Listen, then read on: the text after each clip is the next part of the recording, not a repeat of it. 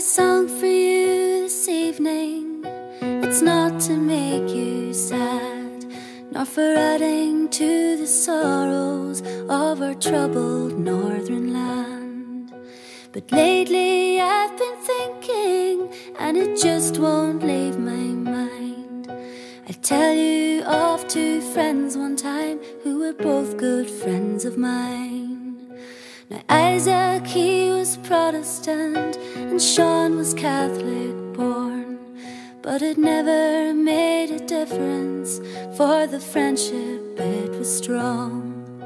And sometimes in the evening when we heard the sound of drums, we said it won't divide us, we will always be as one. There were roses, roses,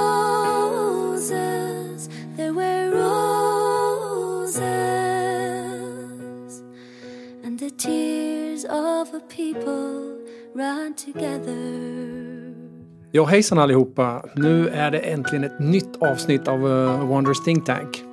Det var ju så att vi hade ett avsnitt ganska nyligen också- som handlar om AI. Som uh, jag hoppas ni alla lyssnare där ute har, har tagit del utav. För det var verkligen intressant. Mycket grejer som stöttes och blöttes där och mycket som kom fram. och mycket tankar och idéer hur, hur framtiden kan bli och så. Um, men idag, idag har vi ett jätteintressant avsnitt och vi har en, en, en gäst som är väldigt exklusiv. Eh, som vi har lyckats få hit. Ja, jag, jag skulle vilja säga att, eller nu sticker jag inte ut haken utan jag tror faktiskt att det här är helt sant. Jag tror aldrig det har gjorts en sån här intervju i Sverige eller i Skandinavien överhuvudtaget eh, om det här ämnet och, och det det kommer handla om och med eh, en sån här person eh, som, som vi ska prata om idag. Och det, vi är så jäkla spända och förväntansfulla och det, Ja. det är spännande. Se här, vad det här alltså. kan leda till. Och det här är en person som verkligen har varit med i in the heat om man säger. Så. Mitt i stormens öga. Eh, och om vi ska då inte dra det här i långbänk utan vi ska, vi ska förklara vad, vad dagens avsnitt handlar om så, Ja. så eh, handlar ju dagens avsnitt då om att eh, om konflikten som har pågått eh, i Irland eh, under många år och eh, framförallt uppe i, ja, som, som det nu det heter i, i folkmun, men inte hos eh, IRA-anhängarna, men i Nordirland. Eh, och eh, med oss har vi Seamus som är en tidigare IRA-medlem. Och innan han säger någonting så ska vi säga att det här avsnittet kommer ju vara lite annorlunda för att det här avsnittet kommer då vara helt på engelska. Ja. Så vi kommer nu bara helt plötsligt slå om eh, och tänka med vår andra hjärnhalva eller Mm. hur det funkar uppe i huvudet och eh, köra helt på engelska. Men eh, welcome Seamus. Thank you. Welcome, welcome. Thank you. Um, yeah. It's great having you here. Like it's Ah. this is going to be an exciting, I exciting trip. Like yeah, I hope so, but um, I just hope that my um that my weird accent isn't too. Yeah, but you know uh, the listeners can they can listen They can one more time and two times Oh, and three times. Yeah, yeah. you know, it's a podcast medium now. It's not like the all days like when you had to rewind it. You could just Ah. digitally go back and forth. Like so. digitally. Do you know a funny story about that was when I was young, when I was born, uh, my mother and dad were like, uh, you can hear I have an accent as well. So my father is Irish, so that's I have a bit of an interest into this story. But uh, my father actually, when they were going to choose my name, um, the the new modern thing was videos, like VHSs. So my father actually, one of his uh, ideas to name me was video. What? Really? He was going to name me video. Your dad's mad. And me ma says, Yeah. no way he's called, being called video. No, not a chance. And he go, okay, well, well, I ended up with my name in the end anyway. So that's just a little funny story. You about- look like a video, actually. I, I would have been a cool name, a bit of a retro name, like now. Video Walker. Yeah, cool one, huh? Video Walker. Yeah, would be um. So how does this feel being in a in a pod? How is, Um, well, to be honest, you know, I'm, I'm, I'm, I'm old school. You know, I'm not, I'm not too savvy with sort of modern technology. If it was up to me, everyone would still, would still have a quill, pen, and a bottle of ink. So, so they would. that's just, that's just not my thing. Not no, that I'm, you know, Rob uh, and Lars. yeah. Yeah, That's no, right. yeah. Sorry, I get mixed up. Have you names. ever been interviewed about about this before? oh, Have you spoken out? Oh dear God! I thought you said, have, have I ever been interviewed before? Yeah, yeah. But uh, and funny enough, probably probably about some of these topics that that'll be coming up, I may well have been interviewed about. But no, no um, Some twice- harsh interviews, maybe? twice twice um here in Erbedo, I've went to uh, One of the schools. Thurians, Yeah. Thurians, Thurians, Korean school. Yeah, Thurians that's beside, right. beside Havana. Uh-huh. Uh, I've I've I've I have a friend there. He's teacher, so he is, and um, he was he was practicing. He was he got his, his teaching practice in Belfast, but I met him through some Irish Okay. sort of friendship side.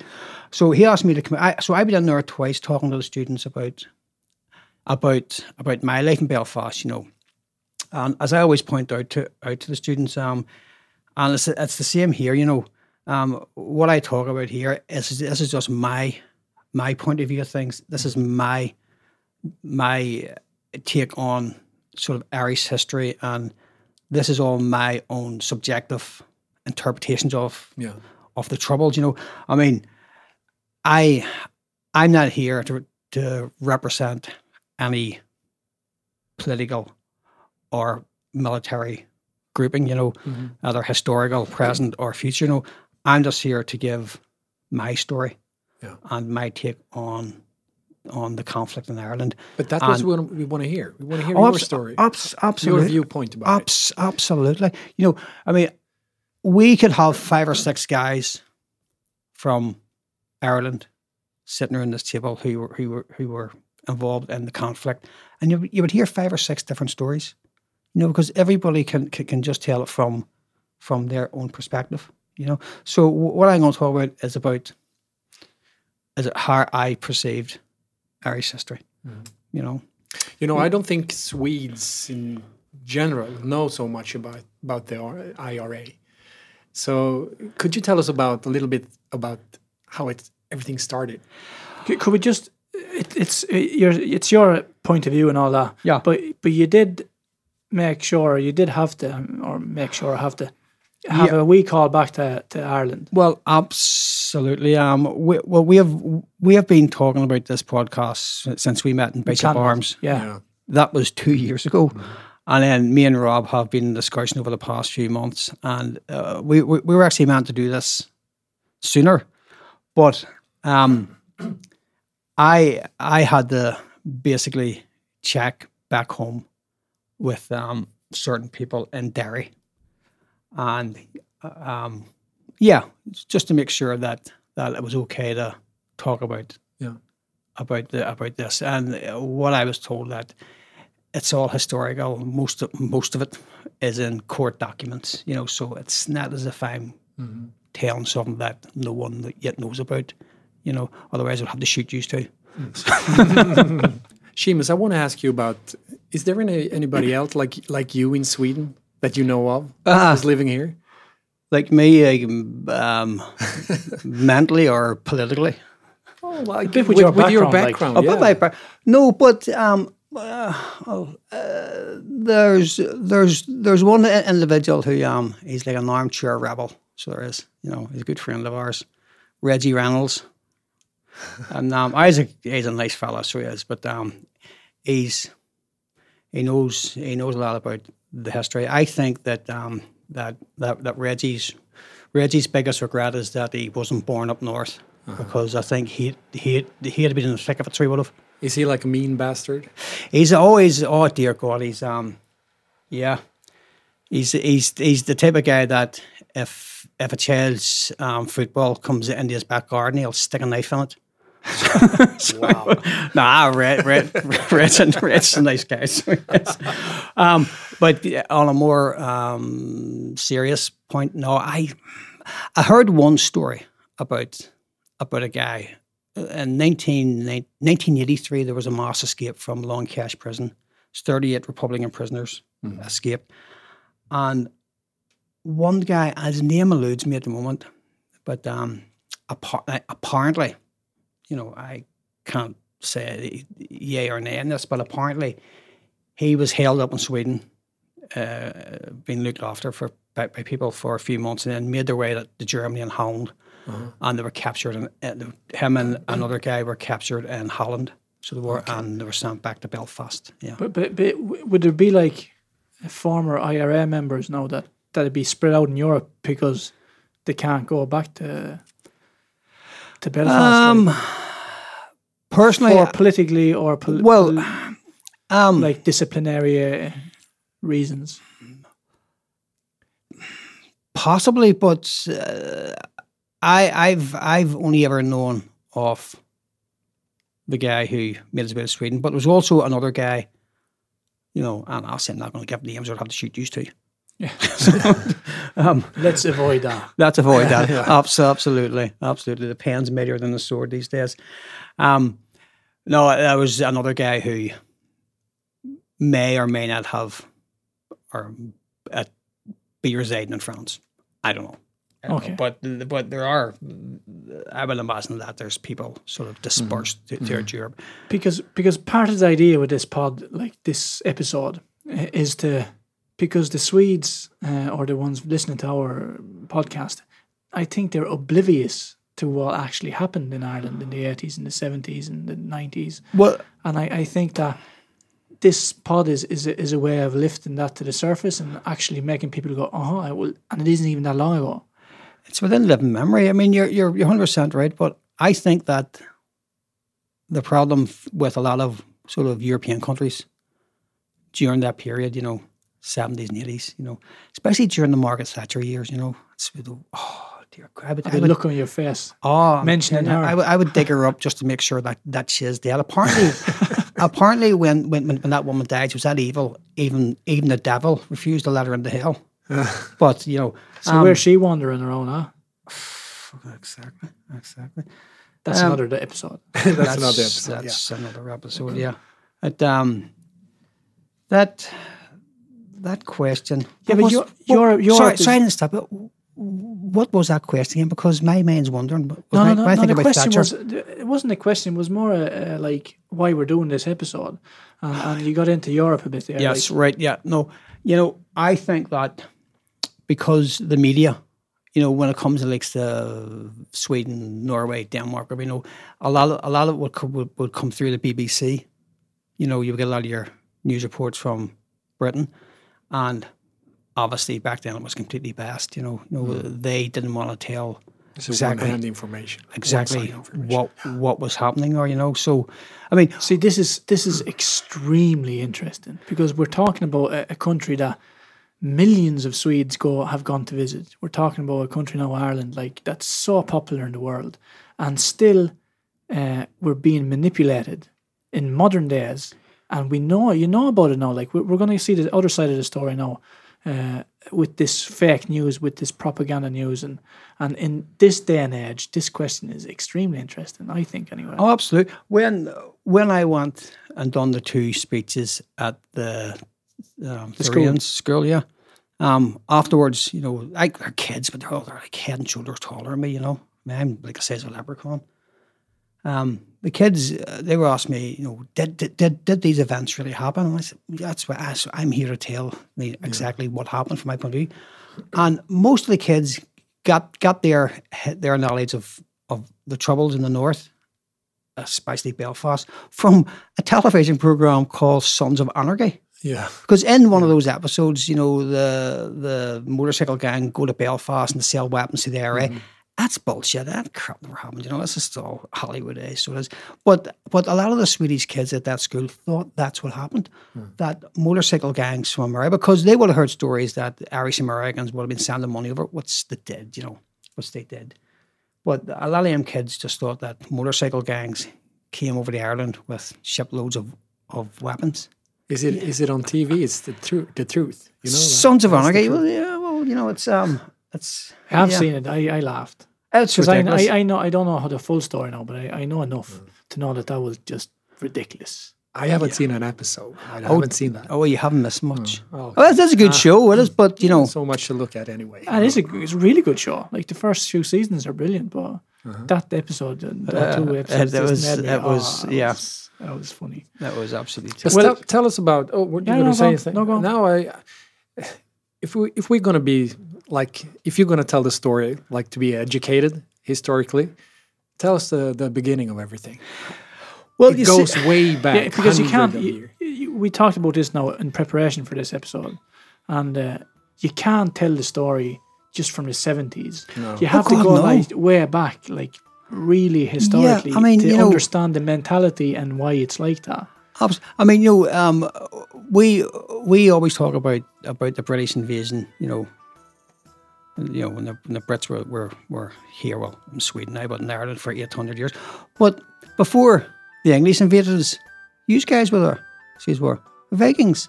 Vikings, yeah. The. Vikings were, were one of the first people to, but they plundered all up and down them coastlines, you know, and a lot of them did end up end up living there and marrying in the families, and you know, even to this day, Dublin, for, for instance, gets its name from the Vikings. When the Vikings arrived in 795, I think it was. Um, I've done my research. the It's um, a sort of an odd number to pick out of your head, isn't it? yeah, but you know, seven, Seven, yeah, it was a, it was a, it was a Tuesday afternoon, I think. But anyway, when the Vikings arrived, um, Dublin, Dublin's not what Dublin is now. It was like a small port town. It was nothing there, but it was dark, sort of stagnant waters, and the Vikings called it the Black Pool. It was a black, big black mass of water. So, but the Irish for Black Pool is Dubh Linn Okay. and that's where Dublin comes from. Anywhere in Ireland that ends in the word Ford, like Waterford, Wexford, comes from the It's the Norwegian. from well, it's Scotland from fjord. Yeah. you know, up north there was a place called um, it's away. Strangford. Yeah, and that's like a, a, a long, narrow inlet of water, and the only the only ships that could get up it was the Viking longships. So at the end they called it the Strong Fjord, but it's been anglicised down. You know, so anywhere that ends in ford in Ireland is is of Viking origin. Yeah, so it is. But to get the, the story and get the, the mind of our listeners straight, uh, Seamus, you have uh, a few minutes now to go through Irish history, and I bet it is not starting around the 1700s. Oh, I think Jesus, we're going back a oh, bit further, huh? Oh, but Christ, it's not. Uh, you know, you can't really talk about about Ireland today. Like, You know, people think that everything started in the 1970s, or maybe when Cromwell came in the 1600s or whatever, or the Vikings. But oh God, no! You know, um, if you're sitting comfortably, I'll begin. Take it away. Uh, you know, um, well, you know, prehistoric Ireland, uh, it spans a period uh, from non-existence of human uh, occupation on the island. Um, I think the first sort of evidence of human occupation in Ireland was like 10,000 years ago. So it was, you know, you know, I was until the emergence of proto-historic Gaelic Ireland. Uh, basically, that's when the written word came in. You know, pri- prior to that, there, people didn't use the written word and um, a time of Christianization. You know, uh, written word uh, wasn't wasn't commonplace amongst the population. You know, but there was a Greek Roman guy called Ptolemy. He was like a mathematician, astronomer, blah blah, whatever else. But he two two thousand years ago he he has he drew a map, which depict modern day Ireland. It's subjective, but you know you can see a rough The outline of uh, the Ireland. But more, I tend to think that there's a lot of credence to Ptolemy's map, is that he mentions lakes of ancient rivers. I mean, the, the, the, the names of them rivers are lost to people nowadays, but historians have checked back through the archives and yeah, these, these rivers used to be called, like a Shannon used to be called something else, and the Lagan was called something else. Mm-hmm. And Ptolemy has these documented. Just so yeah, so you know that was two, that was two thousand years ago. So it was, and um, yeah, but So our story begins so I saw stories around Christ. around, around what's before Christ. Well, uh, yeah, well, yeah, yeah, yeah. Ptolemy's map, yeah, Yeah, okay, yeah, 10,000 years. tenth yeah. yeah, but that was you know pre that was prehistoric Ireland. So Yeah. it was, but when the prehistoric sort of Gaelic existence came, when mastered the um, written word, sure we haven't stopped since. I mean, we've we've, we've given the world some of the most well-known playwrights, authors, and actors, and poets. You know, George Bernard Shaw, W.B. Yeats, Oscar Wilde. Um, I've only seen the movies um, Narnia, Yeah. C.S. Lewis, Belfast Man.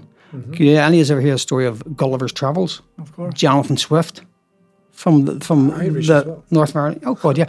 Bram Stoker, who wrote Yeah, yeah. Dracula. Dracula.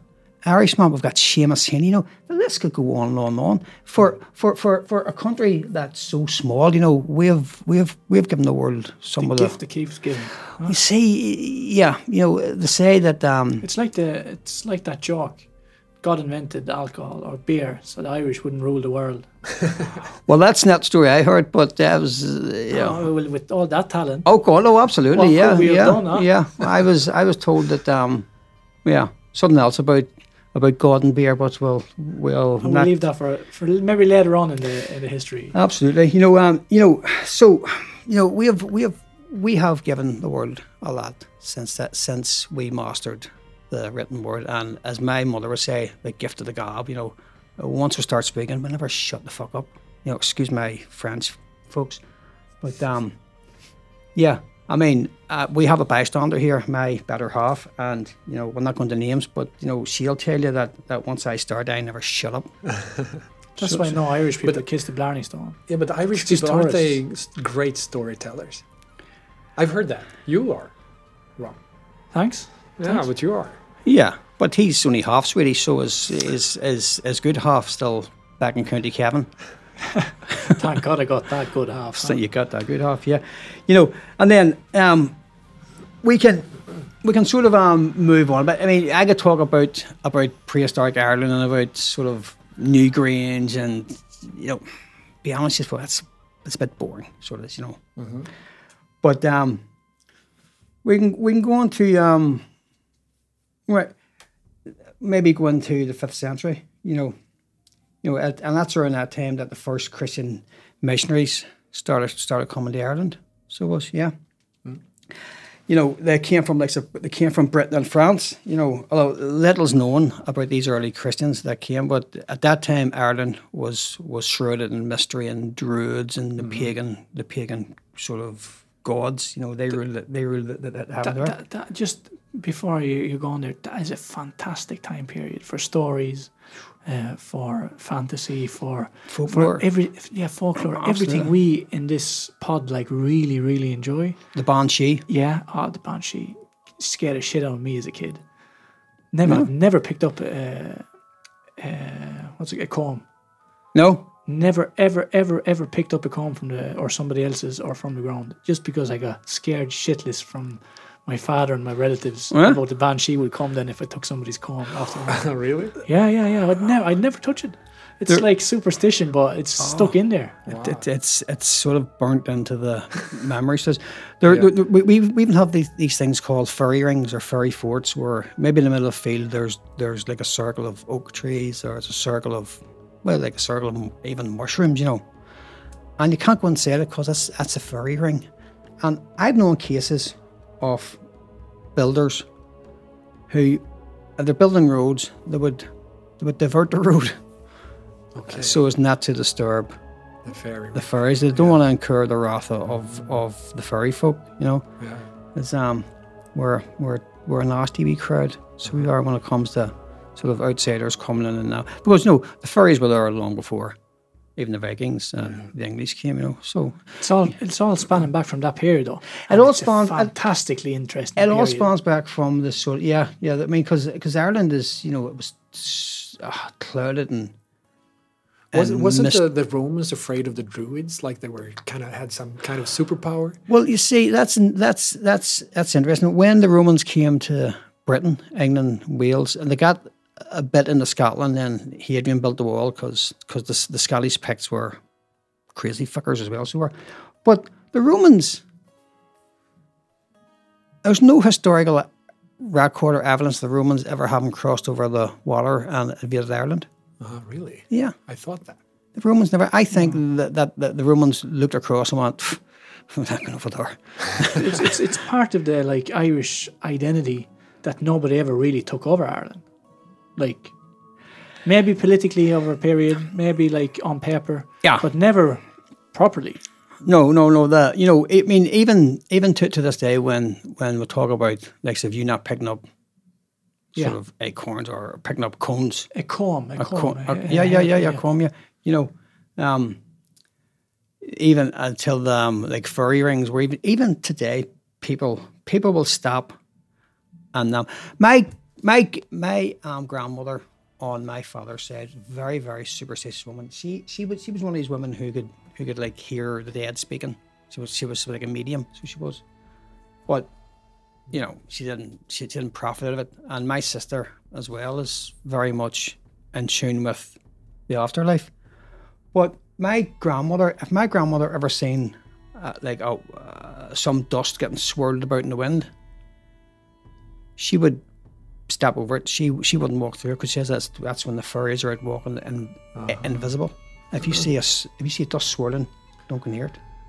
Do not go near it, otherwise no, they'll come and get you. My my family have a good few of them as well. Like, Oh, you're we- right, boy. You're right, we, boy. we, we could we could. This is a whole uh, like sort of episode in itself. We're not going to go too much into it, but but Ireland are big into uh, big into these stories. They're big into superstition. They're big into to like afterlife and and the ghost and the mm. spiritual world. And, Oh, and, God, yeah. and it's set from the old ways. It's it's always it's all spanning back to this, Yeah, and it's it's like a it's like a a vein going through the the, the nation. Of I mean, uh, and it's, it, people abs- don't talk about it that much unless you start like digging it up and, and the older generation they they can really get into it then and the younger generation even now do get into it more and more. Yeah, I mean, when you even look at at um, death in Ireland, you know, I think we're probably one of the only countries on earth that that that we actually bring the the dead body home, and we it's it's called a wake, and the open casket is put into the front living room of the house for three days and nights, yeah i know. And people come and. You know, say prayers and sit and have a drink over. You know, I he's not a bad fucker. You know, it's a, it's a, it's the first time I've ever had a drink on you. You know, uh, Yeah. all, all, all them stories come up. But those, those wakes are absolutely fantastic because you know uh, you get all, all, all your old aunts and uncles and all your old neighbours coming, and you're getting stories that have been lost to memory. You know, and then they're reciting again, and then it usually ends up with someone picking up a fiddle or a bodhrán, and then a session starts. You know, and the neighbours all co- all come, and it's a celebration of death. It's not all doom and celebration of life though of life. Oh, yeah, sorry, yeah, absolutely. It's it's it's not all doom and gloom, you know. And then afterwards, once once the person's dead and buried, you know, everybody heads back to the pub. Yeah, I know. I, I I've been I've been to a few, uh, and uh, the first time I ever went, my father my father goes, we- "We're just going to go into to our relative's house," and he goes, "You know they're in there now," and I says, "What?" And he says, "Yeah," and just walked in, and then I, I would just walked in there as a little boy, and somebody dead lying in the fucking Yeah. living room. They just Yeah. moved all the furniture Yeah, onto yeah. the sides, and there was everybody sitting, a few crying in the corner, a few making these big jokes Oh, yeah. laughing and ha- having a beer and just like it was so surreal like from this this swedish side where it's like uh, in a morgue get get them down there and then we'll have a whenever it suits the whole family or, or everybody Yeah. or the church or whatever timing uh, then we have the funeral in Ireland Absolutely. it's like stop straight home get get the party going go have a sob and then have a sing song all night it's like it's the best way to do it to be honest Yeah, I had a, I had a cousin. Um, he died, so he did. But he knew that that he was he was on his way out, so he sort of got all his affairs in order. You know, he organised his funeral.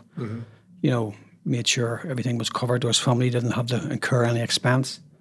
Paid for his own burial plot. Everything was everything was. So he went to one of his best friends and give him give him an envelope full of cash. It says he says, once I'm dead and buried, I want us all to go to, I'm not sure, some some certain bar. You know, at that time it was in County Derry, a place called um, Dungiven. And they went into this rural country pub. And my cousin's friend says says to him, um, but why? I'm not sure. Say for, for talk's sake, it's called O'Leary's, you know. He says, why O'Leary's? You know, they don't sell Guinness and the harp harp's like a local um, Yeah, lager. yeah. You know, and and they don't sell Guinness and the the harp's rotten. And my cousin says, I don't care. I'll I'll I'll not be there. you know? Yeah. One last joke. Yeah, I was, I was, I was his final. You know, yeah, I don't care. I, not be there. So anyway, so the whole family, the whole family went went in, and um, that went on for like a day and night. Just a huge big session, music getting played, stories. Guys outside at night time playing football, run run up and down the main street in this small town, Dungiven, and um, yeah, it was, it was, it was, uh, it was normal. It was normal, yeah, yeah. So, so um, superstation, death, the fairies, you know, the Banshee, you know, that's big in our culture. Even if people don't believe it, you know, people will still avoid certain things because In case of. just in case. Absolutely, as Mulder would say, the truth is out there, you know. So yeah, it's um. But anyway, so you know, Ireland, yeah. Um, you um, it, it- well actually we talked about about the um when the first Christian missionaries came. I want to try and run through this section quickly because you know it might be a bit a bit boring, but um when the first missionaries came in fourth and fifth century, it will actually take the kidnapping of a 16 year old boy called Marwin um, Marwin Chukat, if I can pronounce his name properly, you know, and Mr. Walker's Mr. Walker's ancestors, you know, would turn their grave because he's just giving me a big funny look as if say, who the fuck is Marwin Chukat? You don't know who it is now? I have no clue. Well, you know, nowadays he's better known as Patrick or Saint Patrick. Oh, okay. Yeah. Yes, yes, yes. You know, um, at that time, you know, it's the time that we first hear Patrick, um, who, believe it or not, he wasn't even Irish. Patrick wasn't Irish. you know, he's wasn't he's, a, he's Welsh. Yeah, it's it's like the Swedish saint, Italian, I believe, Lucia. Yeah, Lucia. You know, Italian, I think. Yeah, yeah. So we sort of um ah, that's a that's a nice saint. Well, we, we'll we'll we'll claim her. But anyway, so Patrick yeah, he wasn't even he was he was um um Romano British. At sixteen he was kidnapped by Irish pirates and brought to Ireland. And for the next six- Pirates? pirates, oh god, yeah, yeah, yeah, yeah, yeah. P- pirates.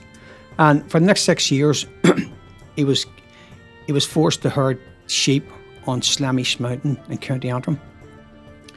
He was there for six years, and he finally escaped, and he made his way. I don't need papers anymore, and he made his way back to his family in Wales. But some people will argue that that he, he was from Scotland. But regardless, he made his way back to Britain. But evidence would prove that there was more Welsh, because if he's Romano British, that wasn't up in Scotland because the Picts weren't um, Romanised. So he eventually went to France with his parents. His father, Patrick's father, was he, he was he was an abbot or a bishop or something in the Christian church back then. So his son, young, well, we'll call him Patrick because Marwin is he's not known. He's not known as that now. Well, he went to France with his family, and he became priest, the minister, or whatever. And he came back, and it was it was during this this time where he was he was ordained as a as an abbot or When did he get rid of his snakes? or a bishop. when did he get rid of the snakes, I, I'll mention the snakes in a minute. Right now, there's still plenty of snakes in Ireland, but you know these things have two legs, so so they have yeah, so they are. I'm talking about the slithery one. Oh, there's the, so am I. These are slithery bastards.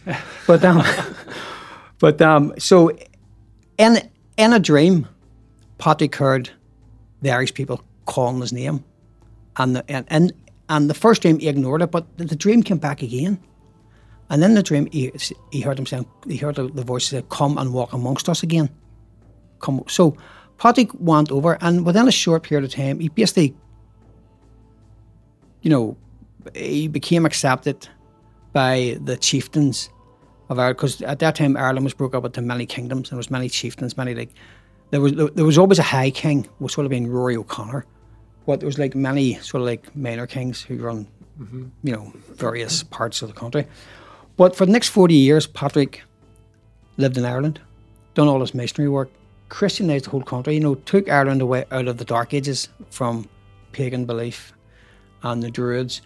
And Robert mentioned about snakes. Um, uh, there's no known evidence that Ireland ever had indigenous snakes. No, the No, because St. Patrick got rid of it. no, but will you fucking listen With the flute. With the flute. Or the fiddle. Or what was it? Something like that. You're, uh, you're thinking of Pied Piper with the rats. no, I'm thinking of him. That was a Patrick. That- I read that when I was small. No, Ah, that's, Are you sure? that was in a book, yeah. Are you sure it was in the book? What was a good book. Was it a good book? But um, the what historians now believe is that the word snake that was uh, that was a term used for for for when Patrick get or basically get rid of the pagan gods and the pagan belief, where where that was cast out of Ireland, snake, and that it's nothing to do with with slithery snakes. It's just um, a, another word for the change of religion with within Well, the then I have. Well, if they had nothing to do with snakes, I have another question about animals then. But, So uh, since we're in, in prehistoric Ireland, now, okay. there's no elk in Ireland because Ireland used to be covered in so thick of uh, woods and, and, and bushes and, and so Really? they, they used to get caught in their antlers and they died out. That's the story I heard. Is that not true either? You've got a lot of stories. You've got a lot of stories. Yeah. I think your old boys coming in some night after a bloody f- um, feed of Guinness and ten news.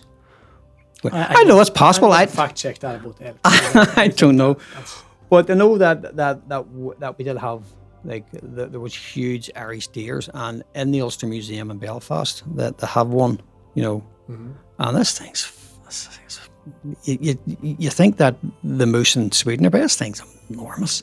Christ almighty, it's it's like a bloody giraffe, so it is, and its antlers were sp- it was spawned in this room, and it's a huge, huge, big beast.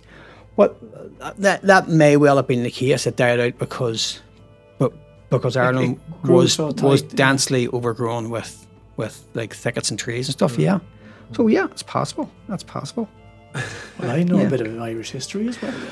Well, here's the thing as well. Um, when Ireland then became like the world centre for religion and manuscript writing, where people would come from as far away as Russia and even Middle East areas to come to the monasteries in Ireland to learn how to draw these manuscripts. There, there's a famous book called the Book of Kells, and, if- and if any of your readers have ever have ever get a chance to, to visit Ireland, check out the Book of Kells. It's a medieval book, and it's all handwritten and hand illustrated, and it's oh my Christ, it's like it's ah, it's it's just bloody amazing. Yeah, it's So- beautiful. I've seen it. Oh, you've seen the book Kells? Yeah, Yeah. Was the the saying back in those days was that um, if a man could speak Greek, he sure he must surely must be Irish because they were so learned. So they were, and yeah. So we um, So we're like the the Irishmen uh, ahead of everybody in, in Europe, like uh, well educated in, in, in script and everything. um, well, of course I'm going to be biased here, am I? Of course we were. Okay. Of course, of course we were. No, but uh, but uh, the monasteries in Ireland were known for their sort of you know their they were just the wonder of the um, known world at the time. To say people would travel from Came from far from, from, From- far distances. Just Just just, to, to- come and learn. Oh, okay. Yeah, and many I actually. never heard that. Yeah, yeah, yeah, yeah, It's yeah. But um, yeah. And then I suppose we could um, we could we could go on and talk about you know after after Patrick's time. You know, Patrick. When I say he he was in Ireland for forty years. You know, Christianity came about. Which, which I don't know if that was a good thing or not in Ireland because that's that's probably a part of the reason for the modern conflict there in modern times, you know. You know, two um two Christian faiths fighting fighting amongst each other. It's just fucking crazy. That's what it is. But um I think that um Ireland would have would have gotten a lot of its modern modernization from the Vikings. Because the Vikings brought money to Ireland. The Vikings brought um, Trade. trade, Yeah, trade, yeah. shipbuilding, um, built towns. You know, prior to the Vikings coming, Ireland was it was it was it was a backwater, so it was. You know, it was little small rural towns dotted about the place, and you know there was there was much infighting amongst the the, the sort of Irish kings, and yeah, it's it was um, it was a bit of a turbulent time, and uh, Is, is that the that's the time of Brian Boru, isn't it? The last true king of Ireland. Brian Boru, he was killed at the Battle of Clontarf. Um, I think it was the last battle that finally the, the that when the Vikings finally left Ireland.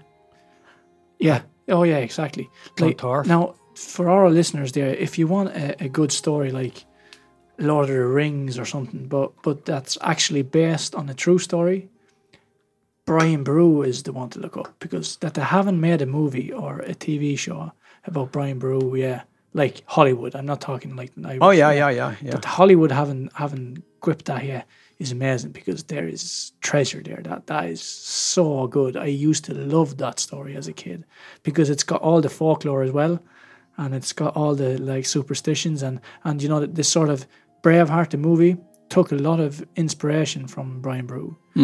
Uh, the whole story about how how uh, William Wallace went away and, and got got educated with the monks.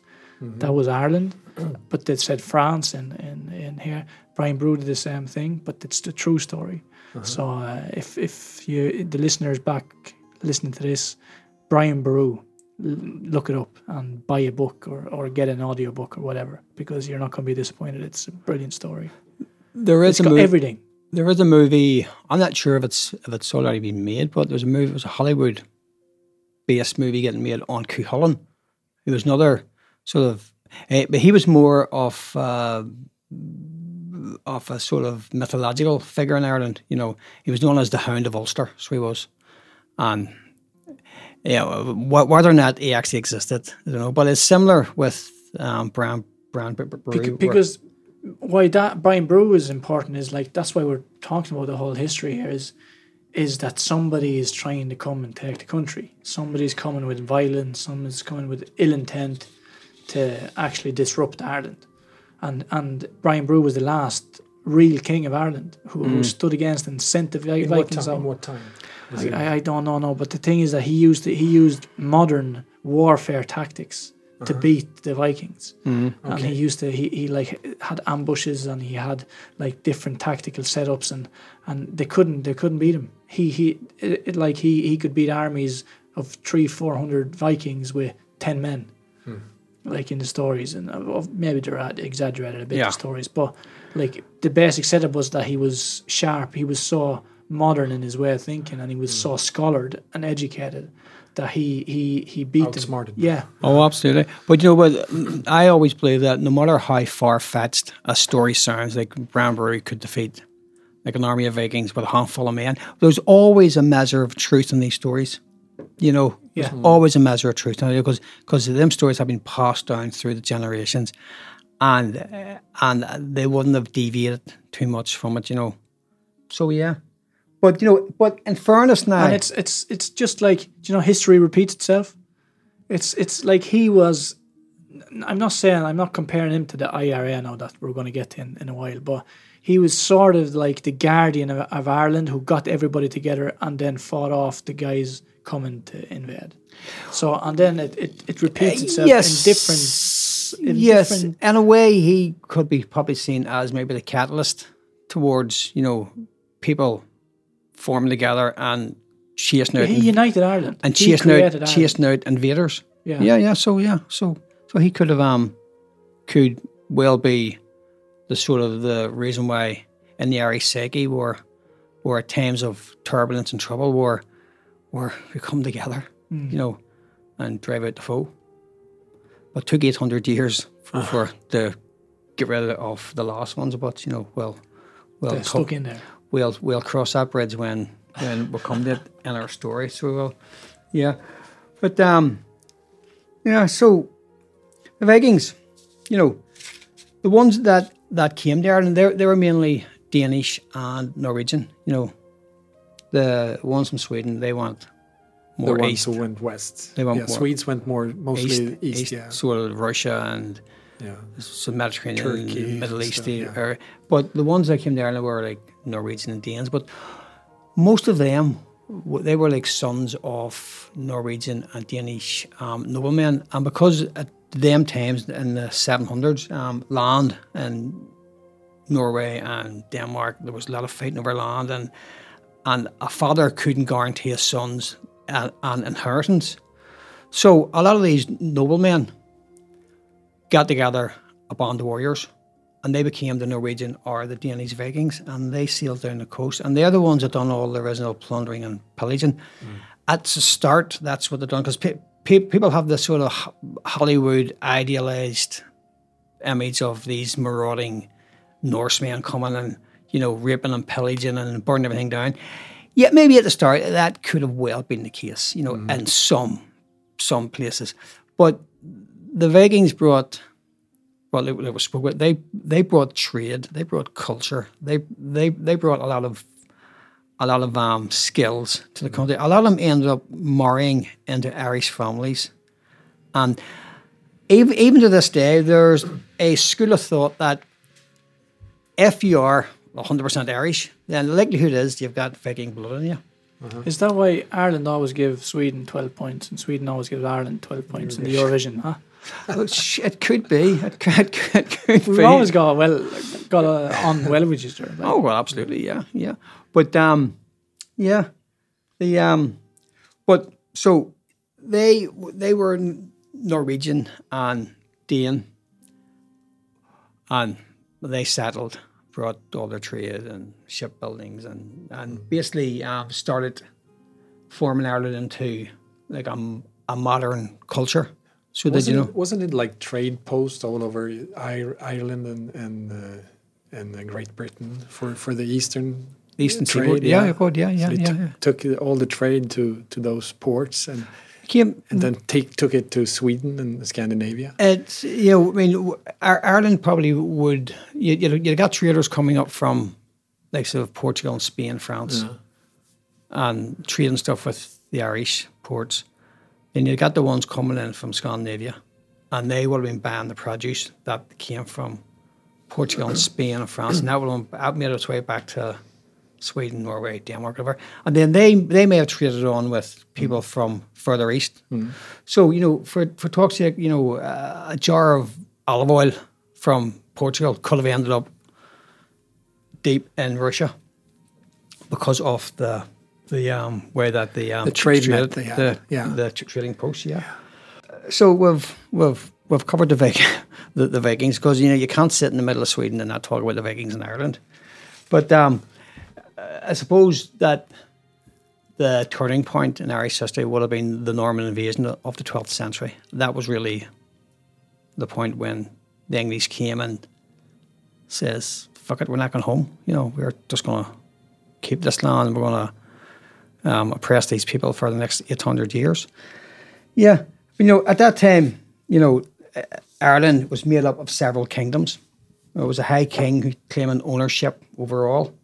There were other lesser kings who ruled certain parts, but they all bowed the knee to the high king.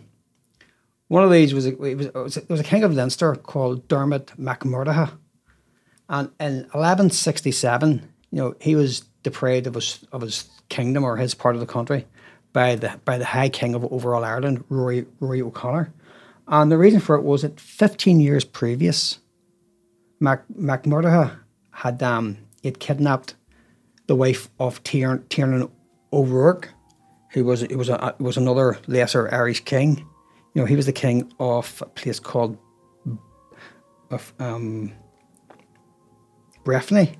See, I can't even pronounce Irish. This is ridiculous, isn't it? Breffni. It's a tough language. it is a very, very tough language, you know. you know, and as a result of his dethronement, MacMurdo, he then turned to King Henry II of England for help and regain the throne. And I think this is That's the start of it. this is start, but when you think about it, it was actually an Irishman who primarily invited the English over, Yeah, you know, yeah. because he was he was kicked off his throne, you know. Oh, um, yeah, We we little grudge on his shoulder started it all. Huh? absolutely. I want my castle back. Yeah. Um, so King Henry II wouldn't wouldn't wouldn't come and help Mac MacMurdo regain his throne. So he then turned to. Um, it was it was guy was known as Strongbow, but he was the second Earl of Pembroke, but historically and in documents, is, as he's called, is um, Strongbow. You know, uh, he he was opposed to, to King Henry sitting on the English throne. You know, and uh, I think this was the fuse that was ignite 800 years of, tur- of turmoil on, on Irish soil. And, and I say in a funny way, it was an Irish king who had sowed the seeds for the English invasion. Now, when this guy died, Strongbow, he declared himself king of Leinster. And he was taking over parts of Dublin, Wicklow, you know, and Reggie boy, you thought that you were 100% Viking. You know, I'm afraid not. You know, if any, if you have anything to do with this guy here, you're you're more English than you are. I'm sorry, sorry to tell you. And Mr. Walker's looking at me and grinning, but you know, he even took over Carlow. So, so he did, ah, yeah, yeah, you ah, see, yeah, the yeah, huh? yeah. The truth hurts, you know. Know, this so this trains this chains to um, Strongbow's power. It enraged King Henry II. I know I'm talking about English history, but but I have to do this wee bit. You Yeah, know, yeah, I to- understand. Just to explain, this enraged King Henry. He sent a fleet of ships to Ireland, and within a short period of time, Strongbow bowed the knee to King Henry, and the Norman knights, you know, all sort of seen Henry as their lord and master, and that's when the the sort of seeds of the 800 year hmm. It started there. started there, uh-huh. yeah. So it, basically, it basically was a result of of, of, of, of an Irish king who was chased off his throne by hmm. by the High King because he kidnapped another king's wife. And the English, he went to England, he wouldn't help him, so he enlisted like some sort of mercenary, you know, the Earl of um, Pembroke. And so that's when Henry came back over and he says, Well, I think I'm just going to stay here for the next 800 years. so yeah.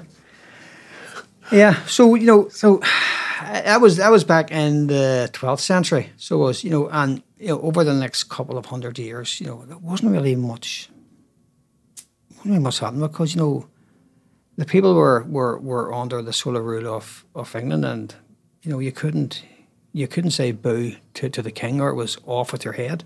So it was, you know, it would take um, there was a guy called Oliver Cromwell. Oh, he was a, he was he was a monster. I mean, he was Terrible. huh? oh he was he was like a he was like a a male version of Margaret Thatcher. Oh dear God, terrible. So Crum, Cromwell's military campaign started in 1649. You know, that's one event that, that the English can never remember. Cromwell's tyranny in Ireland, no, I don't remember it there. But the Irish don't forget it, you know. Yeah, the tyranny. Yeah. Oh, but Christ, he done he done hor- horrible things, you know. Just you know, name a few. name a few things that, that he done. Well, one one story was there was there was this guy, and he was disabled, right? He was disabled. He had a wooden like a wooden leg. Cromwell's men took took the leg off him and beat him to death with it. Ah. Wow. For no point whatsoever. Just probably, I don't, I'm not sure the reason. Probably because He wanted to make a stand. He wanted to. Be, oh, Ah, that's a terrible. I don't know, but apparently, you know, he was told that that he could go to court, but he hadn't got a leg to stand on. I, don't, I don't know. And Are we going to go there now? no, we're not. We're not. No, no, we'll, we'll, we'll go back to more serious stuff. And um, another thing that Cromwell's men done was called pitch pitch capping. Where we get like a leather, like a, a leather hat. Like only way I, I can describe would be if you get a football and cut it in half and you place it over your head. Yeah. It's a leather cap, but they filled it full of tar, bitumen, and that's used to stick on people's heads. That was called pitch tarn, so it was. And the, and they done the prisoners in a way to try and get them to get information out of them or to inform. But um, yeah, Cromwell done. He done. Oh, he done. He done a lot of horrible, horrible things. His his army was called the New Model Army. So it was, and um, I've I've actually I've actually had to go online and do a bit of research because even my knowledge of Irish history is a bit sort of scant at times, you know. Because if it didn't happen last week, I'll not remember it. so, so Well, that, you've been talking a good while now, so you remember Yeah, a bit of but- stuff. yeah. yeah, you know, you know, but Cromwell, you know, 1649, Yeah. he he came over, but there had been problems in Ireland since Catholic Irish. They they had, they had rebelled just prior to him coming over, and the massacre four thousand Protestants. This was in 1641, you know, but what the way the British Crown and the British government um, Did they massacre Protestants? The Irish Catholic ma- massacred 4,000 Protestants. That was 1641. Yeah. Yep, yep. But the way that it Why? was, um, because it was always infighting amongst them, because it was it's just the religion. Even back then, it was religion. Silly, stupid. It's absolute. yeah, It's you know. nonsense. Yeah. It's yeah. It's it. Um, I don't know. My grandfather al- al- always said this here. You know, I- I'll just go off this for, for a second. But my granddad always said that if people in Ireland could live on anniversaries and flags, because that's we're known for like waving flags. You know, mm-hmm. the Protestant wave flags and we wave flags, and we love celebrating anniversaries. But if we could survive on anniversaries and flags, we'd be the best fed people in the world. Hmm. You know, I, hundred percent right about that. Darcy was. We're gonna, yeah. So there was the and and sixteen forty one. There was four thousand Protestants massacred. You know, butchered, murdered, whatever. Yeah, you know. But in an act of inciting more hatred towards the Irish Catholic, the English government they put the figure closer to twenty thousand. This was just to incite more hatred uh, in the English against the Irish. Yeah. You know, and the Protestants. Media. Yeah, Bas- media. Basically, even even back in 1641, you know, Trump's right. Fake news. Yeah. Fake news. You know, it's it's always there. So it is. Yeah. So, so the king sent Cromwell and his new model army. You know, and they set up on a campaign of bloodthirsty slaughter. You know, and it was it was worth pointing out. Cromwell only spent nine short months in in Ireland. But nine months that they're they're burnt into the minds of every Irish person. You know, have you even have you even mentioned that name to your old boy, Oliver Oliver Cromwell? Your old boy will probably turn his eyes up and bless himself. See, no, he's a oh, he was he was a tyrant, he's a monster. Yeah, you know, you know, the first town that, that they captured was um, Dr- was um, Drogheda, and his troops butchered nearly three thousand five hundred people. You know, and this including anyone who, who owned a weapon, and a weapon back then was someone maybe who had a pitchfork, a farmer. That was a weapon. You know, so they butchered men, women, and children. You know, So basically everybody. Bas- Everybody had basically, yeah. basically anybody. Because, yes, like, yes, yes, uh, they were farmers. yes, yes. You know, Ireland were farmers. farm. Yeah, so any uh, Very fond of potatoes. potato. Yeah, but, but we'll get on that. Yeah, we'll get to that. Yes, yeah, about the okay. famine, of course. Yeah, that's a very interesting topic as well. Yeah. So you know, so anyone that that that had a weapon, with like a pitchfork or a knife, you know, it's everyday common usage things. No, that's it. You were you were you were put to the sword. You know. And even incarcerated prisoners, they they they were put to the sword. You know, Catholic priests, you weren't allowed to you weren't allowed to preach religion. Catholics weren't allowed to be educated. Mm-hmm. If, if it was if it was a school teacher caught educating kids, I was put to the sword. So it was. Priests were put to the sword. You weren't allowed to practice the hmm. Catholic faith. So you weren't, you know. And then I say there was the, the there was the case of of the guy who was beaten to death with his own wooden leg.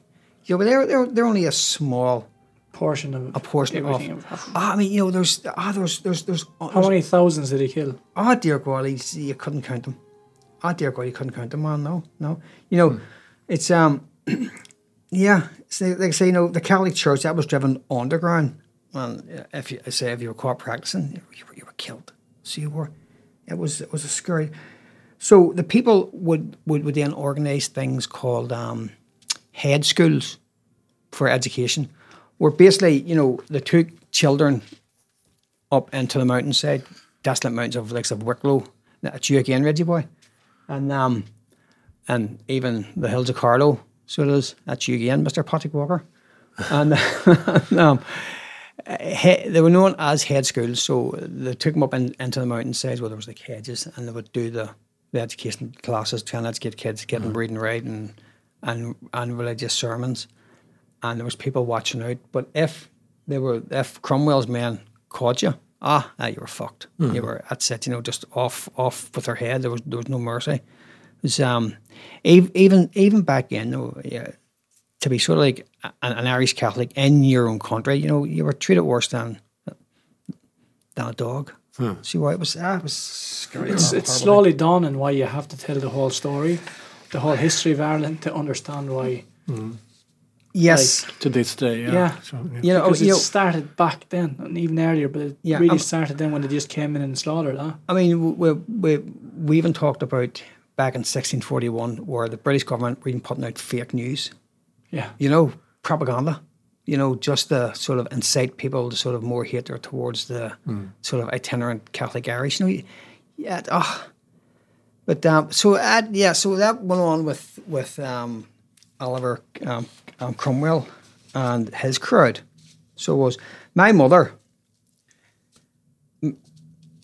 My mother has um has used to have this saying, and I'm racking my brain to try and remember what the hell it was, but it was something about that if Cromwell's men it was if Cromwell's men that come again would drive them all to hell and ah, something about the, drive them all to hell and with the sound of the church bell, meaning that that that you're you're allowed to practice your faith again. But I can't I can't I can't remember. It's a very very old quote or saying that that, my, that my, I should have actually checked back with my ma. But that's amazing that, So that sort in this day and age they're still citing, yeah.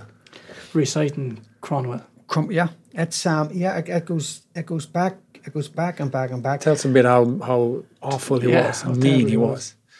I mean, if it lives t- even today, the stories. yeah. Oh dear God, yeah. I mean, uh, you know, uh, okay. I mean, you can butcher people and you can put people to the sword, but the thing that resonates more with me is is that poor fucker. Excuse my French again, folks. That poor fucker that actually got beaten to death with his own wooden leg. You know, that's, it's yeah, that's just yeah. But I I think one of the major turning points it, and it's, this is still very prevalent today in the north of Ireland, six occupied counties, or Northern Ireland, whatever way people want to call it. Um, I think the year 1690 was was probably the year that that that sort of turned everything because that was a year where there was a was a Protestant king called William of Orange. He was Dutch. He was a Dutchman, right? He was Dutchman. He was actually given the blessing of the of of the Pope to go over and fight against the Catholic King James in, in Ireland. And there was a place um, in County Meath called called the Boyne. It's a, it's, uh, it's a river, and it was called the Battle of the Boyne. And you know, and as as uh, you know, that's that's a, an event that's remembered every year on July 12 in the north of Ireland, where where Protestants celebrate this great victory over the Catholic King.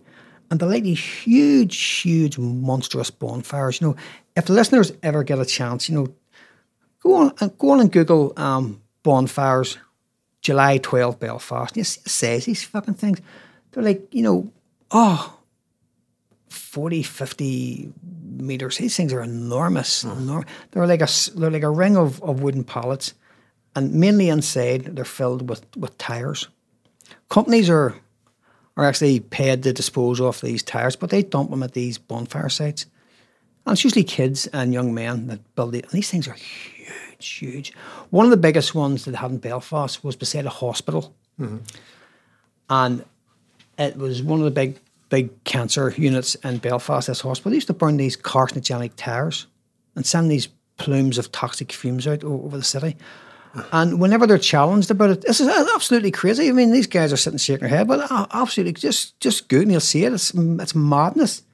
Um, when, when- whenever they're challenged by the authorities or by whoever, they say, "Oh, this is part of our British history, our British culture, our way of life." You know, we're celebrating this great victory that took place in 1690.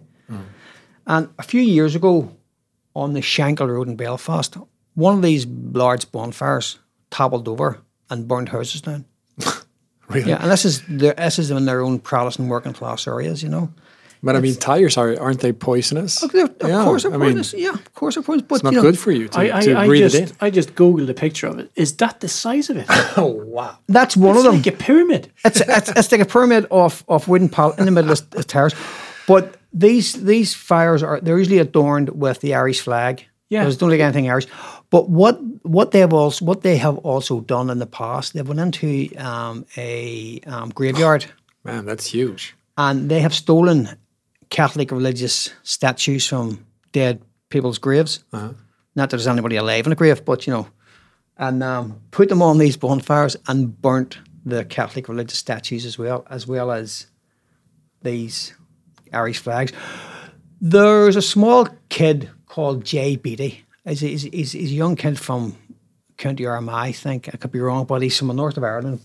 But I think young Jay has has he's got um, Down syndrome, but he's the mascot for Glasgow Celtic Football Club, right? Yeah.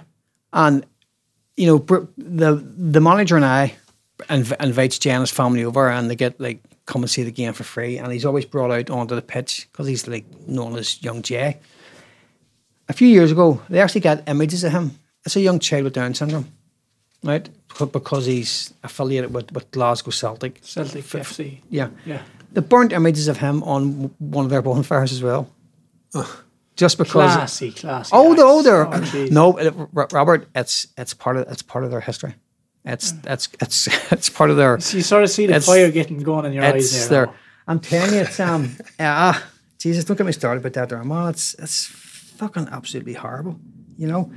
But that, yeah. So the local authorities basically can't do diddly squat about it. You know, these people are are allowed to, to build these things, burn them down, and then afterwards, the council had to come along and pay to fix the roads again, uh-huh. pay to take away all the old metal rings that were inside the tires and dispose of that there. And yeah, and they say, and if they're ever challenged, it's part of our history, it's a part of our culture, and they always blame, you know, Irish nationalist politicians, like the people from Sinn Féin or the SDLP, of trying to erode their Britishness, you know. It's not. I mean, who the hell wants to burn tires and pollute the whole city? You know, mm. you know. Beside a hospital was was cancer patients, and they're setting out carcinogenic, toxic fumes. Their own children as well are, are suffering. But you know, once a year, it's oh, and then this these bonfires take place on the night of, of the eleventh of July, going until the twelfth, start at twelve o'clock at night. But the next morning, at, on July 12th, there's thousands of band parades throughout North of Ireland, right? A few years ago, there was there, there was a band parade in Belfast, and they marched by a Catholic church, right? And they stopped outside the church, and they played a song. It was like it was like an anti-famine song. So it was so like they were celebrating that people died of starvation back in the 1840s, and they were cheering and laughing and walking around in circles and doing this. And the police on diddly squat about it. You know, there, there's even um, photos of them standing and urinating on the front steps of Catholic churches on on um, July 12. But apart from that, though, you know, for, for the other 364 days a year, they're they're probably they're probably fine. You know, it's just once once the month of July cr- starts crop up, you can see the blood boiling. I used to work with with many, I have many Protestant friends, even even to this day, you know, and um, I worked in a abattoir where we butcher animals, so that in Newtownards. And I, I worked with many Protestant guys, they're absolutely fine, brilliant guys who went out socialising, went to their houses, you know, even went to some of their christenings and weddings and would, and would go out for a drink after work. But when the month, when that month came up, you could see, you could see the sort of, they were they were turning, you know, they were they were ignoring you. You you know the the Catholic guys at work were being ostracised. You weren't, they weren't speaking to you. Uh-huh. You know, you weren't being invited anymore to come out to the local pub. Not that it would be safe to go to a local pub as a Catholic, local and a Protestant area during that time of the year. But for Does that, this still go on? that still goes on. That still goes on. Yeah, yeah, yeah, yeah. It's it's it's, ah, it's crazy. So it is. You know, um, I many many years ago I used to work for.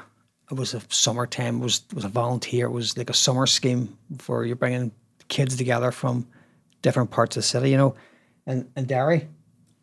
There was kids from the Bogside and kids from the West Bank, not the West Bank in Middle East, but the West Bank in Derry, you know, and the Protestant Catholic kids. And we, we, we'd bring them together and we'd put them on a coach. We'd take them to play football, you know. We'd say, right, pick your teams. You know, we let the kids do it.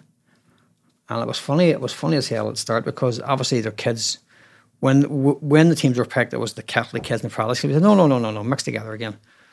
So we picked the teams for them and say I was I was a Protestant kid, and on my team was some Catholic kid from the other part of the city. I didn't want to kick the ball to him because he's because he's a dirty Fenian, a dirty Catholic, you know. But see, as soon as the first goal went in, religion went out the window. It was all give it over here, Billy, give it over here, and they were yeah, and then they started playing together. Huh. So did, you know, they didn't Sports care. unites. Like. Sports unite, they yeah. didn't care, but the unfortunate thing about it was when we left them back into the centre of Derry, you know, the kids went their separate ways. The kids were no more than maybe 30 yards away from each other. All the battles and bricks started coming over again. They were fighting with each other again because there, there, was older elements there. Yeah, yeah, yeah.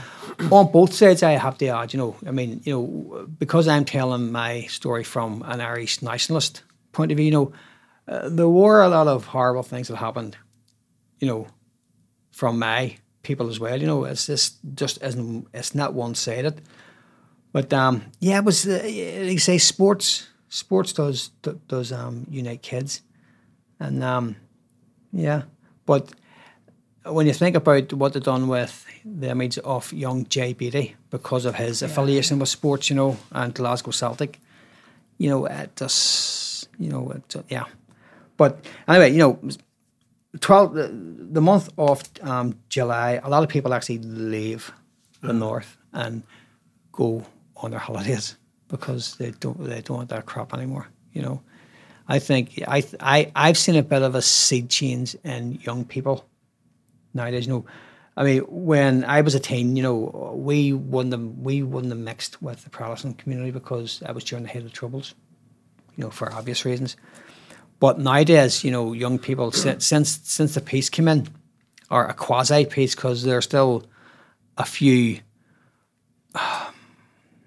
I wouldn't even call them organisations. I wouldn't call them freedom fighters. They're they're sort of uh, they're gangsters. You know, they call themselves you know like the continuity IRA and the real IRA, and that's, I can't believe it's not the real IRA. I don't know what the hell they call themselves now, but uh, so they, they, call they call them the the real IRA. Uh, yeah, but they, these these guys use use a cover umbrella of Irish nationalism, saying that they're fighting for mm. Irish independence. You know, as a means to justify what they're doing. A lot of it is criminality. You know, it's drugs, it's racketeering. Just a cover. Just, just a cover. Just a cover. Just absolutely, just a cover.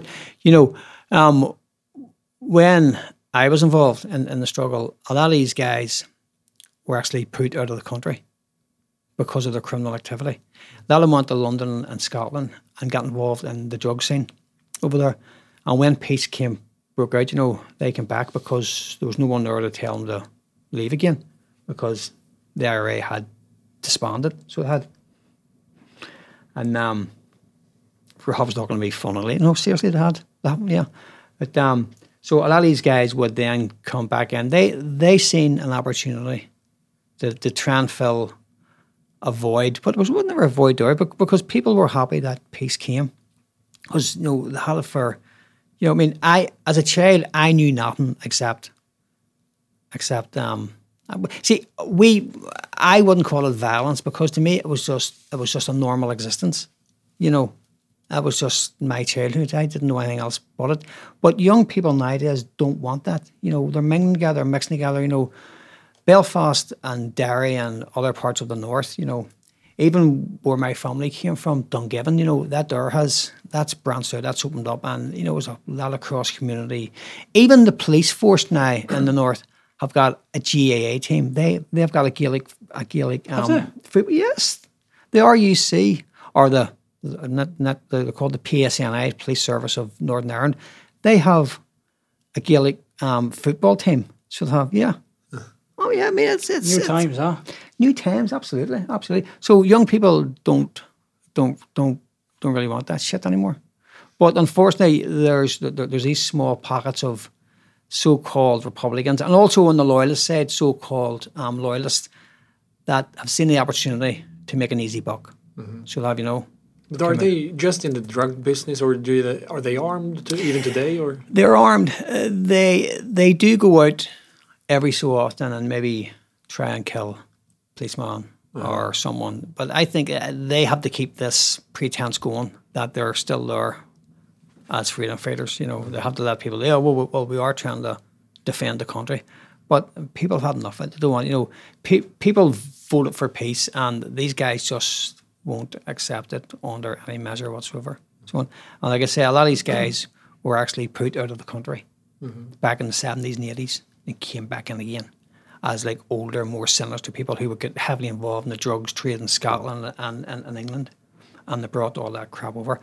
Um, there's a part of Belfast, and I think it's it may be some part of off North Belfast that has got had- one time it got the highest rate of drug related deaths in the north because of all these like real shitty crappy drugs that these people were bringing in. You know, in the past, you know, you would never heard of drugs, and there anybody caught with drugs, you know, they were dealt with, you know, because the people policed themselves because there was there wouldn't have been any any um any trust in the sort of the proper police force because they were they, back then they were like a basically a Protestant um, militia group. So they were, you know, and very few Catholics were were in that police force. So the IRA and even on, I would say, even in the Protestant areas as well, the UVF, the Ulster Volunteer Force, and the UDA, the Ulster Defence Association, they would have been the sort of the equivalent to IRA on the Catholic nationalist side. They, they were very very pro pro British, wanted to remain part of part of Britain. But I'll say that um, even even they would have would have policed their their, their their own areas, and if anyone stepped out of line, they were dealt with. Dealt with. I, I remember as a child seeing two two guys, and they were given tooth they were given toothbrushes, and they were told to go and clean a back alleyway. So were and had to brush it because they were. I'm, I'm not sure what they're doing. They may have been robbing pensioners or stealing cars, but they were doing some sort of criminal activity within. At, at, at that stage, we were living on a place called Divis Flats in, in West Belfast, but I'll get on to that so well, you know. And these guys were forced to clean a, a large, huge, huge back alleyway with oh, toothbrushes, with, with signs on their necks saying, saying, you know, I'm a thief or I'm a or I rob pensioners or, or something like that. Yeah, that was community policing. You know, you sort of named and shamed them. People were, were people were told to go and stand outside, say uh, a chapel on a Sunday with with a placard. You know, um, I rob pensioners, and they were told to stand there all day, and they did do it because if they didn't do it, you know, you know, you mightn't have seen them again. You know, you mightn't have seen them again. But um, yeah, there was a lot of um, community policing was was was quite was quite effective. So it was, and then even yeah, fuck it, yeah, okay. Um, there was a guy when I was involved, and this guy was like doing real bad anti-social activity in my part of West Belfast. You know, I say I my family lived in Divis Flats at, at that time, or the Divis area of the Lower Falls Road. And this guy knew that he was going to be shot in the knees because he was he was a thug. He was robbing pensioners or he was robbing stores, whatever. And he was told, "Be you be you here at a certain time." And pe- and people done that, or people would would, would would actually go to certain meetings knowing that they were going to get shot in the knees. So yeah, hmm. and a lot of guys who who were getting they were called punishment shootings, you know. A lot of guys who got that, you would you would see them coming wearing like uh, an old ripped pair of jeans or old torn clothes because they didn't want to get a bullet in in their good pair of Levi jeans, you know. So they would come like an old smelly work clothes and stuff, yeah. Right. And then you'll see them you would see them in the pub before beating whiskey in themselves. What are you doing? Um, getting shot tonight. you know. it was either that door What, or else. what, what years are we talking about now? Like, Oh, this uh, this would have been you know Seventies. Well, it would have been seventy, but uh, the, the the ones that I remember would have been from the sort of mid eighties. Mid eighties. mid eighties, yeah. But um, yeah, so people would come and meet certain people at certain destinations at certain times To get shot for To get something bad done. to get. It was either that door. What happened to him then? then they just lived. Uh, they were allowed to live back in the community, but everybody knew. Because they couldn't walk for the rest of their life. Probably couldn't walk. But So anybody with a limp. anybody with anybody with a limp. Well, she's looking at me, my, my better half. I have a limp. That's because I was bitten by a bloody festing, and I and I've I got a bad leg out of it, so I wasn't. You I could have made a great story here. yeah, but, but I'm sorry, I shot you. I, I shot that story down into it. Yeah. So people would come to pre sort of ordained meetings and get and That's crazy. get shot. But uh, listen, the the other option was To get to disappear. So uh, was to be put choice. was to be put out of the country. When I was involved, I even remember parents us and us would we deal with their unruly sons yeah. through whatever, maybe beating them with with bats or They asked you they to, would to they would deal with them? they would come and, and ask because they had no faith in the sort of the police system. Is um you know say someone wa a young guy was stealing cars, yeah, you know his family wouldn't want the police getting him because he's going to end up in jail. You know he's going he's going to end up maybe turning informer and working for the police, which could result in him getting shot dead. So the family would come and say, "Listen, we Paddy or we Johnny, you know, he's been stealing cars. You know, can you?" The way they would say it is, "Can you can you talk to him?" That's the family saying, "Listen, sort him out," you know. So he would have been dealt with, you know. See, I, I, I, I want to get through the history because I want to get into the, your period of when you were in the IRA, and because there's so many stories there, I, I can hear it now. But if we just go through the, the rest of the history a bit quick there, so Absolutely. so we can get up to scratch. Or, Ab- Yeah. Well, now, even though we've we've sp- spoken about the religious sort of um, divide, you know, in, in the country, that um that that um it was the Catholic versus Protestant, but there, there, there was an organisation called the United Irishmen, United Irishmen, and in 1798 they had a rebellion. So they had, but they were primarily Protestant Presbyterians. So they were, who came together under the banner of, of United Irishmen because in the 1790s, Catholics were still second class citizens. You weren't allowed to work, you weren't allowed to own land, you weren't allowed to, I don't even think you were allowed to breathe, other- otherwise, you know, they'd shot you. You so know? it sounds like the like the indigenous people in America. Exactly, exactly. And there's a there's a very good connection with what you says there about um, the Irish. It's an interesting thing. Well, I'll- touch on that shortly. But um, yeah, so there, there, there was a rebellion in 1788. United Irishmen. They were all Presbyterian Protestants, and they came together to try and get emancipation for the working class Irish Catholic nationalist people. So they had they had they had rebellions, but the rebellions were they were they were quickly scuppered, with, yeah. dealt with by the British because there were a lot of informers within, even back then within the the um, United Irishmen. Um, but one of them, their leader, he was he was he was sort of exiled to the states. He was called Theobald Wolfe Tone, and he sailed to France.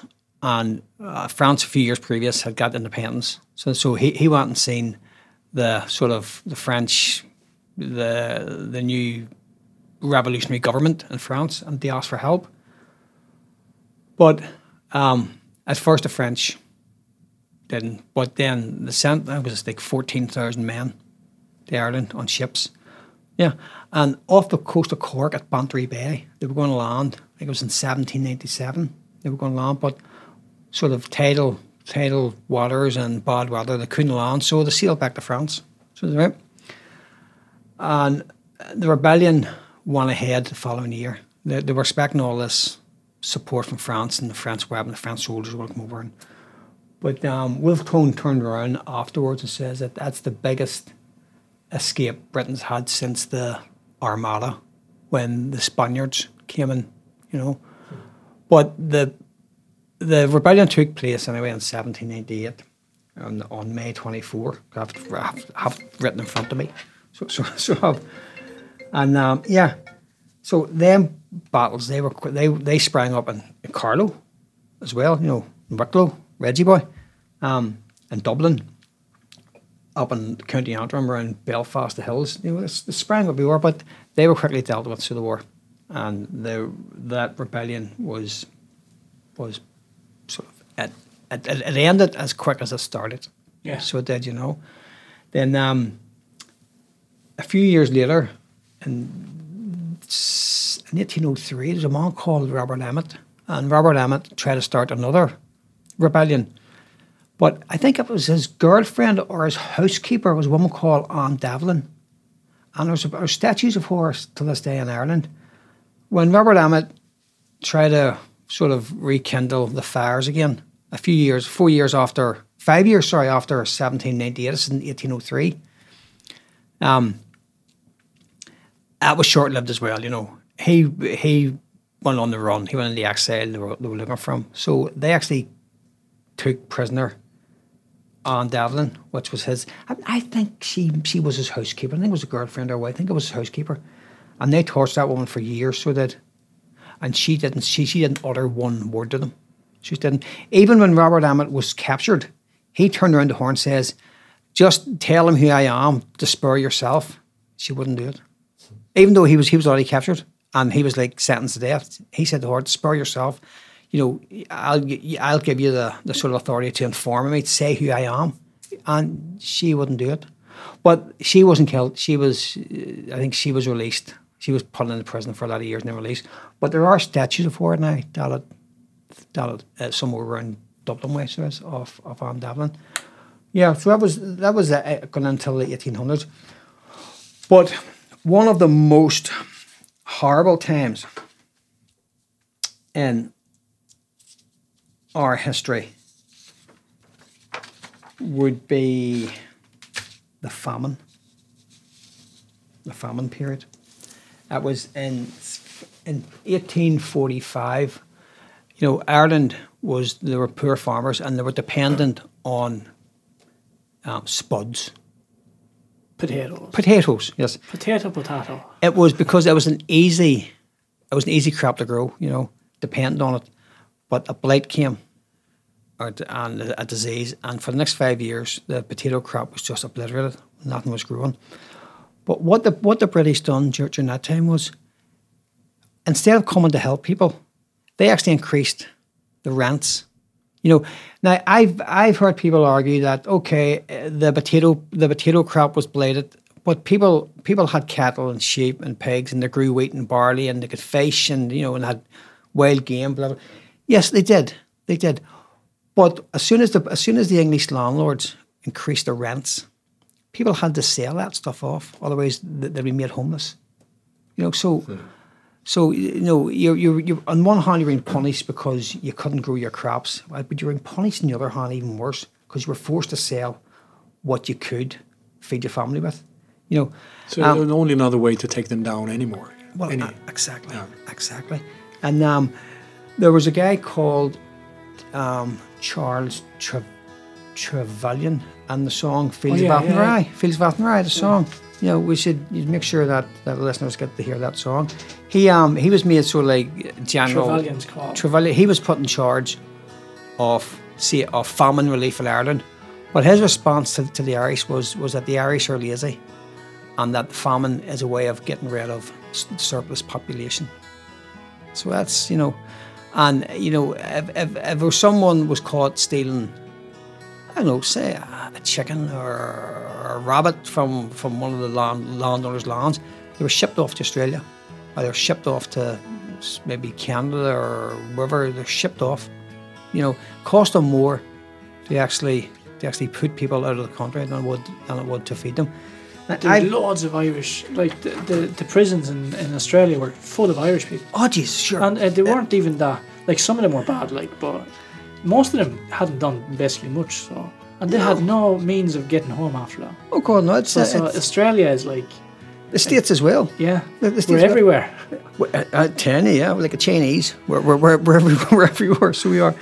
Um, there's, I don't know this this is a true story or not, but what I was told about there was there, there was a horse regiment of Irish soldiers during the, the American War of Independence, and they used to sing a song called "Green Grow the Rushes Oh, Green Grow the Rushes Oh, Rushes Oh," some sort of like marching song. And when the Mexicans heard that, right? Now, I don't know if this is true or not. I don't know if it's true or not, but when Mexicans heard, all the Mexicans could pick, would pick up was the word green grow, green grow. the right- And apparently that's where you get the word gringo from. I don't know if it's true or not, but that's what I was always told. That's where that comes from. That's been like anglicized down or Mexicanized down, whatever, to the word gringo meaning meaning friend or enemy. I'm not sure if it means friend or enemy, whatever it means, but but yeah, apart, apparently So you mean gre- gringo comes from green and go?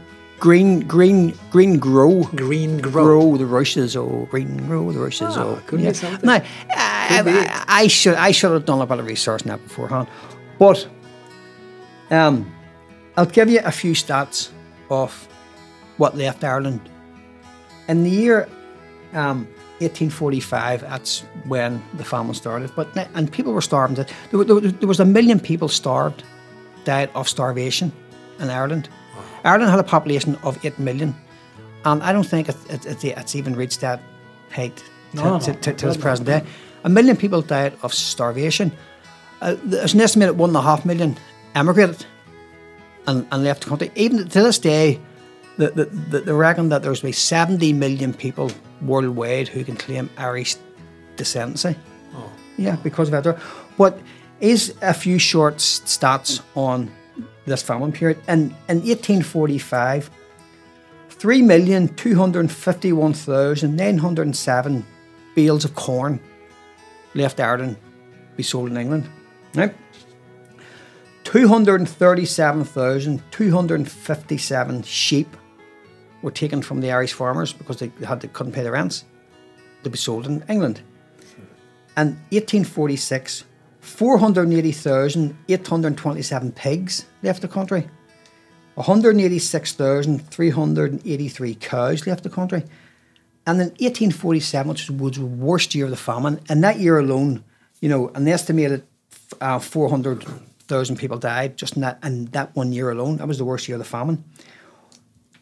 And that year, four 4,000 ships carrying peas, beans, rabbits. See, because people couldn't eat anything because it's rabbits, salmon, relax, honey, um, healthy potatoes. Because at that time, the, the the potato crop was beginning to come was beginning to grow again in certain parts. That the, the, they took all the spuds off them again. It's like they sucked all the energy out of the people. I mean, Yeah, absolutely, absolutely. The, there was near a thousand cows, four thousand horses and ponies, one million gallons of butter.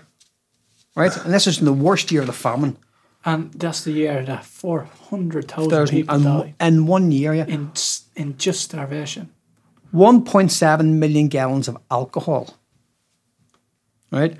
All these goods were sent to England, you know, and and that was the year where 400,000 people died. So uh, the the famine period went on. Well, we call it on on Gorta Mór, which is the big hunger. So as you know, um, the British employed this policy where if the people wanted food, they had they had to work for it. So they built these roads, and, and they're dotted all throughout Ireland. They're known as famine roads. You ask your father, he'll, he'll, he'll tell you. These roads led nowhere. They just built them, just got people to build these ditches and roads go up into hillsides. You know, It's like slave work. it's like slave work. The, the roads led nowhere. Just if you want fed, you must work for it. And um, so uh, that one, and, and 1849, you know, the famine ended, but it was many years before the people could could Recover. get back around to um, have a sub um, sub ah boy, Sustainable. sustainable sort of like land again. Yes, thank you, Robert. Um, but here's a fun fact, right? You know, in 1880, you know, itinerant Irish farmers were still getting tossed off their land, right? Ireland was just recovering from the devastation of the famine. But there was an English landowner by the name of Charles Cunningham Boycott. right? And he owned huge lands in County Mayo, and he had a huge big house on Achill Island, which is, is an island off County Mayo.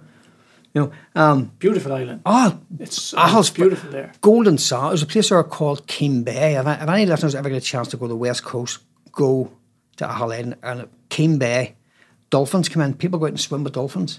Huh. Yeah, Wow. windsurfing and oh, it's oh my Christ, it's a gorgeous, gorgeous part of the country.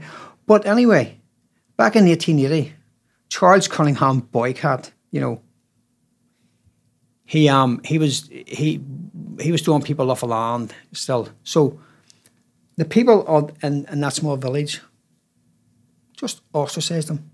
Wouldn't wouldn't serve him food in, in, in their stores. Wouldn't supply his household with food. Uh, even his own workers downed tools and walked off his lands. The British government then sent 50 northern Protestant farmers down to help him bring in his crop. They sent the police and the army to guard him. And this came to a cost of like 10,000 English pounds. This is in 1880. And the price of his, of his harvest only came to 500 pounds. But they spent 10,000. So boycott was, no, nobody to speak to him. And he eventually, he eventually left Ireland. And that's where we get the, the verb boycott. Uh-huh. That's how that's how it came into the English language because he was boycotted. So it was because of an English landowner that was throwing people off their land because I don't know if he wanted it for growing more crops or what. So so that's our that's our even you know that period of, of, of Irish history has even come into the and you know uh, well I I told Robert this last week and, and he was like just dumbfounded about it. That's that's where that verb comes from. To, to, to boycott, yeah. That's funny to to know about to get to know about words like that, like boycott. And That's he- a good one to yeah, yeah. up in a pub. Oh, well, Yeah, it I have a story as well. I have a Yeah. story about about Charles Cunningham boycott. yeah, Uh, yeah. I mean, there's uh, it's it's it's just yeah. I I'm just lost for words when when, it comes to this. Is this was like um like thirty years basically after the famine period Yeah. ended. Just, And- just, just, the, the and the- of sending uh, police and sending farmers for the cost of ten thousand pounds for a, harvest of five hundred. Five hundred Not even five hundred. It's just a spite. Like it just shows you like It's uh, just it's just their um the the pompous attitude of the it again shows you why of the British we're going crown. through the whole history to understand the the complications of the. Oh God, it's, it's that's it's a horrible. Um, So we're around the 1900s now. we're, we're, we're, well, we can yeah yeah. Oh, You know the, the next major thing. Well, I'll touch on one thing. Um, oh, you guys can't see, but me and Rob sitting here with cans of Guinness. So we are maybe maybe. maybe Oh, it's empty, is it? Oh, anyway. but um, you know, and this is um, you know, and as people know, Guinness is synonymous with Ireland. But what a lot of people mightn't know, um, uh, and this was brought to my attention recently by our good friend Graham Reggie Reynolds. You know, the other half of the notorious Urbo Irish organisation. that um, Guinness, um, during 1916, and, and, and we're now getting into the Easter Rising of 1916, you know, was a big major, another t- t- turning point. But Guinness were Guinness actually gave the British Army some of their trucks to, to, to run about shooting at people. Yeah. Yeah, and as I said, you know, um, the um, the sort of national tipple of the country. You know, everybody thinks it's Guinness, but as as as as I've mentioned, that there's a bit of a debate now at the moment amongst certain quarters that um, e- even in Ireland, every year they have a thing called Arthur's Day, who will celebrate Arthur Guinness. Arthur Guinness's birthday or was dead, I'm not sure, whatever. But even that there's now getting called into question why people people are saying that you shouldn't be going out and celebrating that because Arthur Guinness back in uh, 1740s, I don't know when, when, when, when I really check this con, there's probably a date in the con somewhere. No, but anyway, um, he was he was suspected of being a, an, an informer to the British back then in 17, I don't know, whatever it was. And it was it would have been during the time of United Irishmen, so it was about 1798 or early 1790s. And people were sort of um, told to be very careful if they're drinking in any of his establishments because he's um, he was an informer. But then So is that really true? That, that well, he was? yes, this is this is doc, this is Uh-huh. this is documented. Um, the, and then when we fast forward to to where we are now, we- we're, we're just touching on the, the episodes of, of 1916 and the Easter Rising in Dublin. But 1913, one of Arthur Guinness's de, um, descendants, who was in charge of the Guinness Brewery, he gave like a hundred thousand pounds to the m- militia up north, the UVF, the Ulster Volunteer Force. Is that proven? That's yep. To sort of to sort of bring in weapons from because the Germans did did land a lot of weapons to the Protestants in 1913. Said, yeah, But just just a wee question. Around 1886, home rule first time was starting to get discussed. George Stewart Parnell. Yeah. Yeah, uh, the Home Rule Bill. Parnell, Parnell was he was well he was a member of the British Parliament, I suppose, but he was he was an avid um, supporter for Home Rule and Irish independence and that. But you know, But it's true that they started discussing home rule 1886, and then home rule was going to be passed, but it was put on hold due to the First World War. due to, due to the First War. And that apparently, and I don't know if this is true or not, but apparently, um, Parnell was basically um, guaranteed that if if Ireland come and fight with the British during the First World War, that after the war that Ireland will regain its independence. You know that's that never happened. That never happened. So you know, the the sort of took. I mean, um, you think of the amount of, of, of Irish men and women that actually went and fought for the British Crown. I mean, when when we were going to the Second World War, my grandfather, you know, flew um, Hurricanes and test test flew the um, Spitfires as well, but he didn't actually fly them in combat. His his plane was a um, Hurricane, and you know he was shot down over France in 1944. Yeah, So- this is an amazing story because you brought his his. Uh, I, I have my grandfather's, and I think Rob, may, people might be able to see it on your website, well, no, we'll put it on the Facebook page. on the Facebook Yeah. page. Yeah. This is this is my grandfather's um, flying cap from when he was in the RAF. So it was yeah. So, so this is like, this is also a very important period now to discuss.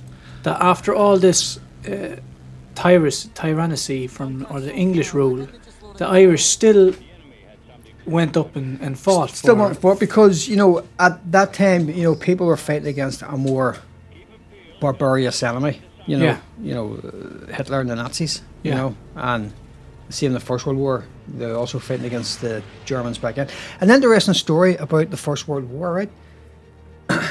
there was a regiment in the British Army who couldn't fight. I'm not sure of, of the, what they were called, but there was some regiment. If if you Google it, you'll find that there was a regiment of the British Army who couldn't fight the First World War because their commander in chief was Kaiser Wilhelm, and he was he was the he was the German leader, and because Britain was at war with Germany, he was still their commander in chief, and that's a regiment within the British Army, and they couldn't go and fight like in the Battle of Somme or at Mons or anywhere during during the First World War, because the German leader was still their commander in chief.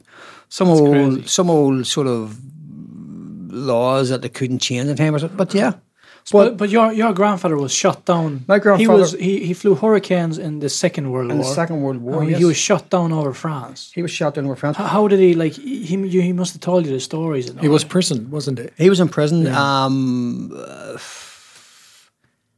I'm not sure. It's, I think that that took them to Germany because at the end of the war, you know, they they they they were shot down just before France was liberated. I think Did I have? So a wee little stint in prison sort of runs in the family. is it? it does. But he, now, did, here's did, do you have a watch in, uh, like in the Pulp Fiction movie?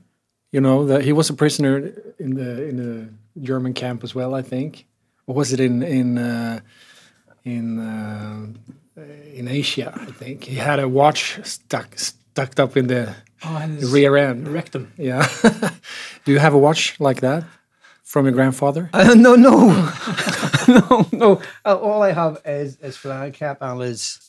and How long was he in That's better. and his I think that's better. Well, that was until the war ended in '45. He he was shot down. uh, It was just just before France was liberated.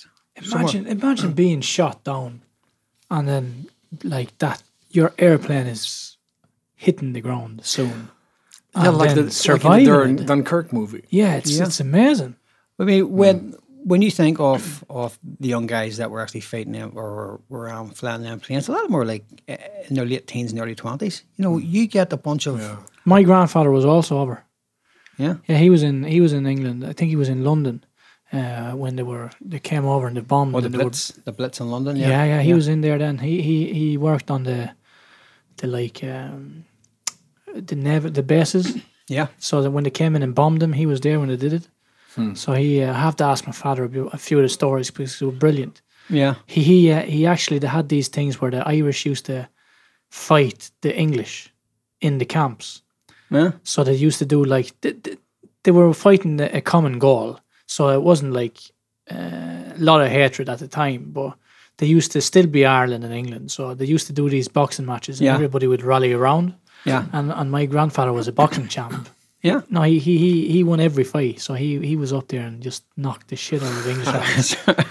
yeah, true But- story. So When when when my grandfather was my grandfather enlisted in just just as the war broke out in 1939, but in 1941 the Germans done a blitz on Belfast, and they say at that stage my family all lived up in County Derry, but um, I had an uncle who was in he was a area warden because he, he was he was too old or he was so, something wrong with him where he he, he, he couldn't he couldn't enlist and go and fight overseas. He's probably glad he didn't.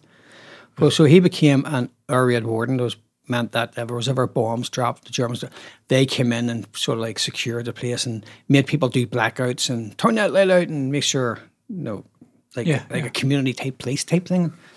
But there was there was a a police barracks somewhere in Belfast. I'm not sure because my uncle came. My, my uncle lived just outside um, Dungiven, but when you're during the war, he was our raid warden, so he was posted to Belfast. So he was, and a German bomb had landed in some some part of Belfast and flattened many many streets. Many hundreds of people died, but there was a police station that was bombed as well. And because my uncle and a couple of his friends were our, our raid wardens, they had like they had permission to go in to any old building and check, make sure people are still alive. So they went into the police station, and uh, police were all injured and stuff. And they they they pushed their way through all the injured police, went out back to the armory, and took all the rifles and ammunition, and brought it and gave it to, um, let's say certain certain people who who um would have put it away for a better cause. whilst and this was whilst they lay whilst, whilst whilst my uncle's brother was was flying planes for Britain, you know, he he was my, my, this uncle of mine. He was he was also doing his part for the war effort, but he was he was doing more than his part. He was doing his part for the Yeah, he was effort. he was working and he was He was uh, working, he was bit, working. a bit, bit on the side as well. yeah. Absolutely. But, Absolutely. but imagine that the Germans uh, went so long, such a long distance to Belfast. I didn't know that. the Germans came up through um, northern France because this I think the Blitz was in 41. That time France was, was under German occupation, so that they would come up through France, cross over the Channel, flew up through the south of Ireland, which was neutral, didn't didn't take part in the war, and then came into the north. You talked about uh, you told this story just Oh, the bomb yeah, yeah, about a bomb the bomb, was yeah. dropped. Well, the story goes, and you know, I this is what I've always been told, you know, and I've no reason to doubt it. The story goes that one of the German planes, when they were doing one of their attacks in Belfast, was coming back down through the um, south of Ireland, which was neutral, so they didn't take part in the war, and they didn't support any side. So uh, the Germans who were trying to head back to northern France, if they didn't have, if they didn't drop all their payload or their bombs, they don't have enough fuel to get from their base to the target and back again to the base. So they would have dropped their bombs into open water. Now, because this was like a foggy, a foggy night, that's why these stories always goes a foggy, foggy night, you know. And um, this It's a great start for a story. and this, yeah, absolutely. And this German plane was coming down over what he thought we, he was out in open water. He seen water glistening below him. He thought, ah, I'm open water. And he dropped one or two bombs that he still had. He didn't drop in Belfast for whatever reason. So he says, I'll drop it into open water. That was a policy. You know, you don't drop it on a country that's neutral because you could start a war with the Hemans. But one of the bombs went astray and landed on the docks area of Dublin. And the story goes that there was many buildings destroyed, but a building that the bomb hit, and you know, eh, it's just it's just a weird sort of fact that it demolished a synagogue. You know, and you think of the of the of the sort of tortures that the Jewish people were going through it. That's even even um, a Jewish pl- pl- place of worship that, that, that was that was like long. that was in um, free a free part of Europe was still indirectly hit by a stray German bomb. Yeah, and they couldn't be so precise. I No, mean, God, no, no, no, no, because he thought the, the, the, pilot thought that it was open water. He was he was out on on. Yeah, on but the I mean, I mean, even if they Even if it did, tried, they- not, they couldn't be so not, precise. Not man hit. Oh Christ, no, God, no, no. It's just just a complete, complete fluke. But yeah, so my my um grandfather, now my grandfather had two uncles that came from County Derry, and in 1916 they left County Derry and went down to Dublin to take part in the Easter Rising. Yep. Their names, don't ask me, I, I couldn't. I'm not. Uh, I can't tell you them. I just don't remember who they were because I never I never knew about this story until my until I spoke with my mother a few nights ago, and she says, "I was sure, you know, your your granddad's uncles were." And they went down and fought in 1916, the Easter Rising. One was killed on on his first day there, and the was taken prisoner and put uh, put in jail for a lot of years. But 1916, yeah, that was. I suppose that was. That's another major. That's like the big one. That's, the big start, that's like, like modern time. That's like for all the listeners, there's a there's a fantastic movie called Michael Collins, and that's around that time period, isn't it? Yep. And the Easter Rising is like the start of that movie. Yeah, it's um, it was a very very right there. I'm right with that, aren't I? Oh, well, yeah, yeah, Yeah. yeah, yeah. The um, uh, there's, I mean, there's there's a stack of movies. You can have like the wind that shakes the barley as well, but that I think that's that was just shortly after sixteen. So it was, but in sixteen, um, yeah. So at sixteen, England England was was was at war, and certain Irish rebels thought this is our time to strike whilst whilst Britain's busy, you know, fighting the front over in Europe. This is our time to strike for independence. So the, on on it was it was meant to take place on Easter Sunday, 1916, but there were some miscommunications within the, the sort of ranks of the of the rebel um, leaders. And was one called I think it's Owen Owen O'Neill. He tried to put a, he tried to put a halt to the rising on Easter Sunday, but the rising took place the following day on Easter Monday, but only lasted for, for five days. Pe- People think that the Easter rising went on for you know like like the last episode of Irish history, the Troubles, that last over thirty years, only last for like from from the Monday until I think it ended on Saturday the 29th of, of of April or May of 1916. So it's only for five days, but it's five days that they shaped the whole of Irish history. So it's, you know if if anyone ever visits Dublin, go to the GPO, which is the General Post Office. Huge big building, you can't miss it. It's the biggest in the middle of, of O'Connell Street, I think it is. isn't it? And you can still see bullet holes and on on the large pillars and you know chunks of masonry missing where the British bombarded it with the gunboats because the, the rebels took over the GPO in 1916 and took over other various parts of the city. But even though Britain was heavily involved in the war war overseas, they they still had enough able bodies, and they come over in their thousands. They come over with gunboats, and they bombarded the city. They flattened the city with their gunboats. Um, the rebels put up a good fight, you know, but as as we've seen in the other periods of, of Irish history, very short lived, you know, attempt at freedom. Um, so yeah, so so on the I think it was the 29th after after the Easter period. Um, it was five days later anyway that Padraig Pearse, who was who was the, he called himself, he was going to be the new president of Ireland, and he called the halt date and um, surrendered. The leaders, I think it was 14 or 16 of the leaders, the ones who had actually signed the. So I'll need, I need, need to, I need to go back quickly on that that the first day of the um, rebellion. Padraig Pearse stood on the steps of the GPO and he read out a, a proclamation proclaiming that it's a sovereign Irish republic, and well, I think that we, we might slot that in somewhere.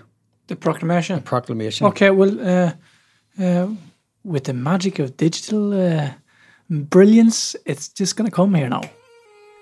Poblacht na hÉireann, the provisional government of the Irish Republic to the people of Ireland. Irish men and Irish women, in the name of God and of the dead generations from which she receives her old tradition of nationhood. Ireland, through us, summons her children to her flag and strikes for her freedom. Having organised and trained her manhood through her secret revolutionary organisation, the Irish Republican Brotherhood, and through her open military organisations, the Irish Volunteers and the Irish Citizen Army, having patiently perfected her discipline having resolutely waited for the right moment to reveal itself, she now seizes that moment and, supported by her exiled children in America and by gallant allies in Europe, but relying in the first on her own strength, she strikes in full confidence of victory. We declare the right of the people of Ireland to the ownership of Ireland and to the unfettered control of Irish destinies to be sovereign and indefeasible.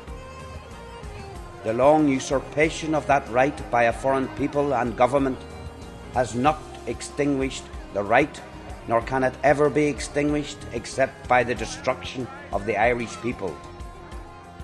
In every generation, the Irish people have asserted their right to national freedom and sovereignty Six times during the past 300 years, they have asserted it in arms. Standing on that fundamental right and again asserting it in arms in the face of the world, we hereby proclaim the Irish Republic as a sovereign independent state. And we pledge our lives and the lives of our comrades in arms to the cause of its freedom, of its welfare, and of its exaltation among the nations. The Irish Republic is entitled to, and hereby claims, the allegiance of every Irish man and Irish woman.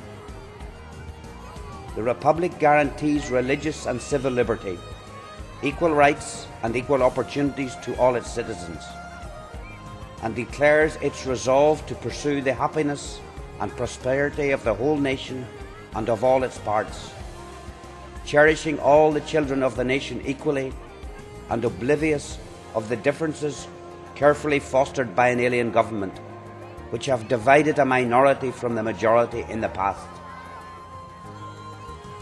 Until our arms have brought the opportune moment for the establishment of a permanent national government, representative of the whole people of Ireland and elected by the suffrages of all her men and women, the provisional government hereby constituted will administer the civil and military affairs of the Republic in trust for the people. We place the cause of the Irish Republic under the protection of the Most High God, whose blessing we invoke upon our arms, and we pray that no one who serves that cause will dishonour it by cowardice, inhumanity, or rapine. In this supreme hour, the Irish nation must, by its valour and discipline, and by the readiness of its children to sacrifice themselves for the common good, prove itself worthy of the august destiny to which it is called.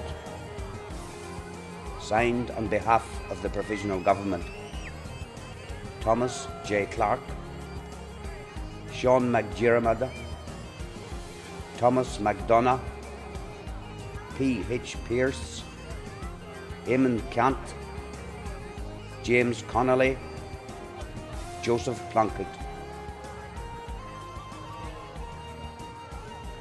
Fantastic. So yeah, so Pearse called. Uh, Pearse called an end to it, and any leader who, who, had, who had signed the, the proclamation, that was a death warrant, executed. There was no there was no courts, there was no jury, there was no.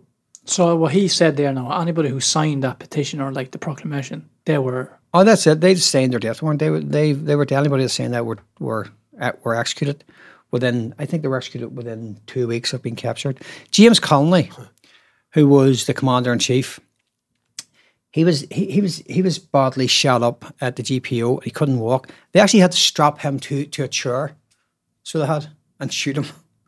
I mean, the man he was he, he, he was a death's door, but they tied him to, to a chair. They really had to. But, but, but what people don't sorry, what people don't realize now is that these were gun squads. They Oh, just aye. put them up on a line and just executed them. Firing squad, yeah, Yeah. firing squad, yeah, yeah, absolutely. So, yeah. so it wasn't like a political. They didn't even have There was there was there no was trial, there was no jury, no nothing. no. they just no. took these people who just everything they wanted was an independent Ireland, absolutely and then they just Absolutely. fire squadded them, As- killed them, as and then bring in the next. as my them. father always said, you you're you're innocent until proven uh, Irish. Back then, yeah. so you were, and once you were proven Irish, uh, you were, you know, you were put to the sword. So were you. But so uh, another period for possible independence passed us by in sixteen. So it did, and then we go into during. But you could say like sort of the IRA are now started their form. Well, yeah, it's, this this would have been the the sort of start of what people would would deem to be The IRA. The, the IRA. so yeah, um, so two hours it took us, and we're at the IRA now. Yeah, but Now that it's getting good here. that's, that's still a long way to go, boys. Okay, okay. So there's still a long way to go. You know, but I can I can quickly skip through. You know, um, 1919, you know, Ireland was still under British rule. So there was a party called Sinn Féin, big political party, and that stands for ourselves alone. That's what it means in Irish. And they became the major sort of political force for striving towards independence. But yet, a little a little unknown fact about Sinn Féin: Sinn Féin didn't take part in the 1916 Easter Rising. No, no. But no, it's just we. But are Sinn, Sinn Féin, are they backed up from the people in the IRA? Like, Well, really? Uh, well, yeah. A lot of a- a lot of the modern day members of Sinn Féin, quite a few of them would have been ex IRA um, combatants. So they would have a lot, a lot of them have um, put away the the sword and picked up the pen. You know, because you know you're never going to achieve freedom at, with a gun in your hand anymore. I think those days are gone. It's the pen. I mean, you- the quote that old, age- that old long old adage that the pen's mightier than the sword, which is absolutely true. So it is, yeah. So yeah, a lot of um, a lot of the modern day Sinn Féin personnel would have been ex-combatants, would have been ex-prisoners. You know, uh, a few of them were um,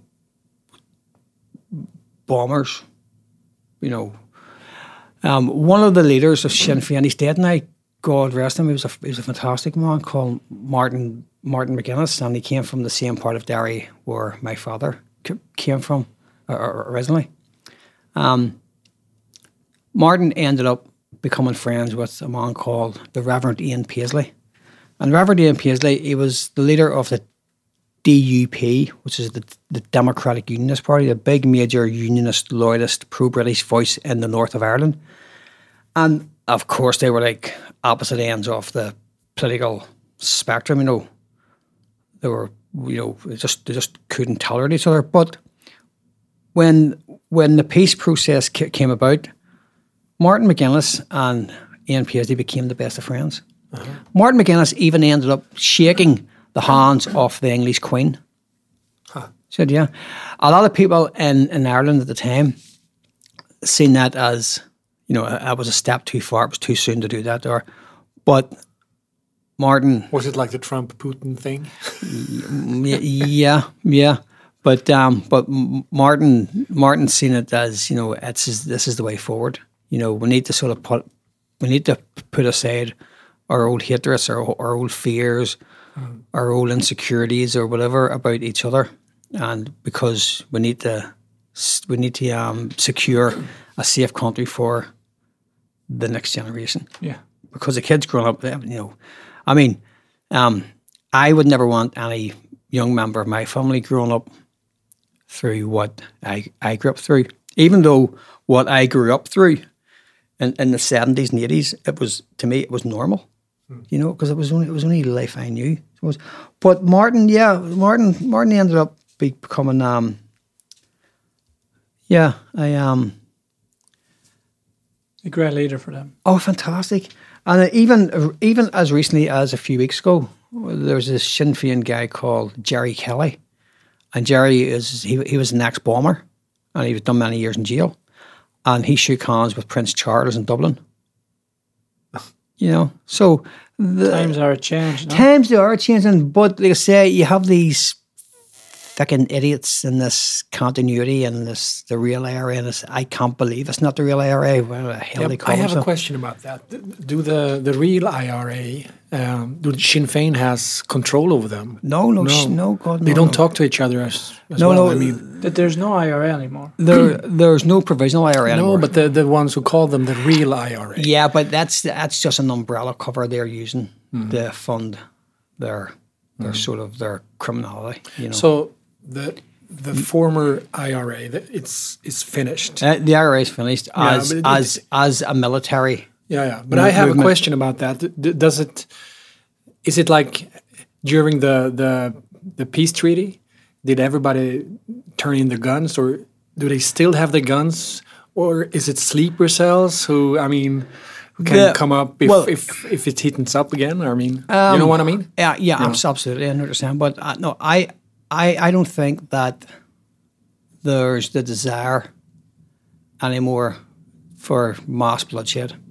I mm-hmm. think you know the people, the people have, have had enough. In the past twenty years or so, you know they've they've got a taste of possible long long term peace. You know, now ironically, you know, even though it's called the peace process, many places in the north, mainly Belfast, it was divided by what was known as peace walls. They built these large walls to, to separate the two communities, something like the Berlin Wall, you know, small walls built here, there, and everywhere. But more walls have been built since peace came. So uh, It's amazing. it's it's uh, it's a it's a it's, it's a funny, strange, grey place. What is? But you know, to sort of answer your question, Lars, um, I don't think that there's the the people have Any desire to that desire the to sort to sort of go back They've had because enough. They've, they've, they've had enough. too much.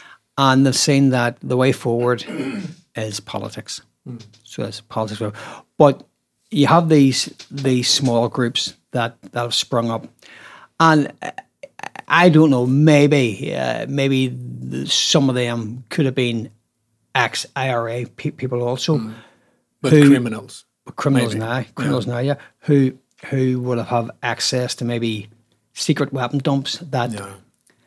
because uh, as far as I'm aware, every weapon was handed in and it was decommissioned and it was overseen by independent bodies. So was the weapons on on both sides, the Protestant and the Catholic sides, nationalist, unionist sides. You know, the weapons were overseen. The Must have destruction been a lot of weapons.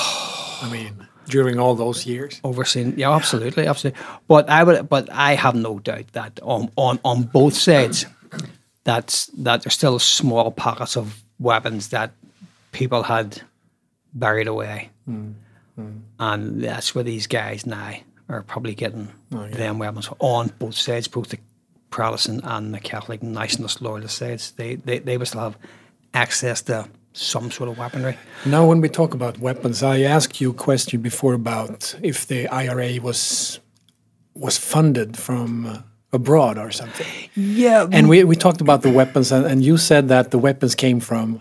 Tell us that story. Uh, well, not not all the weapons came. No, no, from, no, no, came, but some of them. ca- came from Yeah. came from the good colonel. well, in the nineteen eighties, um, a lot of a lot of weapons would come in from Libya. from Libya. I never heard that. Colonel Gaddafi, yeah. C four explosives, uh, mm-hmm. Kalashnikovs. You know, a lot of weaponry came in, but I'm not sure if the leadership of the movement that time knew how much of a tyrant he was. I don't know. Mm-hmm. You know, because I mean, I I'd been, I wouldn't have been, mm-hmm. you know, privy to those sort of negotiations because I was I was only like 16, 17. Yeah, yeah, yeah. You know, So who funded IRA? then? well, a lot of the money would come in from Irish Americans. There was an, organis- an organisation called NORAID, North American Aid for Ireland, or something like that, or North American Irish Aid. And, you know, a lot Sort of of like close to NORAD. NORAD, yeah, I NORAD. thought of that. And a lot of um, a lot of Irish Americans, yeah. Yeah. Yeah. Um, when we were in in jail, because I'll get that anyway. So you know, when when I was in jail, we used to make these handicrafts, drawings and paintings and wooden harps, and you know, Americans would buy them up, and that money would have been. I'm not sure if it, if it filtered back down through through the, through the system, and it was used again to refund for for weapons. But yeah, but the prisoners would have would have helped out in their own way to ensure that the armed campaign was still functional I want to get to that part of the story. on the outside. That's gonna be a, that's gonna be a juicy one. That's going to be a juicy But- one it. Just going back to the history, so we can get through that. Yes. Sorry for for No, no, no, no, no, no, she's no, it's grand. You know, so, you know, we went to 1919. Uh, from 1919 to 1922, it was the War of Independence.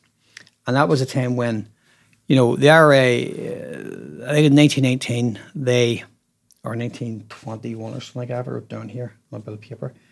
Um, excuse me, folks. Um, well, do you want to know, 1921, 1921, 1921 or 1920. Anyway, whatever. Um, the IRA had, had killed 14 British intelligence officers.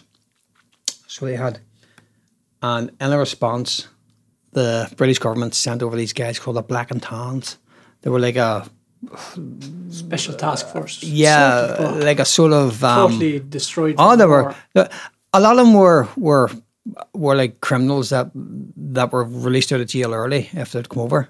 You know, they were like a like a militant, like Suicide Squad. like suicide for, for for yeah for for want of a better word. And they were called black and tans because of, because of the clothing that they wore, black and tan clothing. But oh, they were they were butchers. They were that was the worst thing to set foot in Irish soil since Cromwell back in the hmm. sixteens. Oh dear Christ! I mean, these people were you know, what they'd done in Croke Park on Easter Sunday, I think it was 1920, tw- 21 or 20, 21. Robert, will- So they just sent them in, like Robert, like that. Robert, do, do a wee I check. know, I, I know that. that I think that was actually 1920. 1920, that's I think so myself, yeah. So there was there was a Gaelic football match at Croke Park in Dublin. So it was fantastic sport. 21st of November 1920. fantastic sport. And um, the British government sent in the Black and Tans the sort of to basically payback because there was 14 British intelligence officers, officers that were executed. Sort of like 14 spies or intelligence officers. And te- sort of like, British military part. No, no, no, like like proper British Brit Brit Brits with Yeah. uniforms. They weren't they weren't like Okay. Yeah. So they sent in these these armored trucks into Croke Park, and they opened fire on the crowds. Really? So that, yeah. Like just Just shot them dead. Yeah, this is this is. I have a, I have a like a, personal story about this. Uh, it's it's in the movie Michael Collins. This scene, and my cousin is actually on the pitch in the movie. In the movie? Yeah, he, he's one of the actors, one of the extras Okay. playing the football. Okay. So what happened is the Black and Tans came with uh, with tanks Yeah. and they just went straight on to, onto the pitch. And there's an Irish lad who takes the ball and juggles it, juggles it over and runs around, and everybody starts laughing. And then they suddenly just open fire with automatic from the tanks, just Yeah. straight into the, the crowds. Must have been a lot of injuries and killed. I kills. think I think there was over fourteen or fifteen people killed. I mean, it could have been it could have been a hell of a lot worse, but I think there was only fourteen or fifteen people. I think it was over thirty. Well, I think it was thirty. like it it, it could have been like was more. The- the very day. bad, but it, it was about thirty people killed. was it? Well, I think it was that one. Yeah, and that's that's like there's two bloody Sundays. Now The second one you we'll touch on. yeah, we'll we'll come to that. But U2's famous song, Sunday Bloody Sunday. That was that was the events of Derry of 19, Exactly. 1972. That's not this one. no, no, singing that was No. Derry, nineteen seventy two. Yeah, But this one is the first one. that was the first one. yeah, Yeah, and yeah. that's like just just imagine the thought process of going into like where kids and families and are, are watching a, f- a football game, a Le- soccer game. That was less than hundred years ago. Yeah, yeah. yeah. It's still within like modern and they living just times. they just blew in tanks and just blew people up. Yeah. Imagine that. But they, those guys hadn't any regrets or something. Oh, the I black mean, and tans. Oh, Christ, no. Oh, they were no, dear Christ, no. They no. didn't give it a second Oh, they, thought. they, They, they didn't give did a damn. No, no, they didn't give a damn. They were um, they were like uh, they were they were a law unto themselves. What happened to them? Well, in 1922, you know, um, Lloyd George, the English um, prime prime minister, um, proposed that Ireland have t- have two governments. So, 1922, Ar- Ireland got independence. 20s, Ireland's made up of 32 counties and four provinces with 32 counties, but um, 26 of them became the Irish Free State or Republic of Ireland, but six up north Antrim, Armagh, Down, Derry, Fermanagh, and Tyrone. Well, that's North Northern That's, Ireland. nor- that's Yeah. Northern Ireland. Six occupied counties in north of Ireland, you know, what- whatever people um, prefer to call it. Those six counties were kept under British rule. So they were. Now, they, they, they, they were six of the nine counties that make up the province of Ulster. You know, even though the British still still call that Ulster where they are, there's three counties that they didn't take over. Like they, they let the Irish Free State have them. That's one, that's one word I remember from from when I was younger. The f- freedom fighters, the Ulster's Ulster's freedom fighters. yeah, I remember that. UVF. Yeah. Yeah, yeah. They um, but the sorry, Rob, go ahead. No, no, but but is, are we talking about like 20, 21 of the Anglo-Irish Treaty when they got the? Are we there now? We're we're at that period now. Yeah, yeah, yeah. We're we're actually that the, the where where where the country is was then divided. It was divided. Yeah. Um. So Lloyd George. I disturbed you. Sorry for that. No, no, You- God, no shit. No, no. That's grand. That's grand. Lars, that's grand. So, so Lloyd George um proposed it to in the British Parliament that twenty six counties of Ireland break away from the union with Britain, but they have to keep six counties up north. So, so they, the because that's where the the, the majority of the Protestants in, in Ireland lived uh, uh, up in, the northern counties, and um, they didn't want to break away. They didn't want to. They didn't want to be part of a new independent Irish Free State Republic of Ireland. So they remained members of Britain. So after that, the Treaty of twenty one twenty two. You know, um, Ireland, the Republic of Ireland, that that went back to some sort of normality for the next forty odd years, and um, you know, and that so that that that will sort of take us up until the outbreak of the modern troubles, nineteen sixty nine. So when um, th- when the the north the north uh, exploded. Just just uh, one name that is always going to be in Irish history. Eamon de, Valera. Eamon de Valera, Dave. Eamon de Valera. I can't even say it now. It's getting late Eamon de Valera. Dev, Dev was, he became president of Ireland for, Yeah. for many, many years. But he he took part in the 16 uprising, 19, but he was spurred because he had American citizenship. Basically, don't shoot me, I'm an American. So so so And de- then he took over Ireland. and then he took over Ireland. So he did, yeah. So so But he kept pretty much peace a good while. he kept he kept things well balanced out. Yeah, he, he did. But that was that was in the south. But in the north after in the north after twenty two, you know, um, you say Ireland split in in nineteen twenty two. But for the next forty seven years, you know, the nationalist Catholic Irish and the and the six northern Protestant counties that are still under British rule, ah, they were treated as second class citizens. You know, um, I remember my father telling me that when when he was a small boy, they they lived they moved from Derry, the town itself, to a small place called Dungiven, and he remembers um, his his father, my grandfather, who was flying the planes. Um, he he remembers when they were driving from the from their home in Derry to this new small town of Dungiven, passing many many small villages and towns, and there were signs in shop windows and businesses Catholics need not apply, no work for Catholics.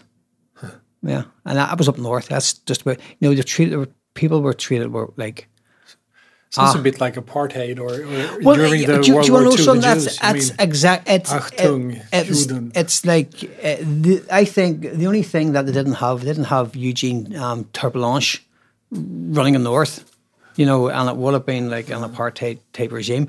But yeah, yeah, I would say that's probably a good I find analogy. some similarities as well with the Crimea. I mean, the, the election up north, you the Yeah. Irish they wanted they didn't want it to be in the in the Irish governed. yeah, yeah, yeah. They yeah. want to be British, and the same was in Crimea. Crimea, yeah. They had an election and they wanted to stay with the Soviets, Yeah. the the Russians. and it's almost the same. I mean, similar anyway. Exactly, exactly. You know, so uh, that um, so for for forty seven years, you know, life in the Free State it would normalise. You know, whilst up in the north, the Irish Catholic minority they would continue to suffer at the hands of the the Unionist Protestant government. You know, um, and then in nineteen sixty nine, all hell it would erupt. Oh, it was it was like someone just lit a fuse and powder keg, boom. You know, Was it like a full scale war then? and no, ne- never really. See, and, and, and 69, believe it or not, when the British Army first came in 69, they were welcomed in by a lot of the Catholic nationalists because the Catholic nationalists were, were being oppressed for since 1922 because they were still under British rule. And, and they saw when the British Army came in that that was that they were there to sort of do good and to help. But that soon quickly cha- changed. My mother was t- telling us stories of um, old women whose who, who maybe whose husbands had fought during the War of Independence or had fought during the 1950s 1950s campaigns. Um, these old women who were like staunch Irish um, nationalists were coming out with plates of sandwiches and tea and giving them to the British Army because they thought they were coming to help them. Yeah, but that was um, that was very, it was very, very, very, very short lived. So it was, you know, it all started with a Protestant parade through Derry, didn't it? it start. I wasn't a Battle Protestant. of the Bogs. I was, Bogside, I wasn't a wasn't it? Protestant parade. Was it not? Oh God, no, no, no, no, no. It was a march was for civil rights, so it was, and um, you know, were the people, the people were um, were demonstrating because they were still second class citizens and they had enough, so they've done this large pro- protest march through. I think the, the main march from like Belfast to Derry. I think so, but along the way, that that, that route they, were- they were attacked many, many times over by by loyalist mobs, Protestant mobs, and the police. And it culminated in um, attacks when the martyrs reached Derry itself. You know, the police just went in with batons, and no, no one actually died in, in '69 at, at, at, at at that march. But that was a turning point. That was another major turning That really divided him. That was a. Absolutely. See, I think that was the first time where where media actually captured what was going on. Even though that that the the true events would have been, um, they would have been whitewashed over a bit, I suppose, by the British press. But you know, uh, there is footage you see of of a very old policeman that going in. There was a guy who was demonstrating, putting his hands up and saying, "We're here to whatever." No, he wasn't doing anything bad, and you see him coming in with a baton and beating the head off him. See mm. the blood everywhere. Yes, but you know that's just unfortunately that's that's just the way things things went. But so it would have been after this period. You know, my father in 1970, 1970 he, he was he was working uh, on a small farm in Dungiven still, but Protestant landowner. So my father was sacked from his job. He was, you know. And well, my father had family that lived in Belfast, and it's for my father that if he comes to Belfast, they can get him a job as a bus driver. So, so my father took the family from Dungiven, just outside Derry, and we moved to Belfast. We moved into the, the Divis Flats area off the Lower Falls Road. So we did. And my father got a job as a bus driver. So we did. But in 1971, um, the British government introduced this, this policy of um, of it was called internment without trial, where they could just pick you off the street, put you in jail, and release you when they wanted to release you. There was there was no courts. Huh. You were just suspected of doing things. You know, it sounds a little bit like uh, a podcast we had, we had about the English hacker. Yeah, the similarities there. Exactly. You could yeah. arrest something, someone on just suspicion. Just suspicion. And then just take it. Yeah, that's exactly. Yeah. But now, my father never never had much interest in politics. You know, he, he he just wanted to make sure that, that, that he earned enough money to put food on the table for the family and have food in, food in the cupboard. Even though my, my father came from a long, long line of, you know, freedom fighters in the family. Um, but my father just didn't go. He didn't. He didn't go down that route. But anyway, he was he was interned in 1971. It was on August 9th, 1971. They came in, kicked in front doors, and just just arrested people. A lot of the people they arrested were were old men that were maybe in the IRA in the 1950s, and they were just acting on information on on their secret files. Oh, well, going. It was a lot of old men arresting, but they also took people who they thought were suspected activists, you know. Mm. Was he like was he imprisoned for a long time? Or? My my father was interned for fourteen months. So he was for doing nothing. For doing nothing for fourteen. That's a long time. But I mean, some guys, months. some guys were held for three four years. For nothing. For nothing. Just because. Just suspicion. Because, but here's the thing, that backfired quickly on the British establishment because they thought that by taking these what they deemed to be key figures out of the equation, mm-hmm. that that the sort of the arm struggle would fizzle out because mm-hmm. there wouldn't be anybody there to keep the momentum going. But what happened was it, it had the reverse effect. It drove hundreds Created of leaders. young men and yeah. women into the ranks of the IRA because they seen their brothers or uncles and their fathers being trailed away for nothing. And they says, no, let's fuck it, enough's enough, you know, we're not putting up with this crap anymore. So that that drove hundreds of people in, into the ranks. Like I say, my father had never had an interest in politics. You know, not that that that, that maybe he did internally himself, but but he never expressed any. You know, was he a changed man after he came out? Prison. Could you could you see any oh, changes? Christ, yes. As soon as the the week after my father got got out, he went and volunteered as a member of the IRA because it took it, it, took my father's to spend them 14 months in jail for something he didn't do to get his eyes open to what was really going on in the north because we came from, we came from, from a small sleepy town called Dungiven you know we didn't know anything but as a child I can't even remember it but um, my father and, and, and his brothers they they wouldn't have been in much contact with with but the it's, troubles. It's, it's like if you if you if you just bring it back uh, and just think of what's happening.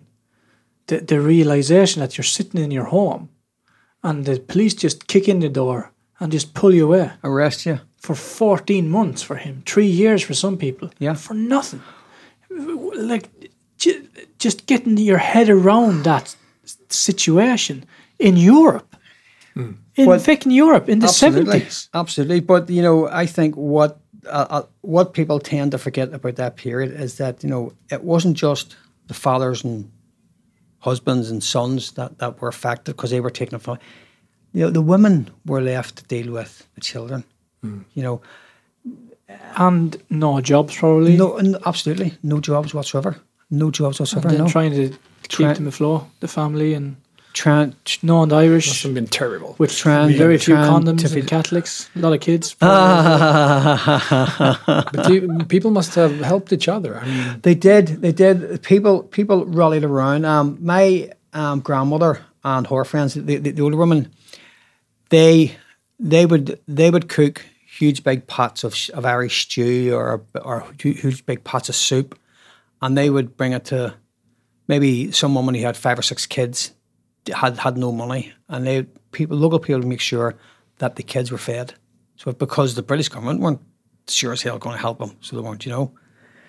But it took my father those 14 months in jail. He actually became um, politicized in jail.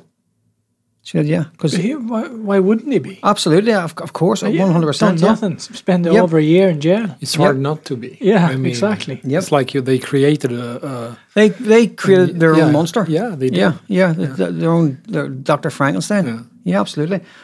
But um, so my father got out, and within a week, but I spoke to him about it. You know, he told me that it was within one week. How old him- were, were you at the, this time? My father was nine, he was seventy one. I was three, so my father got out. He was August seventy one. He he got out just going until seventy three, so it was beginning of 70, 73. So I was about 5 So it was you know, I have very little recollection. So, but uh, but you know, so uh, that's made my father. Um, get involved in politics. So, so, so he did join the IRA, and then he was back in jail within a year. So he was he was caught with a car bomb. Yeah. Yeah, So he went from he went from not even went from politically nothing, interested, trading to, buses. to, to- catch, getting caught with a car bomb. it was the British that that that That created him. That sort of made the um, freedom fighter out of out of out of my father. Yeah, I have a few notes here. Like, in, what, what years are we? Like January 1972, paratroopers came in and shot 28 people dead, civilians. What was that story about? Oh, that was that was Derry. That was in, that was in Bloody Sunday, in in Derry. Yeah. Um, yeah, it was third of January. It was in the Bogside area of Derry. You know, uh, as And as- Bogside is the uh, Bogside is just um, it's in and in this town you would have likes of you know. You have Brickyback, you have Valley, you have you have different parts of the yeah, city. so yeah, it's yeah. just it's just a district within the main city itself. and you know, mostly Catholic, it's mostly Catholic. Yeah, only Catholic. yeah, yeah. That's that's that's where my father came from originally before they moved to the small sleepy town of Dungiven outside the main city. But yes, so that was in 30th January 1972. The Bogside, you know, uh, and that's better known as Bloody Sunday, the second Bloody Sunday. That's the U2 song we're talking So, about. so I was I was near enough 50 years to to to, to the day that Yeah, the other one. that the other one took But back but see 1991. see what I've what I've read about this Bloody Sunday is that this was a peaceful parade with What? civilians, just kids and, and women and everything. people just- people were protesting it. It was an anti-internment protest. People were protesting because their husbands and their sons and their fathers were being interned for crimes they didn't do. So it was a lot, of women and, and, and older men who weren't turned to one out. A lot of local politicians and priests and businessmen came out as well in um, support of it. But um, yeah, so the the British soldiers basically opened fired and there was there, there, there was there was twenty eight injured, I think, but I think it was I think fourteen died. no, 20, yeah, yeah, you're right. Thirteen died on that day, but one died about four weeks later. So it was four, 14 of them died. Most of them died. Most of them were shot in the back whilst fleeing from the British soldiers. Some of them were shot whilst going with whilst going to try and help the injured. Hmm. So they were, yeah. Now there was there was an inquiry in it called the Widgery inquiry, which just whitewashed over the sort of the, the true events. And back then, Lord um, Widgery was some British politician who was overseeing the inquiry. He basically says that the IRA started and the Brit- and the soldiers were just responding to them being fired upon, but that's complete bullshit. You know that that never happened. It was the Civil Rights March. It was the civil rights was in '69. Was that in '69? That's 69. Okay. Uh, th- this 172, the, the, the um, Bloody Sunday, that was for anti internment. But it's still for civil rights as well, you Yeah. know, because they're, Yeah, basic families. civil rights. Yeah. Absolutely. They're, they're, But there's the, this is on YouTube.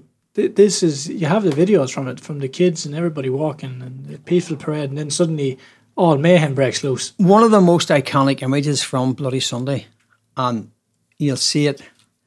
It's a local Catholic priest, and he has a white handkerchief with soaked in blood, and he's, and there's guys with him carrying wounded, and you see the British coming in to try and, but the but the priest just marches away through him. He's holding this white handkerchief, dripping in blood. I think I've seen that. You know, Yeah, I've seen that. and um, yeah, so it was just. Uh, You, you can tell now we're getting close to your period Getting- because you, getting it's clo- getting to you. it's talking getting about me. it. You know, um, yeah, because my father was one of the people who these guys were.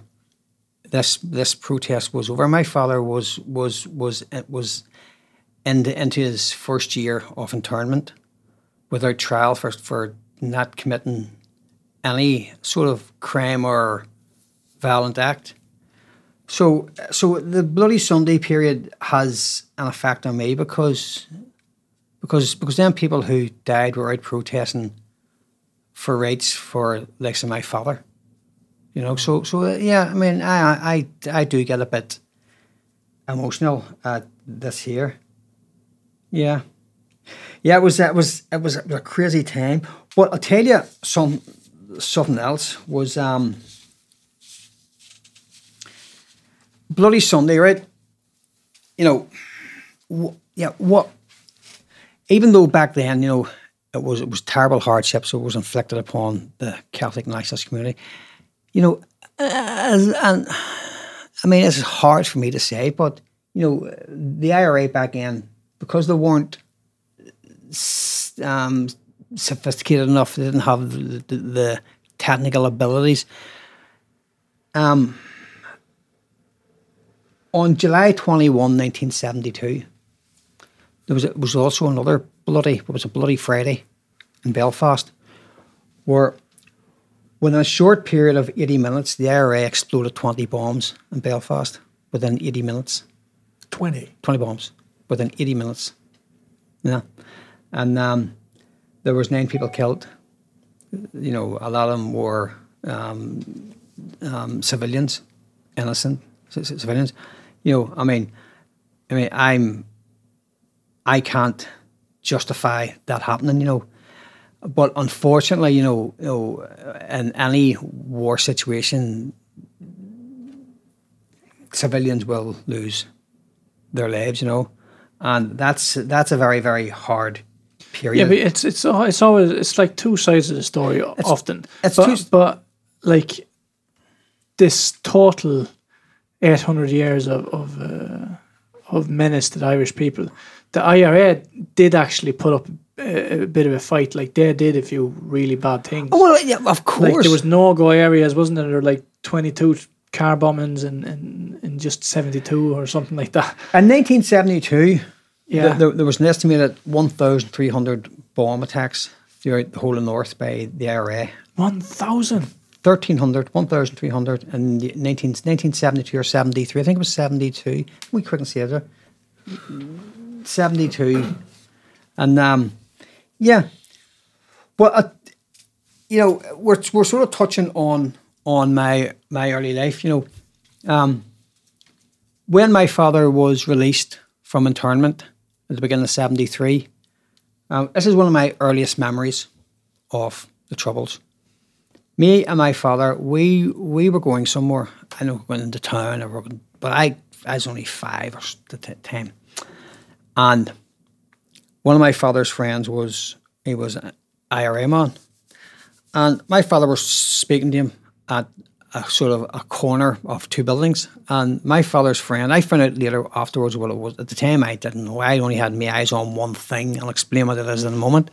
But my father was speaking to his friend, and his friend said, So you "My just walked down the road and met him on the road. Like. Yes, my father met, met met met his friend, and his friend was a um, volunteer in the IRA. But what I seen was the guy had this.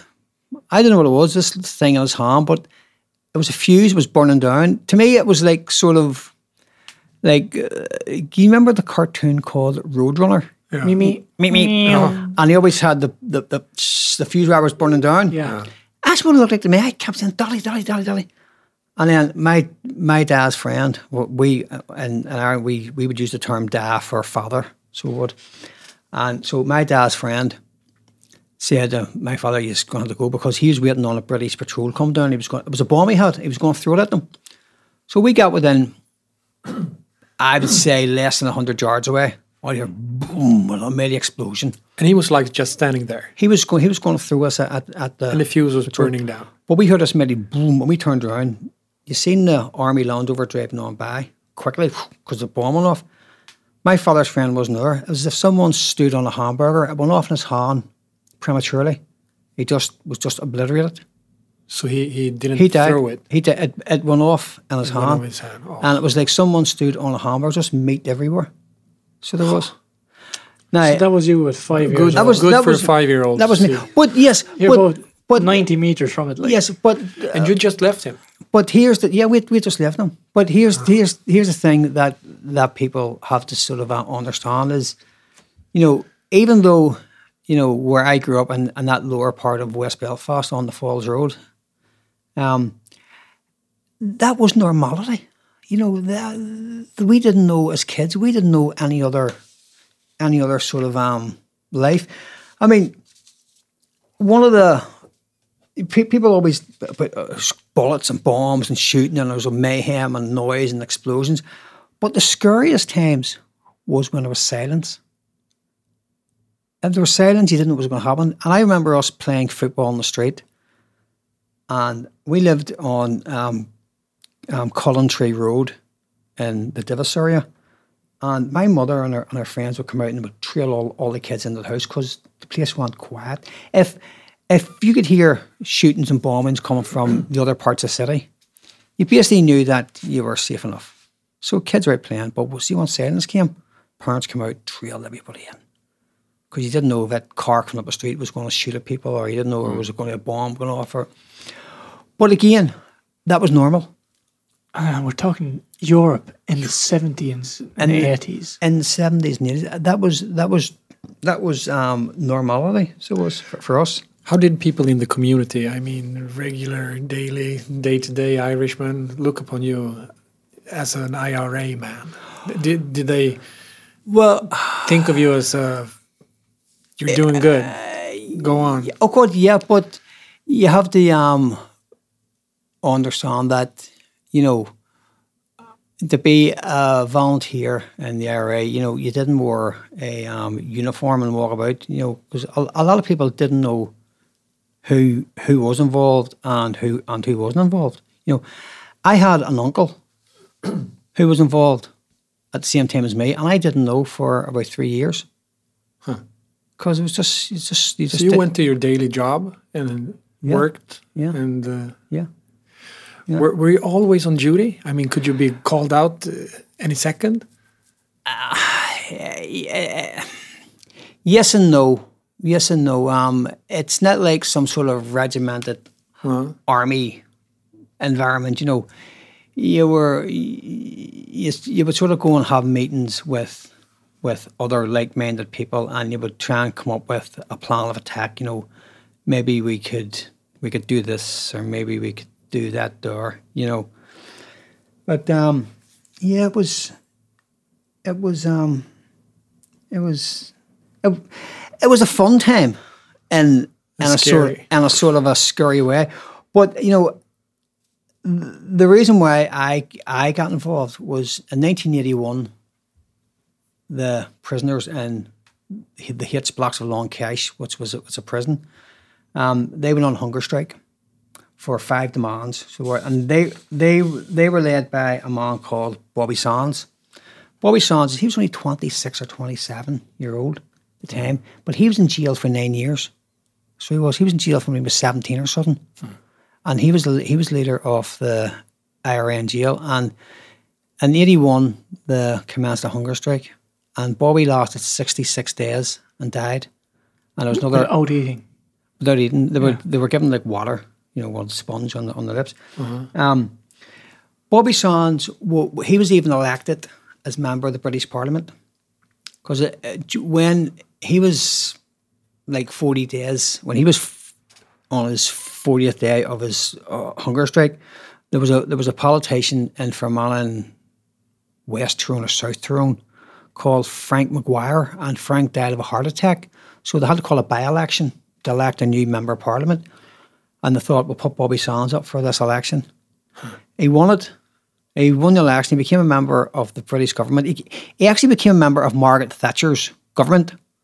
So she said, you know, because she was a, she was the British Prime Minister. The irony. Yeah. Yeah, exactly, exactly. You know, talk about shaking hands with a bloody devil. but Thatcher, Thatcher wouldn't wouldn't bend. So she wouldn't. She would. She But it was just like the hunger strike just went out. They wanted five demands. they wanted five demands, and I'll tell you, I'll tell you, and these these are demands that I would say every civilized prison. yeah. Number one was for them not to wear prison um, uniforms. They wanted the, the, the right to wear their own clothes. That's a fair enough demand. You know, no prison work. You know, as because they didn't deem themselves as criminals. In nineteen, sorry, I'll, I'll, I need to touch on a wee before before this year. Before nineteen seventy six, the Irish prisoners were they had special um, category status where they were treated like like prisoners of war. They, they were protected under under the um, Geneva Convention. Still to the boy, you know, yeah. But in '76, the British government brought in a new regime where anybody caught in the north with a political act were were, were to be brought to court as criminals. So the anybody had special cat status that that that didn't that was just obliterated. So they built this new prison called the H-Blocks. So that and that's where I ended up. But we'll go into that in a second or two. So, you know, so not the war prison, no prison work, you know, because they didn't deem themselves criminals. You know, to have free association with fellow Republican prisoners, basically they'd be allowed to go out and exercise because they were confined to their cells. You know, they wanted to organise educational and recreational activities amongst themselves, which is, I mean, it's the best way to actually improve prison life is through education. So they want that there.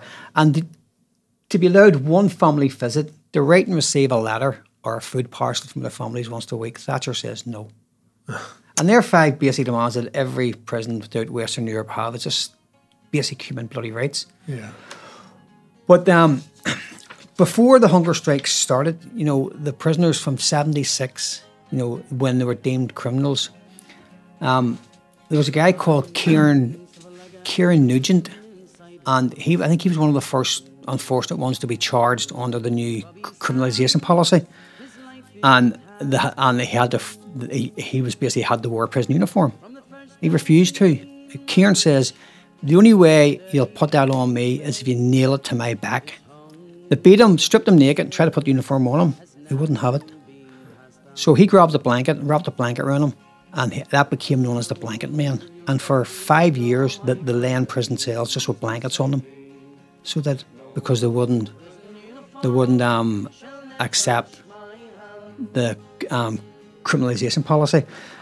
After the blanket protest started in '76, they then went on to a no wash protest because the prisoners, when they went out to sort of get to use the bathroom or, or to get showered, whatever, they were being beaten by the guards. So they, they confined themselves to their cells for, for 24 7 for five years.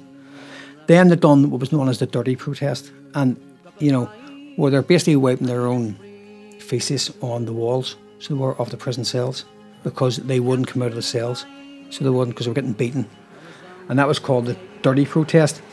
That culminated or um, cul- culminated in 1980. 1980, they started a hunger strike, but that that didn't that was phased out. because they were because they were given all sorts of promises that they, they would get their demands, but they never came about. So in, in '81, they started the second hunger strike, and this was to to the death. Ten men died. Ten From, men from died the hunger strike. from the hunger strike in 19 in 1981 that was led by Bobby Sands. So it was, um, even though he was he was elected member of Parliament, Thatcher Thatcher wasn't behind.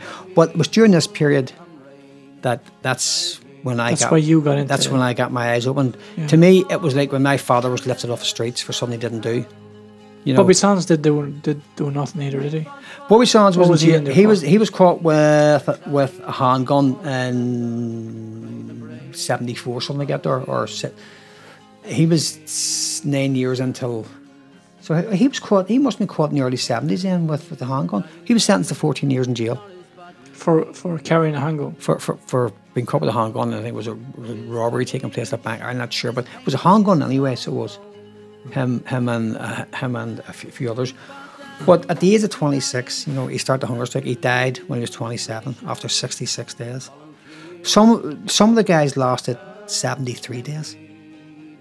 So that yeah, Wait, 73 days. That's a, that's a long time. you know, I mean, I mean, the- without food in it Oh, anything. Christ almighty.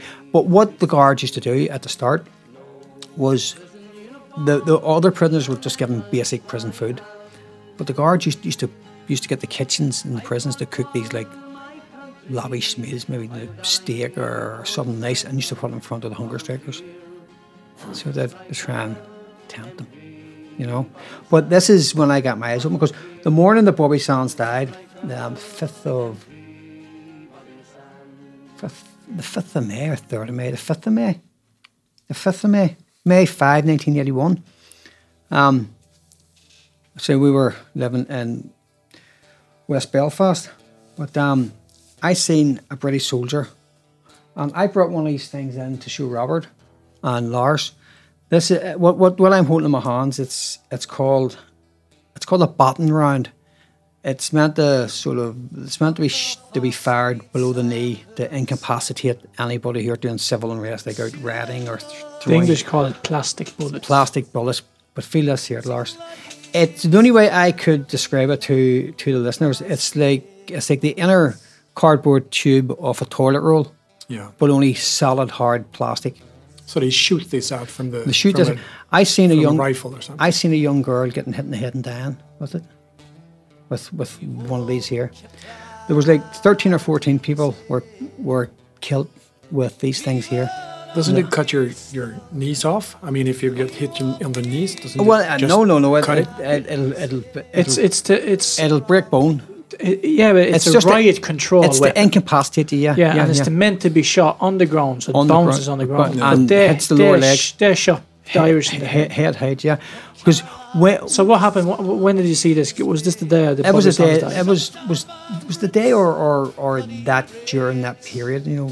But um, when when people think of plastic bullets, you know, It's a massive. you know piece. the the listeners might might, might have this image of like a nine millimeter bullet Hmm. made of plastic.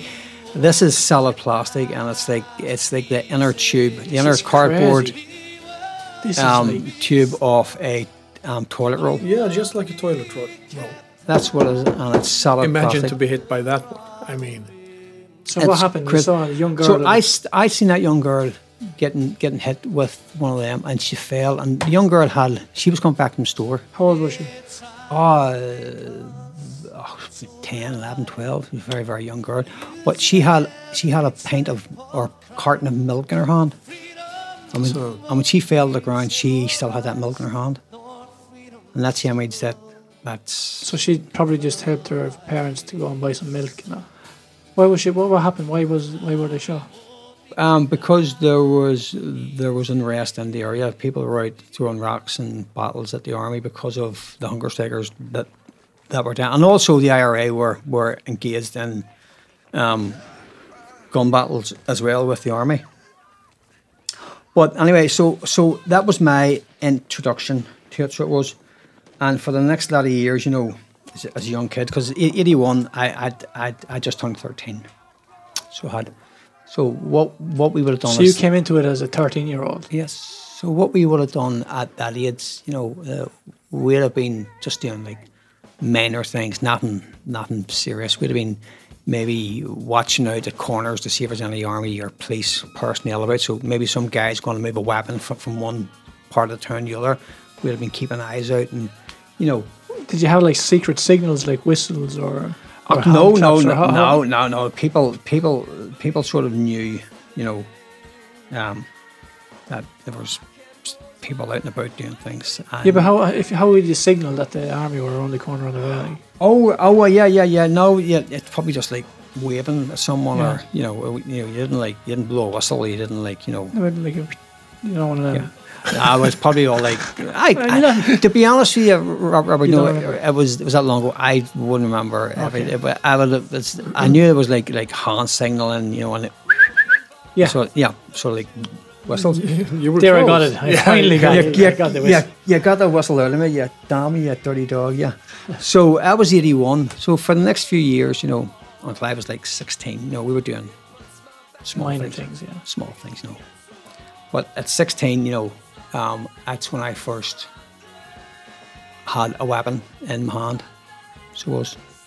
And it was, um, I remember it well, it was a First World War Webley handgun. Uh, officers, British Army officers gun from World War One. Were, were, is your were your dad alive at that time? My father was alive at that time. yeah. Yeah.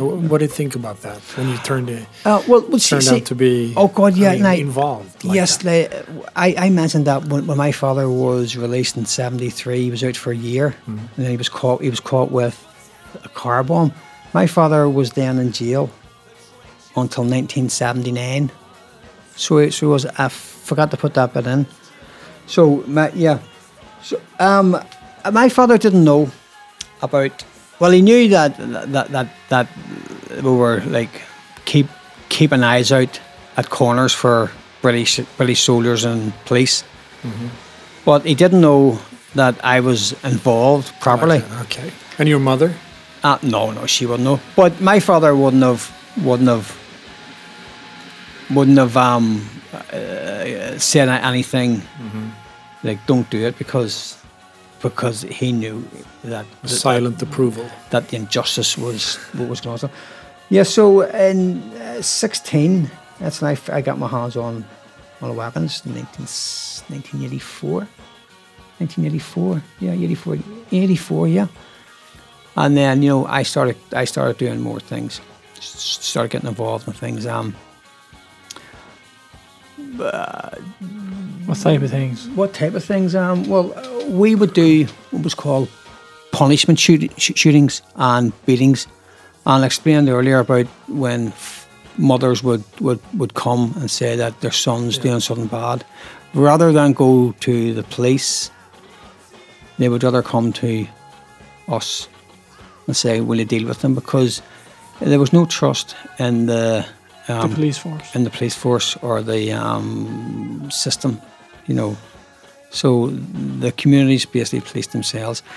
And um, the first thing, the first real um, activity I done was um, was bringing a weapon to a place where a guy was going to be shot in the knees because he was antisocial in the area. And that, I think I may have touched upon that earlier on about when people were told to come Yeah, certain certain yeah. points. That's a good word, actually. Antisocial. That's that's exactly what it is within the area, antisocial activity. Mm-hmm. You know, because you know that that stuff. Just, So you brought the gun. You didn't shoot. Not at that time, no, no, no. The first time I I brought the gun, but I did. I I was engaged in in a few skirmishes. You know, And that wasn't with antisocial people. That I was wasn't. Well, I was. With, I was with very antisocial people. You know, antisocial. Okay, yes, antisocial people who who are in the country for eight hundred years. yeah, at um, but you know that was that was just part and parcel of life. So it was you know it wasn't and uh, uh, and you know you didn't you didn't do it for like glory or glory or fame because the first thing you're told when you when you enlist as a volunteer you have two options: death or prison. You know, do you do you still want to go ahead?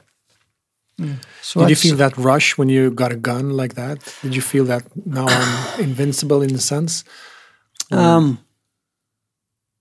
invincible?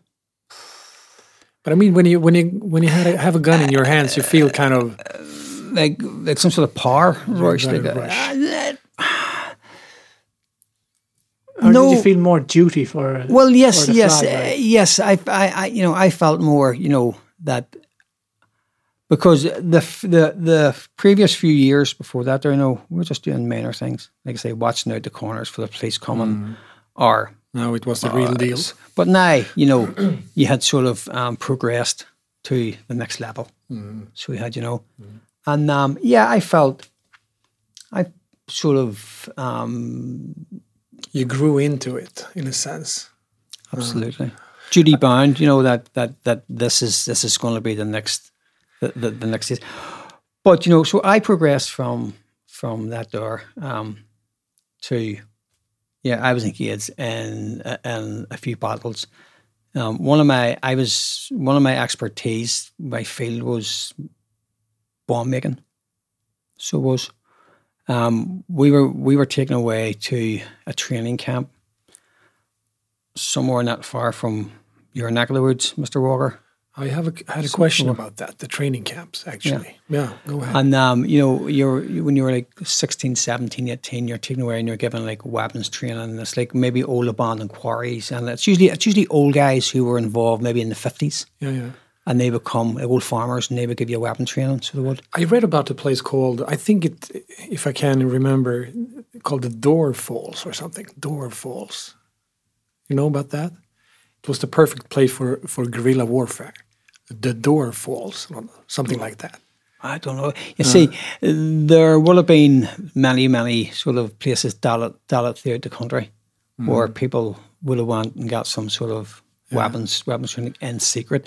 But I got a fascination in bomb making. So was, and that's what that's what led me to jail, as I think I mentioned to you guys when we first met two, Yeah. two, two years ago about it. Yeah.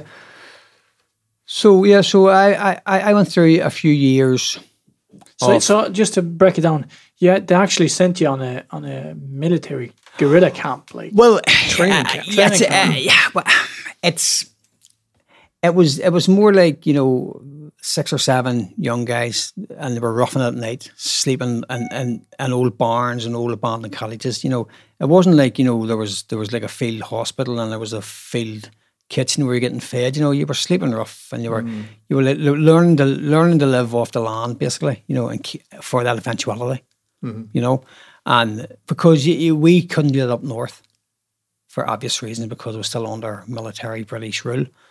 So we were taken away to um, secluded quarries, old mountainsides, and you were But, weapons. but did the, the Brits had the, the eyes on your family, you and your family? I mean, the, your father was imprisoned. Did they, after when he was released, had the, The the Brits- eyes on him? the Brits and you al- as well? The Brits always had my my family home, as like many families on the Falls Road. You know, were constantly your front door was constantly getting kicked open. Uh-huh. So all it the time by by yeah just just just you know the it's for like uh, mental harassment and you know mental torture. And then you know and you know my my younger brother was constantly getting stopped in the street and questioned and searched and you know and they weren't allowed to do it with kids but but because the, the carte blanche to do what the hell they, what, what the hell they wanted. Um in 1983, this is another funny story. In 1983, my my oldest brother Thomas, he was working in London. He he he didn't know eh, know nothing about politics. He was never. He was always he was always a working man. So he was, and he was 83. He was 17. I think he was 17 or 18, 17. So he was in London working with his friends, and he was arrested and held for three days, uh, according to him, for wearing a T-shirt and he had this T-shirt on says "Innocent until proven Irish." Walking through London, that's in in, the- in, in, the, in the early '80s when there was a lot of bombs and stuff going off. So they arrested him just because of his family connection. But if you ask him, he says it's because of his T-shirt. So it is. but getting back to the, um, it's just that just just came into my mind there uh, uh, uh, about him. But getting back to the um, the camps, Yeah. no, you were you were just yeah you were you were just brought in into the middle of rural countryside and basically But given then you practice shooting weapons, different kind yeah, of weapons. Yeah, yeah, and like making making bombs and, And stuff. if like you, if you fancied, you were good at the bomb making. But I didn't. I uh, be honest, yeah, I didn't like. I didn't like the the gun. It scared me. I've, I've, I've, I've, I've to be truthful. It scared me. But again, you know, when I think back to when I seen my father's friend blow himself up, you know, I always wondered why I had a fascination with with bomb making. You know, after after me witnessing you know, but I don't know. Maybe subconsciously, I was, I thought that maybe I can I can make it a bit safer. You know, technology, uh, and uh, that would never happen again to, to to to anyone. So yeah, so I got involved in bomb making, and um, you know, it was there was there was a, there was a few buildings now in and around the north that aren't there anymore. Probably as a result of me and like-minded people. That um, So, what type of bombs did you? Oh, there were usually the, the the ones at the start will have been like fertilizer and just you know it's it's basically stuff that that that you could find under your kitchen cupboard and if I go into your cupboard and I could probably rustle something off you. Yeah. no, no, no. Please do. No, no, but just, could just ya? to be to be serious, could you go into like any store here, like local store, and and whip up a kind of cook?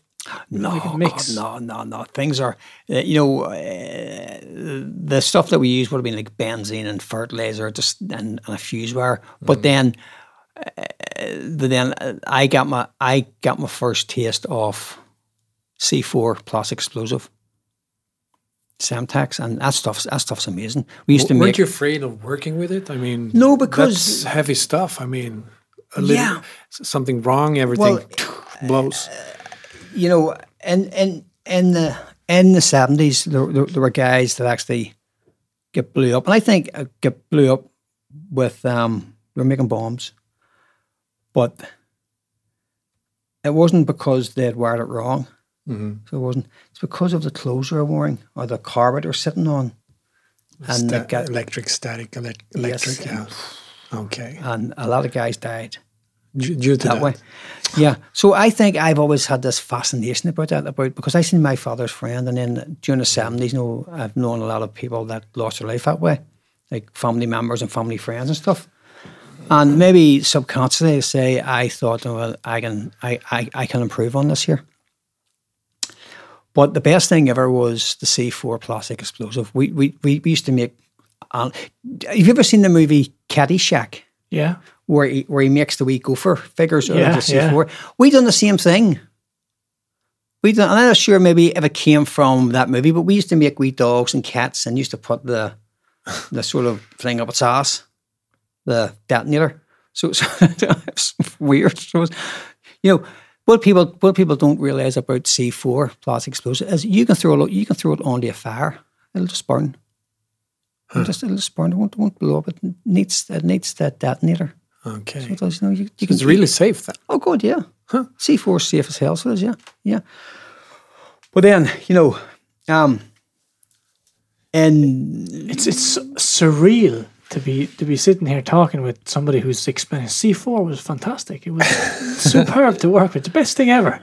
Like it's I'm trying to wrap my head around it somehow, but but how how much can you actually talk about these things? I- Is it still?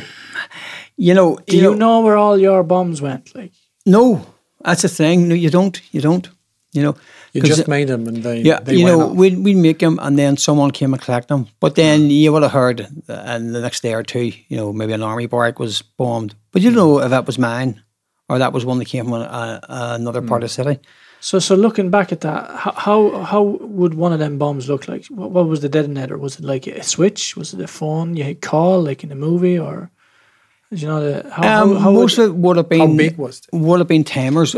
Some of the ones that were actually we actually got involved with would have been a big oil barrel, a big Uh-huh. I'm not sure how many liters are in those big, those those big oil drums. This is a lot. Oh, it's a huge. Yeah. And 500 liters or something. and they most of them they, they weren't packed with um, C4 because I would have blew the country up.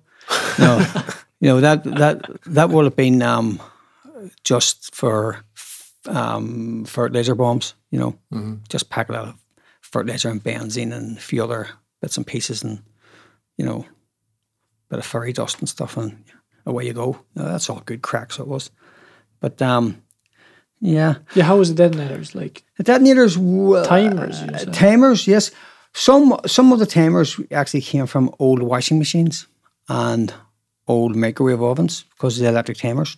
Bing, electric timers. You know, when you just got the wires into the and into the detonating fuse, turned it around and walked away. gives it the kick and It was a kick. Now, what, what, what, what, what we used to do also, you know, when when I was in school, you know, when I was still involved, I was was was a kid back then, like 13, 14.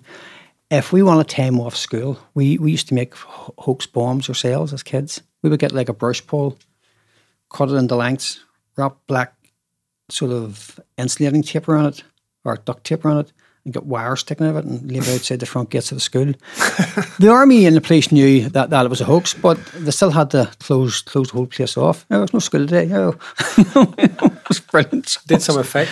Oh God, yeah, it was Yeah. brilliant. It was fantastic. So it was, you know, uh, albeit you know a lot of people probably didn't get the proper education, but you know it was all part of the crack back then. So it was, you know, as, as we were kids. how many bombs did you make? Oh, geez, I, I, well, I uh, no, it wasn't. It, it wasn't like you, you were you were making them. You know, you, where you, you were given like a shopping list. Had to make four bombs to go to Tyrone, and three bombs go to Derry, and two bombs are going to go across the border to England. You know, you just you just get word that you know that they need something, and then certain people were brought in to ensure that it was done. So it was, but um, then you know, I was doing bits and pieces still. And then I was So you, you were in the thick of it, like you were in gun battles, you were making bombs. making bombs, but, But was there like a lot of uh, li- like secret operations where you were meeting in the middle of the nights and in in, in cellars and then in like cottages out in the middle of nowhere for like you know no, I like mean, you see in the movies, you know what I mean? Yeah, yeah, yeah, yeah. Well, uh, How did communication go? How did you communicate? Like communicate was that um because each each each area, like each part, say f- for talk's sake, you know, um Vivalla, right? Say there was there was an there was an IRA unit based there. Then there would have been someone would have been the OC, the officer commanding. He would have got word down from hi- higher up, and it, and it, it so is it like a military like? it fed yeah exactly. It Yeah. fed down through through through. through Yeah, but how did the communication the go? Like how did Someone- how, how did you communicate? Someone would would it could have been it could have been your neighbour, you know, it could have been your brother, it could have been anybody. Someone would just come say, "Listen, um, so and so says, can you meet tonight in such and such a place?" And everyone would get the same message, and you would go. And the meetings weren't like in like like old bottom colleges. It would have been maybe in some wee woman's back kitchen, or in a lock up garage, or sometimes sitting in the local pub as well. Yeah, yeah. You know, it was- it wasn't like you know, right? There's there, we're we're having a meeting next Tuesday at four o'clock. Everybody has to, you know, paint their face black and go crawling along the ground. There was none of that sort of John Rambo stuff. So it was Light none a candle in the cottage. Yeah. yeah. abandoned cottage. no, it's not about that there. No, Oh, they're no, no. coming. No, no. The only time That's the way you would like it to be. yeah. you see, you see, that's that's interesting because a lot of people, you know, would sort of see movies movies on Ireland, and they've all they've all been dramatized by Hollywood. You know, where for for whatever reason, when when you watch any movie based in Ireland, every woman speaks like she's, "Oh, I'm from County Cork." They all speak like that, so to do. And it's probably based in the middle of Belfast, which should be more like, well, my it's be more, it's be more like that there, you know. But Hollywood sort of, you know, They don't have a clue. they haven't a clue. They, they haven't a clue, no. So, you know, I was 16, you know, I brought a weapon, someone was shot. You know, I had a couple of experiences with weaponry. I didn't like them. Didn't like them, you know, I got a taste for explosives. So that, which led me to the time I was um, arrested. Um, n- n- I have to ask you: Did Yeah. you have a as much as C four you you wanted, or I, I, did you have? Where did it materialize from? Material is from well, it's probably from the good colonel. Yeah, Gaddafi again. Gaddafi, because there would have been there, there, there would have been a lot of it that was put the hiding when when it came over. You know, hmm. what it wasn't like you know, all right, we're we need we need like a kilo of C four, and then someone phones to Libya and it's like sent over through, you know, TNT. Funny enough, which which would be a good company to deliver it. So it would TNT. TNT. so, so, so. But no, uh, you know, a lot of that stuff would have been would have been put into secret arms dumps when when it arrived. But you had the material as well, much as you wanted Well, and I needed. um, stuff wo- stuff would have been brought to you. We we wouldn't have known in advance what we had to, what we had to make. Hmm. Stuff would have been brought. You'd you'd have been into maybe a lock up garage or somewhere, and stuff would have been there for you. What we know. So, so a rough estimate. How many bombs did you make? A rough estimate. Yeah. Um,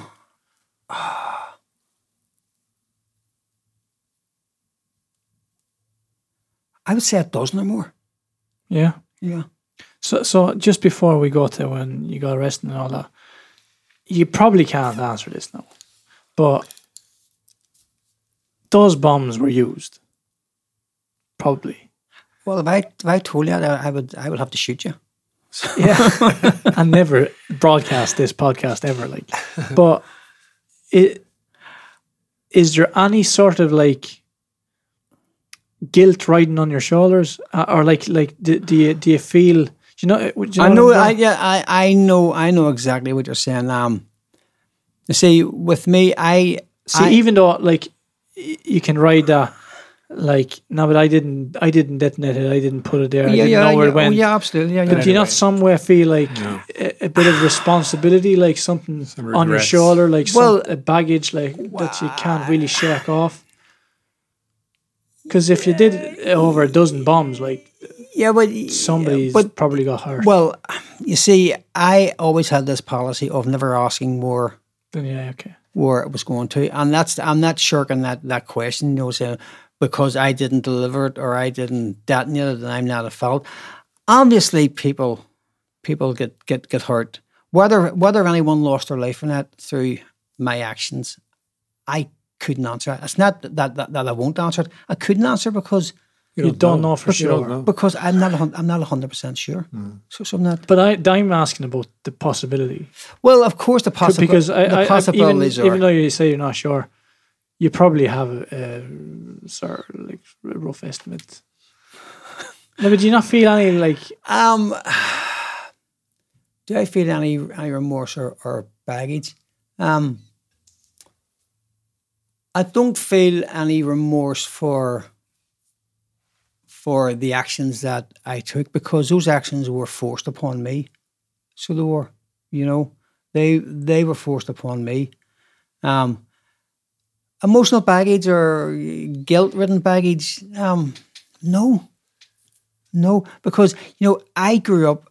I grew up at, a time where, where you know, you either, you, you either lay down and took what was coming to you, or you, or you or you get up and you fucking fought against it.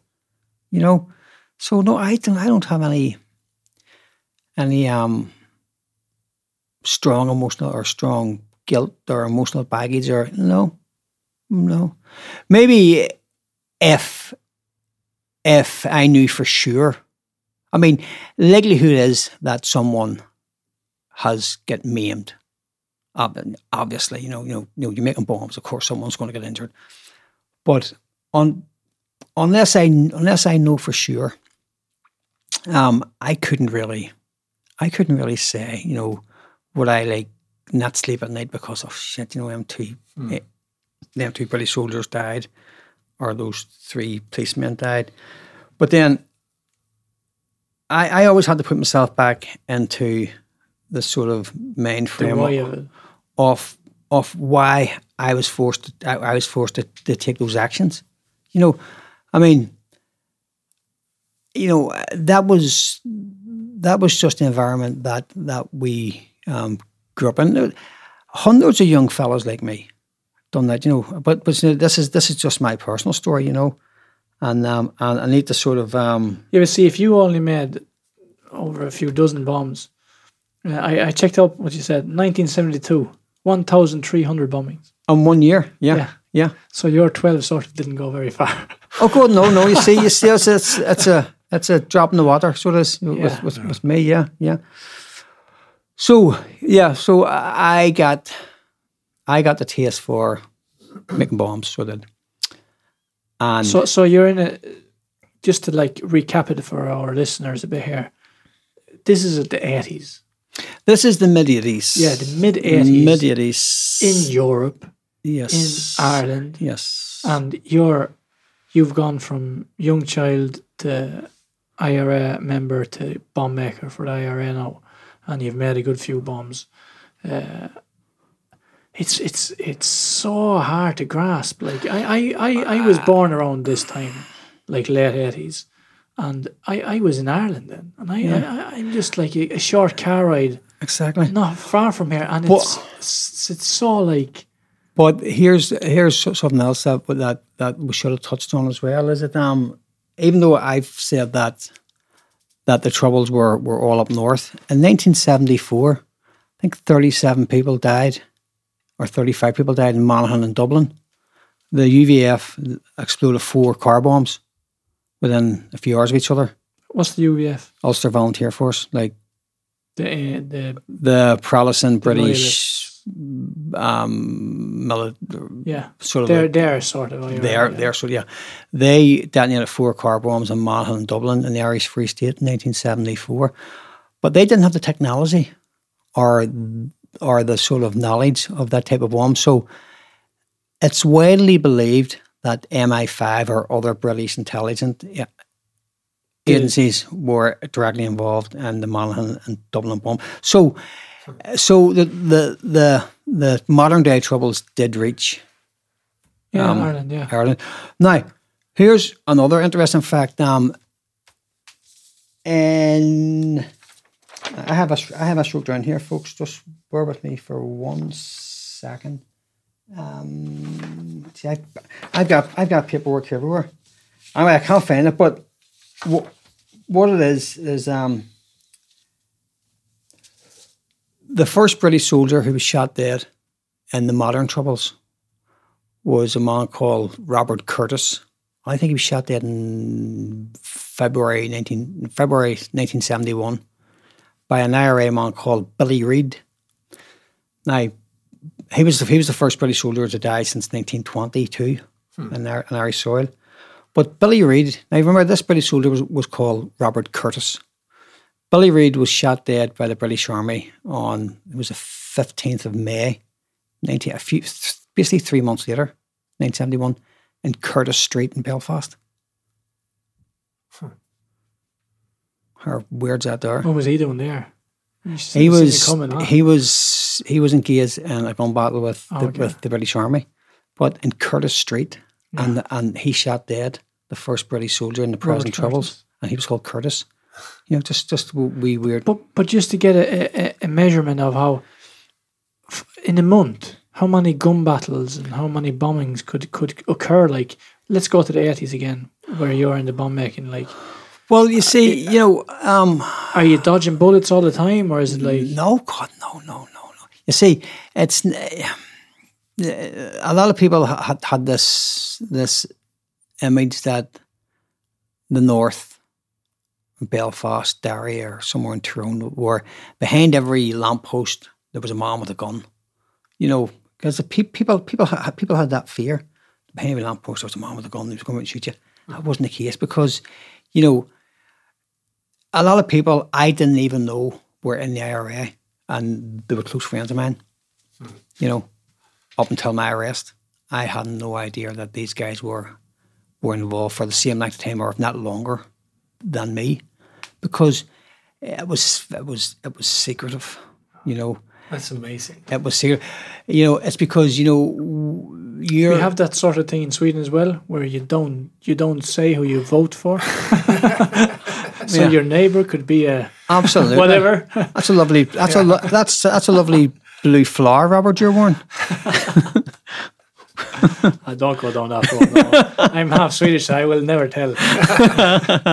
Yeah, yeah. So uh, the the boy um, her, it wasn't it wasn't a constant sort of like daily gun battles every day in the street, and you know, But you never knew. well that was the thing. I was thinking, even though, but you know, sort of uh, planned attacks were carried out, you know, methodically. So the way you know, uh, people would have been going and doing sort of reconnaissance to make sure that they were going to come up a certain street at a certain time, and you know, and for for for whatever reason back in, the British soldiers always kept a strict time regimes. You know, because you could you could you could put your cattle to it. You could hmm. you could set your cattle to come on at half three in the morning because you knew that the, the, the British soldiers were, were marching up and up and down the streets.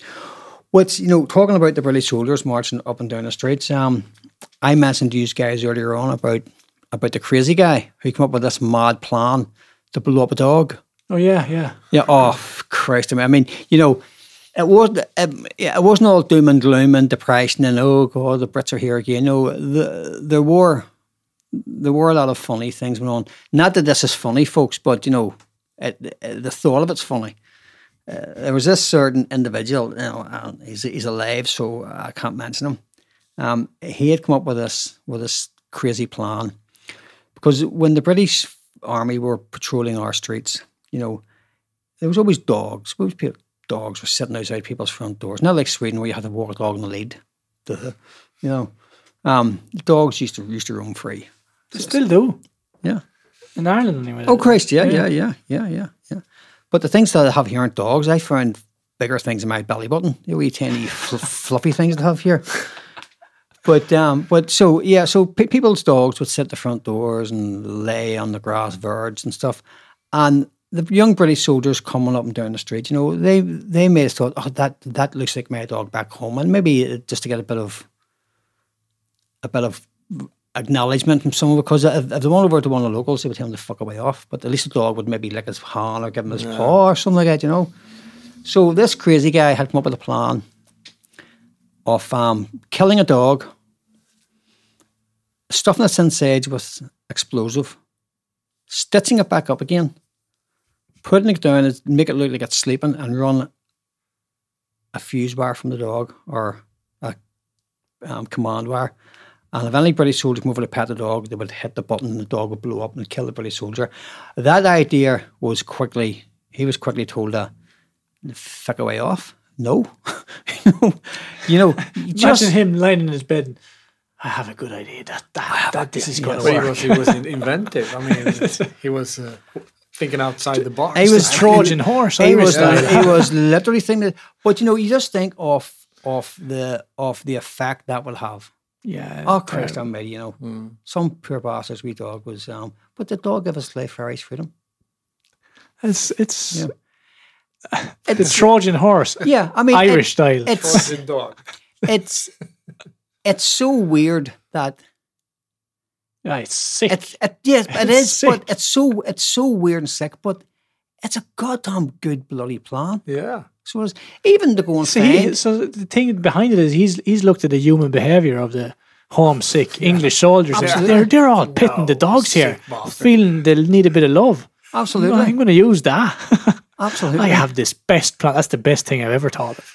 what what what what what we used to do as well when we were kids. I'll go back to like the seventies. Um, at night time, people would put out empty glass milk bottles on the windowsills of the houses for the milkman. I don't know if that ever happened in Sweden, where where a milk truck would come in the morning, take the empty bottles, and replace it with with new bottles of milk.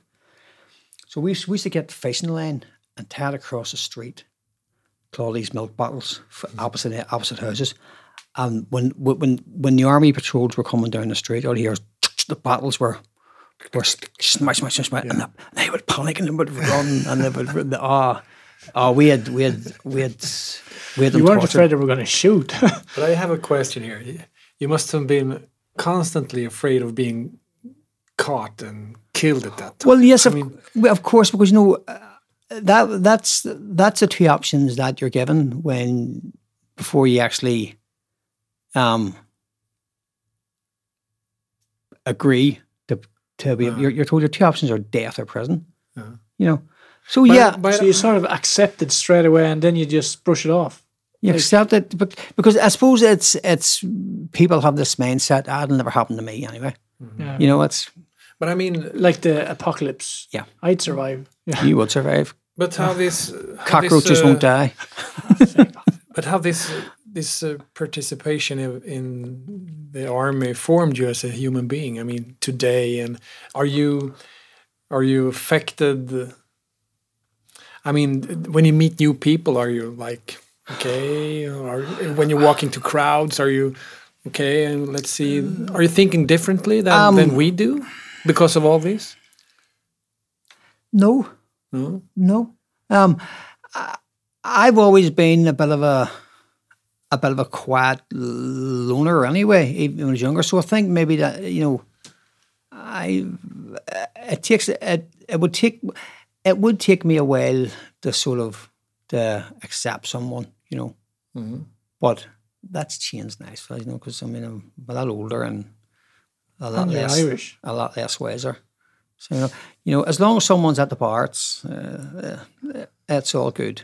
so it is. No, I You can take time or a pint. you can take time or a pint, but um, So you haven't been much affected of, of everything you've been a part part of. no. see, I haven't been affected because of the fact that that that to me that was normality because I didn't know any other childhood. Mm-hmm. You're No. raised. I mean, you're raised of. I, I was born I was born into a time of like conflict and mm-hmm. and depression, and to me it was it was that was normality. Mm-hmm. That was normal, you know.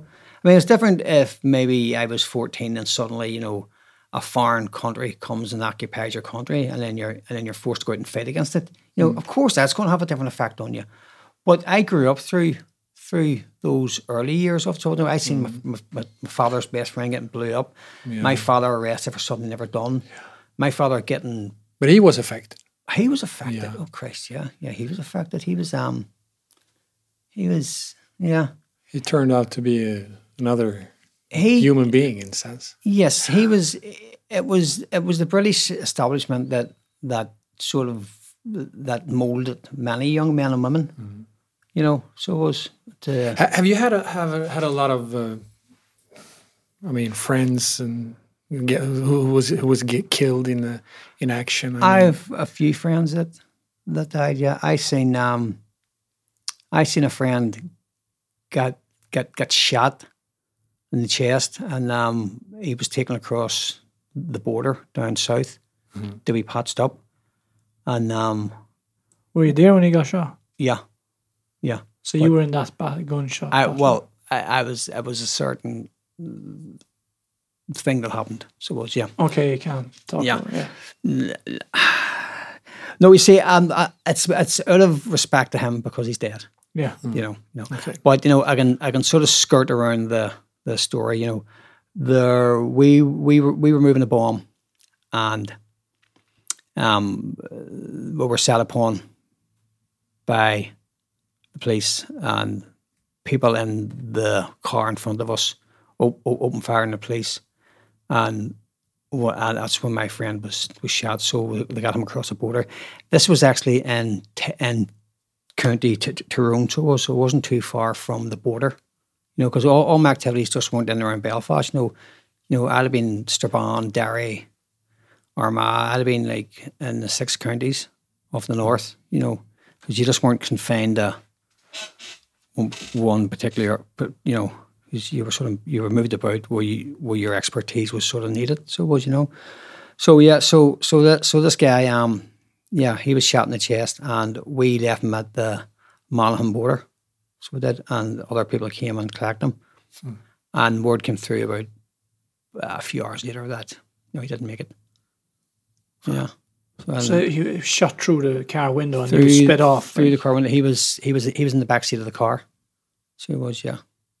And it would come in through here somewhere on his chest and exited the back. So that yeah, um, Were you in the front? no, I was I was I was in a car. I was in a car or a van a few Cars back. a back. few cars back, yeah, because you didn't stay with the with walkie talkies, you see, Yeah, yeah. you yeah. know, you know, with walkie talkies, and and you didn't stay like in line with each other because if one was caught, the the other one was caught. So we're, yeah, so, but um, even though they shot at the car, um, the payload was still delivered till its destination. So it was yeah, it was like a small police barrack, Okay. and um, that was that was blown up. So blew up a police house.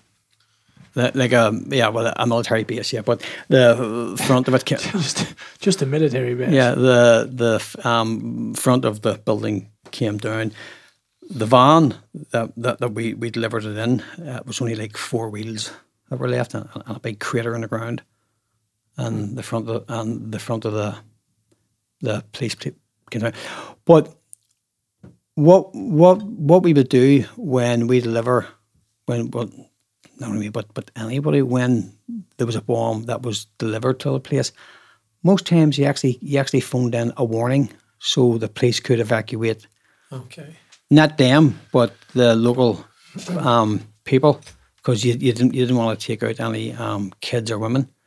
So a lot a lot of times the the the, the main focus was just to demolish the building. You worry about you didn't kill them inside. As long as you could dismantle their Operations. their, their, their, their operations you know that was good enough so was yeah or it would have been a commercial premise or something like that you know there was maybe a company that was doing building work for a, maybe say a police station was blew up and they bring in contractors to rebuild it and that contractor's yard would be the next thing to go because they would be um, um, collaborating with the enemy by helping to rebuild their Okay, so then you'd blow up the contractors. yeah, like build the contractor's or- yard. Yeah, yeah, yeah, yeah, yeah, yeah. So, so it wasn't it wasn't uh, that bombs. Did you have like spies and snitches, like uh, in so who who knew who the contractors were then, or were you like? Oh, I yeah.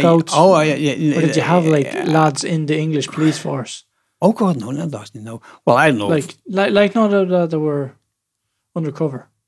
no, God, no, no, no. How did you get your intel then? Um, there was always means and ways, you know. Um, you know, and the building trade in Ireland's a huge, huge, big industry. You know, and builders all seem to all seem to know each other and have contacts with each other. And if someone gets wind or gets an inkling that maybe Murphy's up the road or doing some contract work for the British Army base, then they would be observed and watched over a period of time you know, watch their watch, watch their vans leaving, and see where they're going. And and a telltale sign was sometimes their vans would leave with the registration plate covered up, or the firm logo was covered up, Yeah, so you wouldn't see it was driving in to do the work at the army base. So there, there, there, there was always means and ways. You know, there was always means and ways.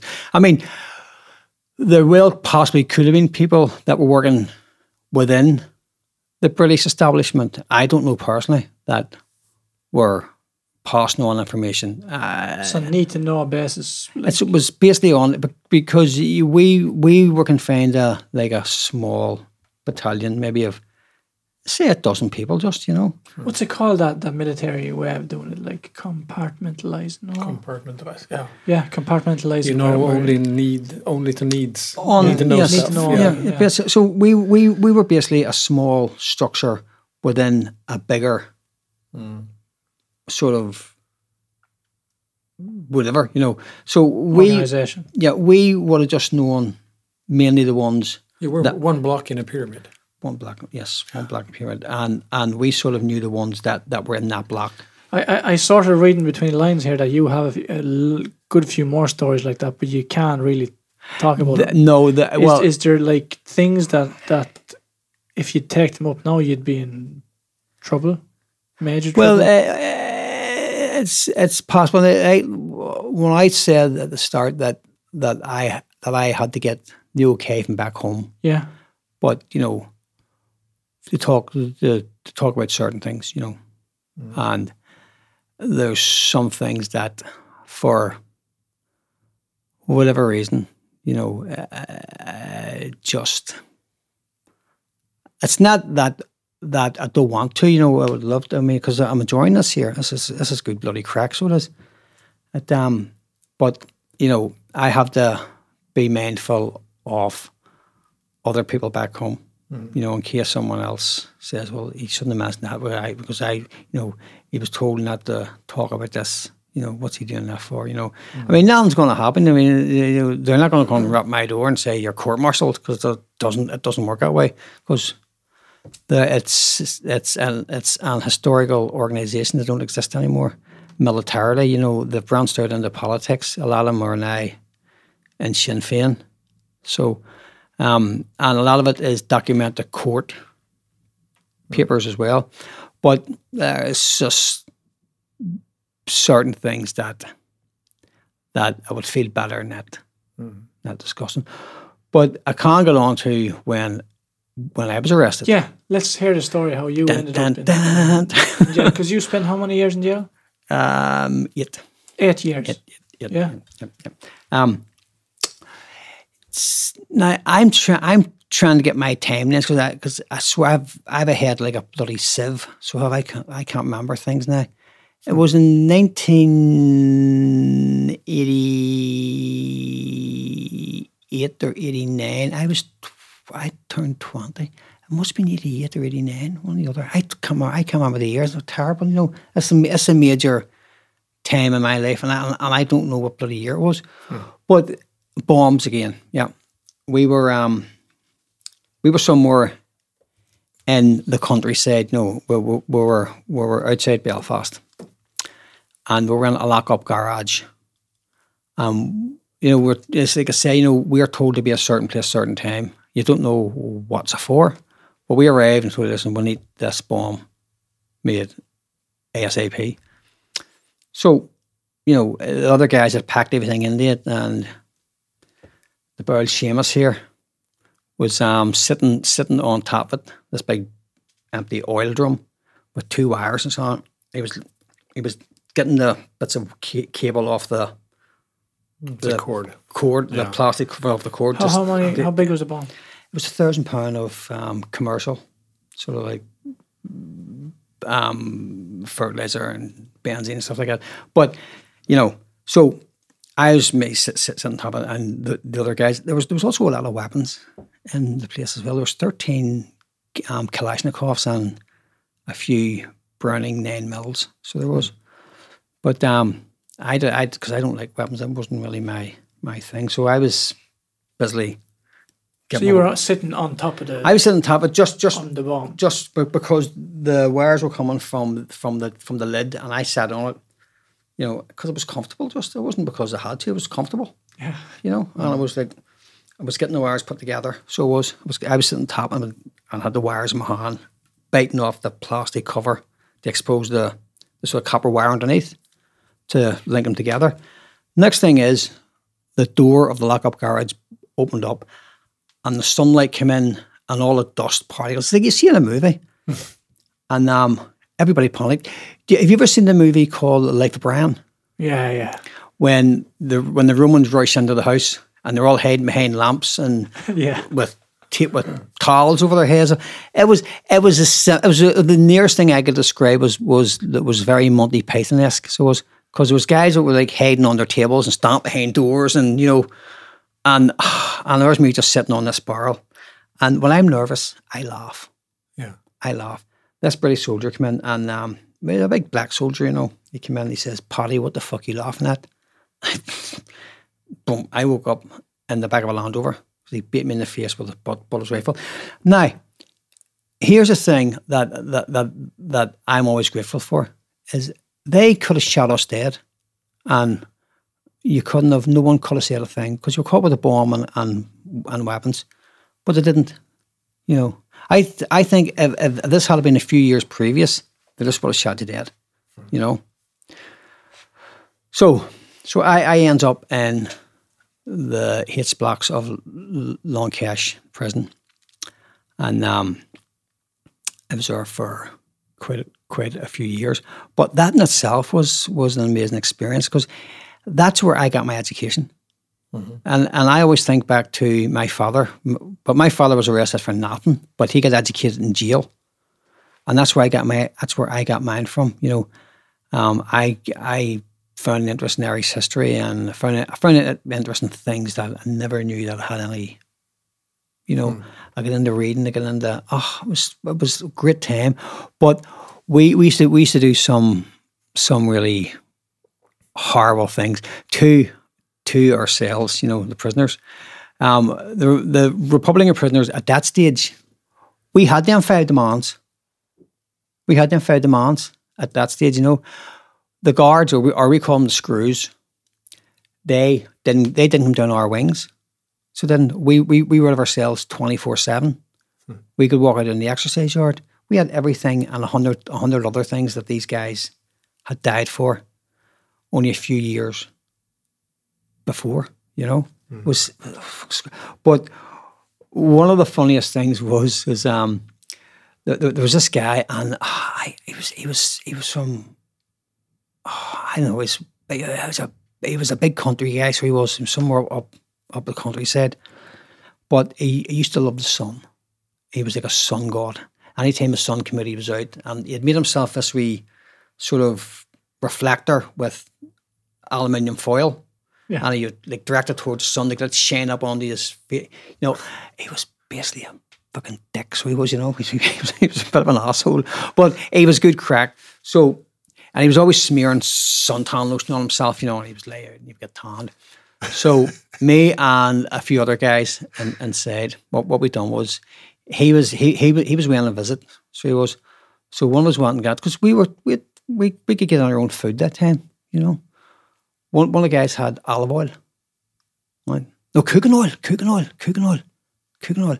And they poured it in or was it olive oil, one or the other, one of some some sort of oil. And they poured out some of his lotion and topped it up with the oil. Shook it up. He didn't know the difference. So we, we, we waited and waited and waited for weeks and weeks until the sun came out and there he was out in the yard, out in, smearing all the, all this lotion on himself to get tanned. Oh, oh, he burnt like a lobster. so he did. He burnt, and he, and, and, he, and, he, and he never knew. He never knew anything about it. He just thought that there was something wrong with the with, with his his um, sun cream fact. Maybe he had the wrong factor or something on, but he burnt like he burned. He, he wanted crispy bruised. It was I, the the only way I, I could describe it was was like a bit of burnt bacon. He was so crispy and dark. And then another guy, another guy, um, he used to hog the bath. We we in in our our um, washroom area. There was one big bathtub and maybe four or five shower cubicles. But this one guy used to hog the bath every morning. Oh, it was a fucking nightmare. Same thing. He had used to get this bubble bath stuff called Radox. And you pour it into the bath and it all bubbles up, you know, and he's laying. It was it was it was like a purple colour. So we went, ah, uh-huh, Ribena. So we poured out most of his bubble bath and topped up with Ribena. Same colour. Right. He put it in his bath, still bubbled up because there was still some of the bubble Bubbles bath in it. Yeah. He lay on it. And he used to lay in the bath for hours. See, when he got up out of the bath, he was purple. because of the the um people here don't know what ribena is but ribena is a drink it's, it's, it's like a it, fruit drink yeah that that you have to water so, down yeah it's so concentrated yeah you have to water it down yeah and um he was purple so he was that was on on fucking believable but um you know was there was it must have been a pretty rough crowd in there though no, no, no, no, no. Because we, you know, we because we we just a few bomb makers and a few. just a few bomb makers and yeah, we ran it. We ran our, our, our, own wings. We used to put on plays at Christmas for ourselves. Plays, yeah. Mm-hmm. We used to write scripts and read plays. We used we used to make our own our, our own booze as well, and you know. That was powerful stuff. Oh, dear Christ, I mean, I mean, for that, what? How did you do that? For drinking at Christmas. But how how did how, how did you make it? people would smuggle in yeast, and then uh-huh. and then you would use the fruit from from the kitchen, and you would get the potato, the spud peelings, and yeah, but yeah, means and ways, means means and ways of doing everything. Eventually, the prison authorities allowed family visit, like a family fun day, where whole families come in, right? And they went into the one one of the big gym halls and it was bouncy castles for the kids, and you know, and and the guys who, who didn't have any kids, like myself, that time we dressed up as clowns, hmm. to entertain the prisoners' kids, you know. And the screws of the guards, they kept a distance because they thought everything's rosy here now and we'll let these guys, you know. But one of the guys, and I can't remember his name. I spoke about you, I can't remember his name. But one of the guys dressed up as a, dressed up as a woman and walked out with the with with the families. He, he escaped. He escaped, yeah. He escaped. I can't I can't remember. Have, have you sort of gone to your That's a famous story, though, isn't it? Yes, he um he walked out and he was he was dressed up as a woman. It was it was totally amazing. So it was. Easy like that. Just walk out. But, but uh, it's obviously been planned because some women came in maybe wearing two two pairs of jeans and two tops and the curriculum and he's and someone's put a wig and makeup on him. what a story. I'm telling you, and, and we just he just walked out the gate. So he did get get into Did the he get him? Did he caught him? Um, I'm not sure if the I think they did, but it was it was like a it was a few years after. Okay. Could it be the Mayor's prison escape?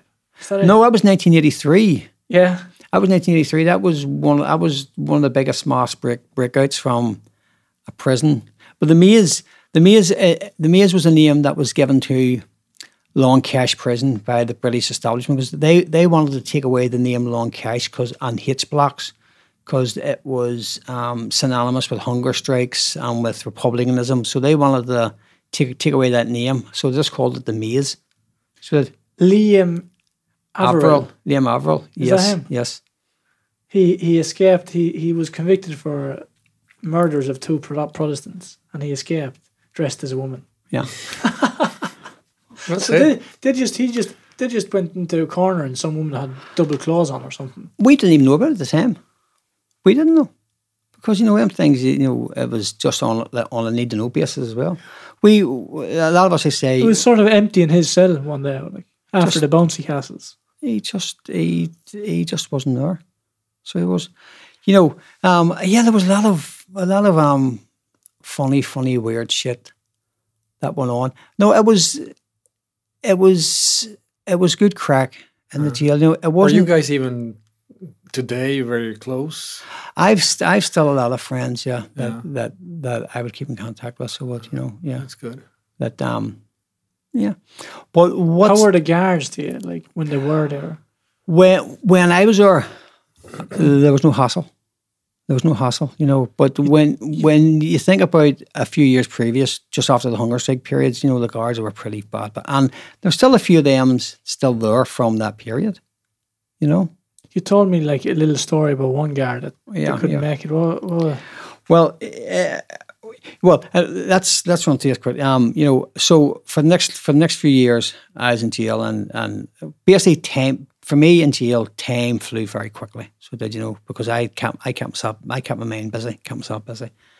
And, you know, um, there was never any major instance. There was no there was no riots. There was no major protests. Everything everything was good because the ten guys died for the conditions that we had, and we wouldn't do anything to to mess sort of up because to they'd disrespect that. There. yeah. Oh fuck, absolutely. You know.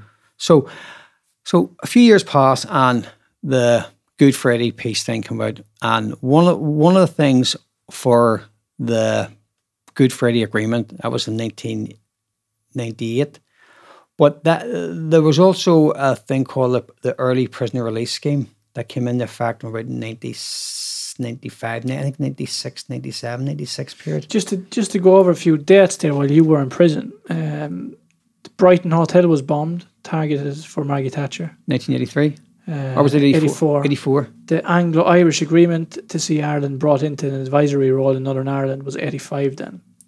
So, and then 1989, they tried to overrun a checkpoint to kill John Major. Mm. Um, this is just a few things now. 91, there was an attack at Downing Street. Yep. The Border Bomb attack. Yeah. Uh, 1994 was the historic ceasefire. Yep.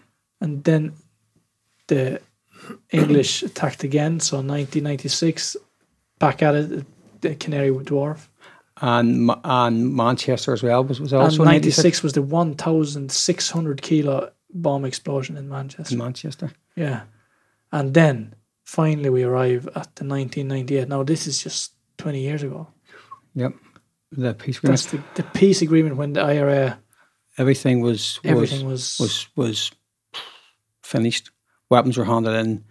Um, And part of that peace agreement was that all pri- the the pri- the prisoners that, political political motivated prisoners Yeah. were because you can't have any sort of peace accord without. We we, we actually had discussions in jail amongst ourselves before uh, this stuff even hit public attention because they had to get the feedback from us. So did, and of course, we all was an overwhelm. Yes, that's that's how, how many years were you supposed to serve? Um, I was supposed to serve. I would have been in. I'd have been probably getting out. Probably around about now. No, I suppose. Yeah, I was. I was. twenty years. I was like. I was to be away for a long time, but I know guys that that came in a few years before the peace agreement. A lot of years after I was there, and they were, they were, they going to serve life sentences.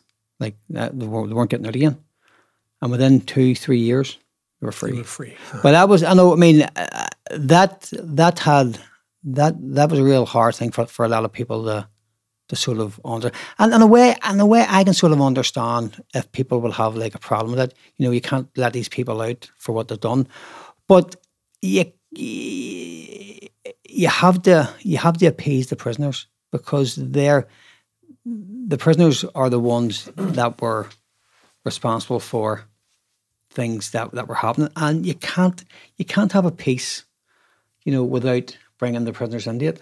So, so you can't.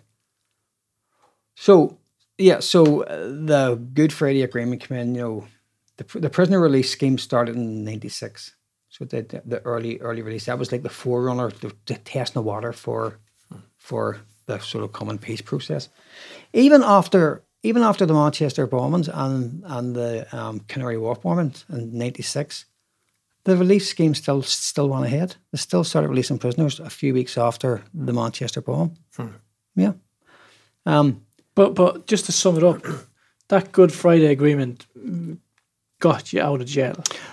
it's like your monopoly. You get a card, get out of jail free Yeah, card. Yeah. and that was the like the historic end of the And that was- the, that was the trou- end modern troubles and To the yeah. close to over four thousand deaths Yes. Yes. is is like That's the sum of it From from what year? From the modern time from From say say well well the first I suppose you- Twenties. no no no No, no, no, later no, on. no, no, no. like nin- mid seventies 1969 is, Okay. is is is when the Brits Brits came back mm-hmm. in again. But the the sort of zenith of it was was in the early 70s. That's when, mm. like Robert said, in one year, 72, mm. was 1,300 bombs went off in one year. And then on Bloody Friday, the IRA detonated 20 bombs within an 80 minute period, all in and around Belfast. You know? So But you sort of you you you, were talking about that as well that you didn't. You often called and warned them before uh, the bombings because looking at the deaths, it's terrible. It's, it's Yes. enormous. It's a sick Yeah, amount. but- It's like the same amount of people that were at like a football game. Oh, like, abs- a- totally dead. absolutely. But it could have been so much more as well. it couldn't help it. You know, most you'll check that most most of the deaths would have occurred around the nineteen seventies. At that time, there was car bombs going off everywhere. You know, tit for tat murders. If the Lord has killed someone, then there would there would Yeah, have been yeah, a an eye for an tit- eye. a eye for an eye. But when you get into the eighties, you know, with the C four explosive, which was a lot more safer, you know, and then they were given warnings, so they were because it because the, the the the focus then wasn't wasn't about taking life; it was about dismantling the sort of military structure, their command centers, you know, you know, because that's going to be hard for them to build back up again. They can always replace personnel, so they can, you know, because there's plenty of young English fellas on unemployment, you know, so there is, unfortunately, and um, and them kids are sent over here or Ireland, you know, a lot of them didn't. Uh, during the hunger strike period, right? One was this should have mentioned this here. Um, the, story was in West Belfast. There was a ar- the the army out. There was rioting and there was civil unrest. People were, and they were firing them plastic bullets at people. So, so there were these these things here. But something happened anyway, and the British Army patrol ran away. But one young British soldier, young one young one squatty, he he got trapped, and he and he froze. He stood in the doorway of a building and he froze and he started crying. He threw it rifle to the ground. People were coming in, but these two old women came to his aid and says, "And listen, that child, don't touch that child. You know, he doesn't know what he's doing. He's looking at me. He's, he was, his kid was only about seventeen or, or eighteen. He was given a weapon. Go, go over there. He doesn't know what the fuck he's doing because you know, you know, in Britain that time, you know, there was no work. Margaret Thatcher closed everything down. You know, the the, the ordinary working class British kid. You know, there was no fucking war. What you going to do? You know, come to Ireland. You know, join, mm. join the army and see the world. Yeah, join, join the army and get sent to fucking horrible West Belfast. You know, but anyway, this young kid, he was Scottish. He was right, and still doing. And a couple of men were coming toward him, but these these old women wouldn't wouldn't let him touch him. This young fella pulled up his sleeve of his arm, his jacket, and he had a big tattoo of Glasgow Celtic and says above it, Erin Go Bragh, Ireland forever. Right? Root, root in Irish. He was Scottish, right? He came from from like an Irish Catholic family in Scotland. He had no work, right? He was told that if he joined the army that he would get sent to somewhere overseas. He, didn't- think he didn't consider Belfast as as overseas. So to cut a long story short, you know, the young guy was basically walked out of the area and told to just just go, right? They took his weapon off him, obviously, because he threw it away. They, they, they took his notebook because the, the soldiers had a habit of stopping people and questioning them, writing everything down on notebook. They took everything off him that they could use and let him go. So, so that, and I would like to believe that that that young soldier from that day probably walked away from the army and just thought how fucking lucky he was, because because he he would have seen a lot of death and a lot of destruction, both within his own people in the army and the um, um, civilian population in the north. So I'd like to believe that that, that young soldier that was like that was his wake up call. He wanted, what the fuck, I'm I'm I'm getting out of here, you know. Can, can you tell us uh, a little about um, the attempts to uh, to try to blow up Downing Street and Thatcher and the Prime Um, Minister and everything? Well, I'd Do you know anything about it? um yeah, you do. no, I don't. Just smiles. I, I, I, I, I don't. all I know is that is that the guy who tried to block Thatcher, Pat Magee, is um was a relative of my mother's. Some sort of distant relative or something of my mother's. You know, I, I was I was like I was eighty four, wasn't it? Thatcher. Uh, yeah, I was eighty four. 84, yeah, You the know, Brighton Hotel. You know, so like I was, I was only like, I don't, I'd only just turned sixteen, so I mean, I wouldn't have been, you know, and the attack on Downing Street, that was with the, um, But was it close? Uh, was it close to to get Thatcher, or was it like a no, no, yeah, Thatcher was very lucky at the Brighton Bomb Hotel. Thatcher apparently had walked into the bathroom off, off, of, of her suite where she was, her room when the bomb went off. The rest of her room collapsed, but she she was in the bathroom, Wow! and that bit didn't. So it was really close then. It was really, really close, yeah. And the attack on Downing Street, that was with mortar bombs. That actually went into the grounds of the sort of British War Cabinet, but no one was killed. But it's just the it's just the fact that that they were able to get that close, you know. So the war that was um was after Thatcher. That would have been John Major, John Major. I think. I th- that was- that was after Thatcher's time. So it was yeah, Yeah, it was John Major. Yeah. Did they even try to overrun a checkpoint to kill him yeah, uh, the year before? yeah. Uh, how do you see um, the the world and the way the media have been covering this, and where the way the BBC is the one that's been covering this story? Like you, you're you're uh, you're portrayed as terrorists. Do you, what do you, what do you like see Yeah, but- that picture? but- and how do you feel like Yeah, but the sort of quote, you know, one man's terrorist is another man's freedom, fighter. yeah. You know, um, well, you know, here's here's the thing as well. You know, Sinn Féin were the big political nationalist party in the north of Ireland or in Ireland, right? Gerry Adams was the leader of Sinn Féin. In the 1980s, whenever he was giving a speech, speaking anything that was televised, they used actors to dub his voice The British wouldn't even put it, put Gerry Adams' voice on television, but they had an actor speaking every word he said. Just didn't want to hear him saying it. You know, and only only last week these distant republic, these continuity or real IRA, they threw up on with Gerry Adams' car at his house in West Belfast.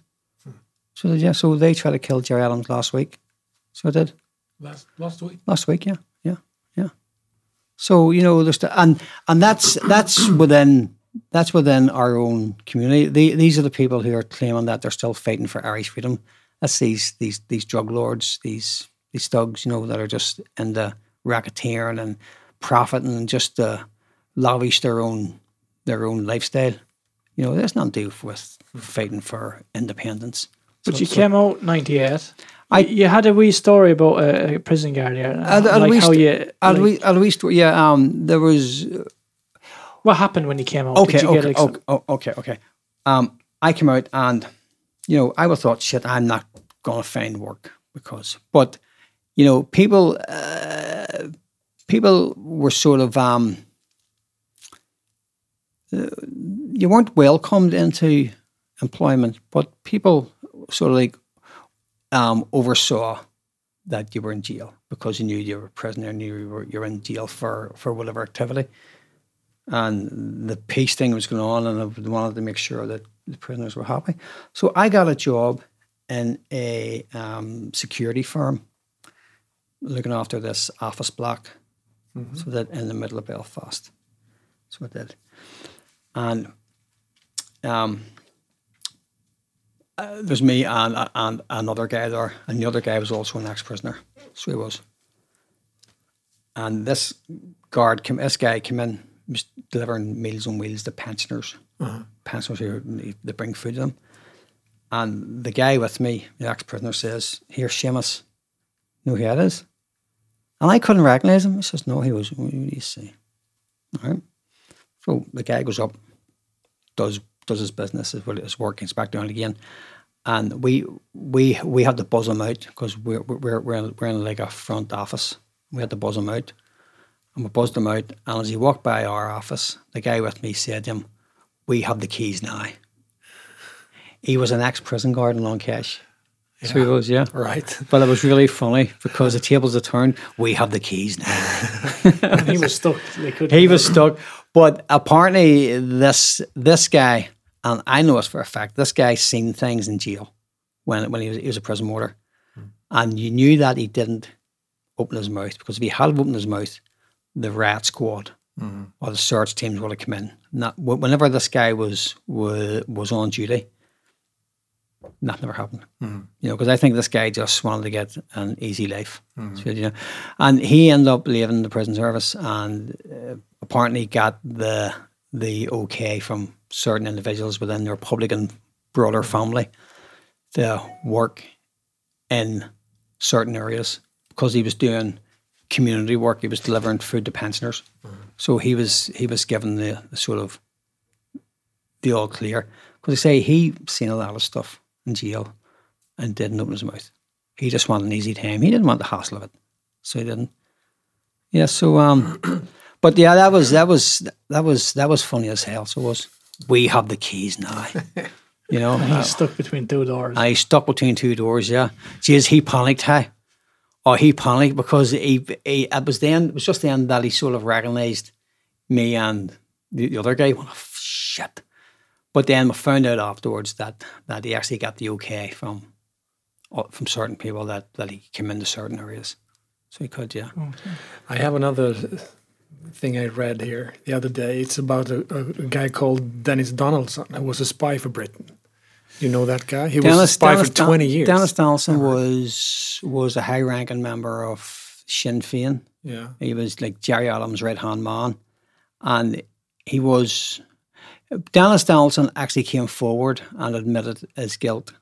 So, so, so, uh-huh. so he did. But did he do a lot of damage? He must have done. He, he must I have mean, done. for tw- 20 years. Yeah, yeah. It's um, pff. but then you know, again, you know, people people said during that time that that if there's one, there's more. Obviously, you know, because because every side has moles, you know, and double agents. But um, yeah, so he was he he was actually, I and I don't know why he done it, but rather than than, than leave the country, Feels like he's was, was like waiting for for his kill. yes, rather than leave the country, he he he went and lived in like an old cottage somewhere in Donegal or somewhere like that there. Then he came a, f- a week later and and he was shot dead. So it's as if He took him out with a shotgun. it's as if he was um he was he was repenting on his on his past and he says no you know he's done Yeah, I saw the I saw the interview with him bef- just before he was killed. but at the And he moment was like just like waiting for it. yeah. Yeah. It's um uh, there's there's there's there's um He was tired of running, maybe. Just tired of it, the story broke about him. He he wanted he wanted leadership and the Sinn Féin and admitted his guilt. So he did. But I still don't know why he didn't he didn't flee the country. Maybe he thought you know his family and stuff and he just you know Maybe it was the English that killed him. Maybe the he got he didn't flee the country because the Sinn Féin actually says it's okay. That's that's past no past tense. Do you want to know something? You know, you may you may have hit on there because someone had come up with with this theory that the reason why Dan, why Dennis didn't leave was because he was given, "You're, you're okay. Just just just go away and won't see you anymore. Just just go just go and live in a college in the middle of the countryside somewhere." So you know, who's to say that there wasn't also other double agents within the IRA and the British That he establishment knew that knew, who knew that Donaldson could could, could have exposed other people. You know, could have exposed other people, so he, he had to be taken out. You know, I mean, he wa- he was he was hit with the um, shotgun, but apparently he was fighting off his his his attackers. So he was, and he was hit with shotgun. So you know, I, to me, if it was if it was someone who was coming to execute him, it would be done quickly, quietly, and he wouldn't have known it. Mm-hmm. You know, he wouldn't have known. So I think this is some sort of rogue element. He's running about with a shotgun, or he's or let's let's rush in Rambo mm-hmm. style and attack him. You know, Maybe that's what they want you to think. That's what actually leaked into the media. Instead, it's an MI6 agent who actually popped them. Absolutely, yeah. I mean, that there's there, there's been there's been story after story about um when British British Army officers are killed in Ireland, the north, and the IRA know that that they blew up a, a, a say a, an army jeep and four soldiers died, but it's never it's never put on the news. Usually, found out a week later that four British personnel died in a car accident in Germany. That's that's that's happened time and time again. And if the British government were to be truthful about the amount of deaths, that that four thousand would would have increased. Because Yeah. a lot of them, they didn't want to say that they didn't want to give the IRA Credit for the credit, you know, or didn't want to like inflate their "Oh, we've we've done a good job here, boys. You know, so a lot of the British army that like, were So killed. that, that number of 4,000 is is off. Way too. Yeah, of course, way, way too off because um, you know, uh, there was uh, none, uh, plenty of times where I come on the news about major, like car accident in Germany or or an explosion at a munitions factory in Germany and three British personnel were killed or five were killed or whatever, and you know that that all happened in the north, but their bodies were taken out, probably flew to Germany and you know Do you feel when you travel now, is do you feel like, can you get into England no problem? Oh God! I, the only place where I, I wouldn't get into would be Australia and America. Not that I would want I would want to go to America, but you know, it's Australia and America. But there's people are pushing for, you know, for um, ex prisoners to be allowed into Australia and America. I, I, I wouldn't want to go. So wouldn't no no no. You know, I I I left Ireland a few years ago and you know in a balloon and found my way to Sweden. yeah, tell us about that. When when you got get got out of prison and what did you do? I mean, What did I after prison? yeah, Um. Well, you know, say I was yeah, you, working. you did the work. uh, You, you Yeah. started to work, but after that, what what made you come to Sweden? oh, um, I have I've got connections here. So Mm. I've, yeah, I've got family co- connections here, and um, it was a fresh start. It was a Mm. You fresh. it. It. was. A, I yeah, because you know, um, I still have family that live, you know, in various parts of West Belfast, and you know, I still have family that live in County Derry, and I've got family that live in County Armagh as well. But you know, I, I've you know, I've I've bought that T-shirt. I've worn it. It's now that T-shirt's now too small for me. You know, I've just wanted a fresh start with it. You know, so um, I came here and um, But you enjoy staying here and living here? here's here, here's absolutely fantastic. You know, it's the the pace of life here is completely different to back home because you know the Swedes are all relaxed and easy going, and the best thing about the Swedes is if you're at a bus stop, you have plenty of space because you don't stand beside each other. That's true. Go to Stockholm and you can see high pace. ah, but that's full of Americans. That's why. Ah, I see. That's right. No, this this this town's. The, But, but you told us a story about um, your family back home and how nowadays, like even in school, uh, if you have the wrong name, you can get yes, yes. just uh, just like to to correlate to like Oh, yeah, that yeah. isn't it isn't gone just because the good the Good Friday what was it called the, the Good Friday Agreement. yeah Yeah, yeah, uh, yeah. I had a cousin. Well, my cousin's child actually, and um, he went to a mixed school. So we did, you know, um, a place outside Newtownards. So we did, and um, with his name, he he, he had this real Irishy name, Fiacra, Fiacra, and um, that's a real, real Irish name.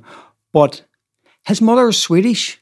Believe it or not, yeah, yeah, because because I had a cousin that, that, that was married to a Swede. Don't know why. God help his head. so that's the connection why you got That's to the- Sweden yeah, yeah yeah. So anyway, so so um, young um, um, Fiacra was always getting beaten up at school because he was he was he, was he this strange Irish name, he and he kept telling the young fellas, guys, "No, it's Swedish, it's Swedish, it's Swedish." But my cousin and his wife went to school and complained that their son was beaten up. And a night, it was- it was the following night or a few nights later, there was a hoax bomb left outside their house. Hmm. So there was. Yeah It was it was left left left left outside the house, and they actually daubed sort of UVF slogans on, on spray paint along the windows of the house, and so just to come because they were complaining because he was getting bullied because for an Irish name because a child was getting he was he was getting he was getting beaten up. He, he they broke his phone. They were writing like, you know, fuck the Irish and fuck the Pope on his school books, and you know, and I mean, this is this is now. yeah this is this- this is this is like day. this was within the past ten years. Yeah. Yeah, you know, I mean, you know, and my cousin and his wife, they, they have no interest in religion or politics and of that shit now, you know, and uh, that's why you know his theory was that as long as the child's getting educated, who gives a damn what school it is, if it's a Catholic school or it's a Protestant school or it's a Hindu school or whatever, you know, as long as the child's getting educated. But unfortunately, in parts of the north of Ireland, you know, having having the wrong name you know, you're, it's it's a big flashy neon sign, you know, attack, attack, attack. And um, yeah, so they left the bomb, and young Fiacra had he's got like some sort of condition, some ASD, ADSD or Asperger's or something, and he he always has fascination with components. He used to pull apart electronics and fix them again. You know, a bit like his his famous uncle Seamus.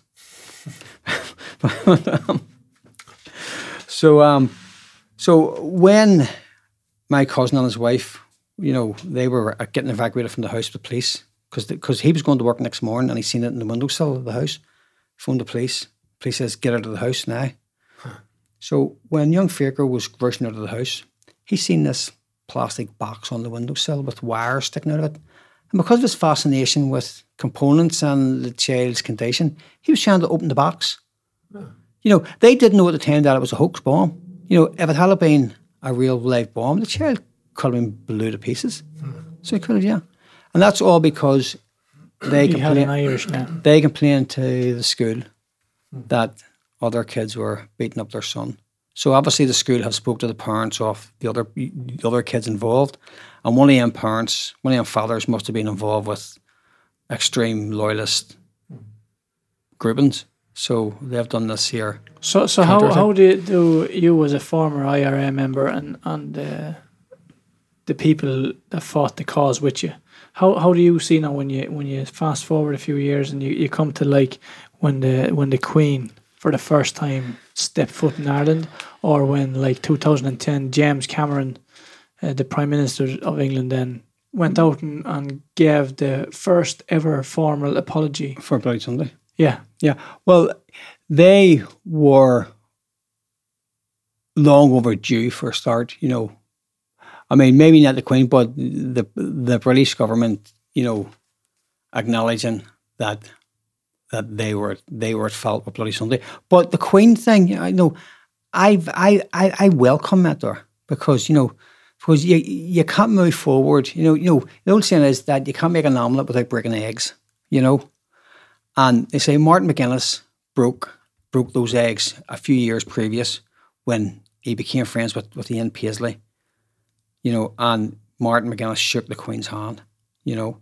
Then only last week, Gerry Kelly, ex IRA bomber, um, shook hands with Prince Charles. Gerry Kelly's now uh, one of the major politicians in Sinn Féin. So, you know, a lot of people have moved away from the sword and have now picked up the pen you know, and Gerry's one of them, good, a good fella, so he is, yeah.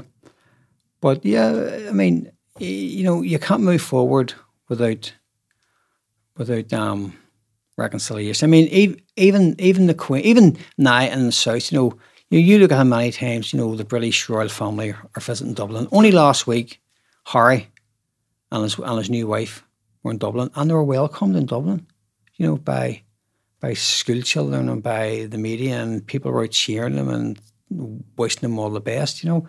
So yeah, you know, um, you know, times of sort of like bickering and you know, you know, the blame game. It's you, but if you hadn't done this here, yeah, well, if you hadn't done that there, yeah, but that's because you done this. Yeah, no, but you, can you remember what happened in 1974? Yeah, but what about 1963? You know, and they'll keep going back and back and back and back and back until I end up in the year 10,000 BC, where, where this started from. You know, it'll just continue back. It's just, it's this long series of your, your fault, no, it's your fault. You know, you have to move forward. You know, So you think everything is over now? It's finished?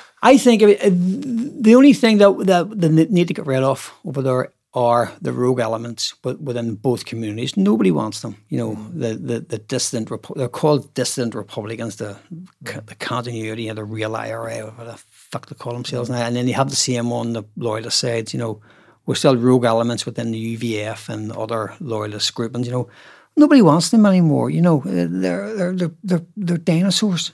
You know, but, but, but are they growing like in?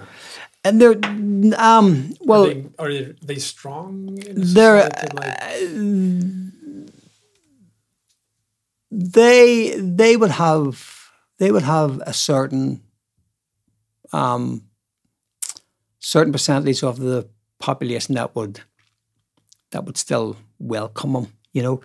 But the majority of people don't want them. Don't want them. Personally, if it was me, you know, that's the only because you know, as when I started this this talk, I mean, I had I had to sort of state, and I'll state again now. Now now we're coming to a close, is that this is my personal view. I I don't represent any organisation.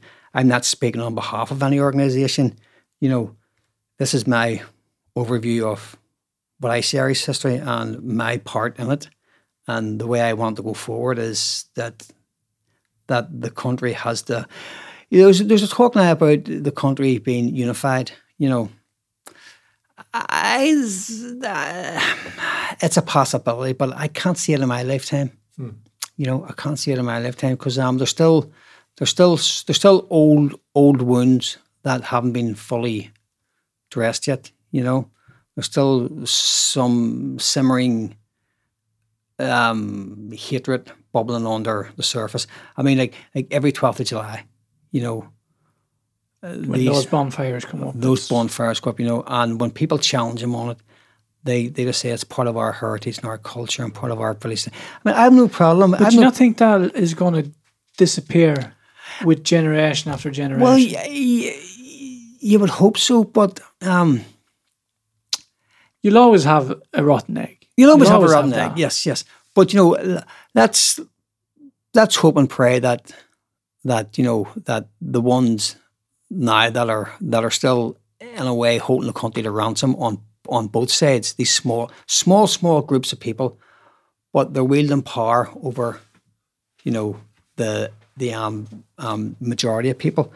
And I say, no, if I had my way, I would just dig a big hole and bury them all because they're, they're no good. Nobody wants them. You know, they're just they're just relics of of a past that they were never involved in. It's a past that they're trying to claim as theirs. You know, these people were just thugs and criminals even when I was active. You know, they wouldn't have they wouldn't have graced. You know, you know they they couldn't have tied people's shoelaces. They were just absolute animals. But now they have they have they have got a, a wee bit of power because of their drugs, and they'll go out every so often and let off a few rounds at the police or the army just to keep the pretense, you know, this cover umbrella of Irish republicanism. But the Queen and the British royal family, you know, I mean, yeah, I think I'm sort of old enough and slightly more wiser, you know, this, the to fully understand, you know, that there was hurt on both sides in the past. You know, I mean, no doubt some of my activities have hurt people. I don't know to what extent, you know, and in a way, maybe I don't want to know, you know, because if I found out, then yes, I might have these pangs of remorse and guilt and whatever, you know. But if I don't know, you know, I'm not trying to um, distance myself from from from my part because, you know, I probably wouldn't change a thing you know, because I was born in this situation. I was born at a certain time in a certain place. You know, if I had been born a few, I mean, say I, I was born in um, Dungiven in County Derry. If I had been born a few miles up the road, just across the border into um, Donegal, I I wouldn't be sitting here telling a story because I probably wouldn't have any involvement in in the sort of armed struggle or politics in the north because it, because it wouldn't have affected me. You know. And um, yeah, so It's, it's crazy where you're born, how much it, it actually affects you. I'm telling you, it's absolutely mad. So it is. To to to coming to an end here now. Um, we started off ten thousand BC, Ten thousand BC. and around eight hundred years ago, nine hundred years ago, the the English or the Normans uh, started taking control and started wanting to take Ireland to them. yeah, And now with uh, it's funny how things what goes around comes around. Now Brexit turning up.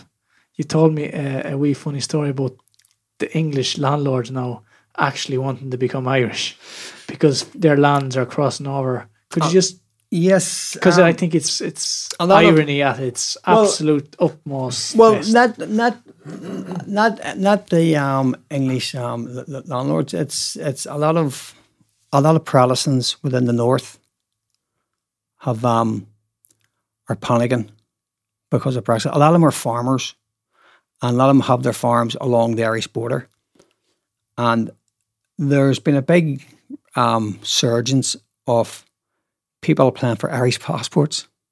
So that because they're fearing this this Brexit thing, you know, because no no one knows, you know, um, if if Brexit comes along, because the North won't be in Europe anymore, they're going to have to, going to, have to put borders up along the Irish, sort of the border with with the the South, and a lot of these farms actually span the border, you know. So you know, some some big Protestant farmer could could could get up in the morning and he needs to walk his cattle to a certain field, but he's to have to, he's to, have to show a passport to sort of walk from, from one of his fields to the next one. not just a passport. He'll he'll have to declare goods. You'll have to declare, yeah. you'll be taxed on it, and yes, it's, it's going to be a whole logistical nightmare. But the British government have said that it's going to be a soft border. There's not going to be any checkpoints or any. But the but a lot of the hardline unionists, that's like the Protestant loyalist political groupings in the north, a lot of them and um, really really hardliners, and they're saying no, it's going to be a hard border, and, and we don't have any anything to do with with the Irish Free State, and we can't have. But a lot of people are panicking and they're rushing to get Irish passports. You know, uh, the people who, who own land, that's what you think about landowners who own land, that spans the border. They they don't know what's going to happen.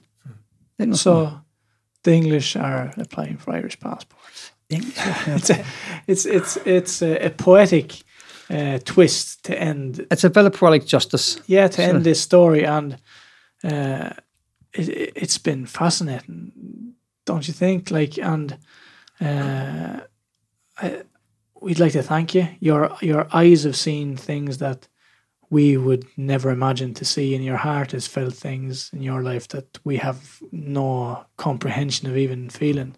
And you sitting here and telling this story so truthfully and that it's uh, thank you Oh, you're welcome. Thank you a lot. It's it's a privilege for us and uh, for our little podcast to be able to share a story like this. Yeah, this is uh, Absolutely. incredible that you are here telling us all this this long story and this long Yeah. You podcast. see, eh, absolutely. It could mean there could have been a few a few twists of fate. I wouldn't. I mean, when we were captured, they could have shot us dead. Yeah. If I had been born a few a few a few miles up the road in into Donegal, I wouldn't be sitting here telling a story. If if your friends You know- uh, bomb when you were five, your father's my friend would have father's gone off if my father before you got eighty meters away.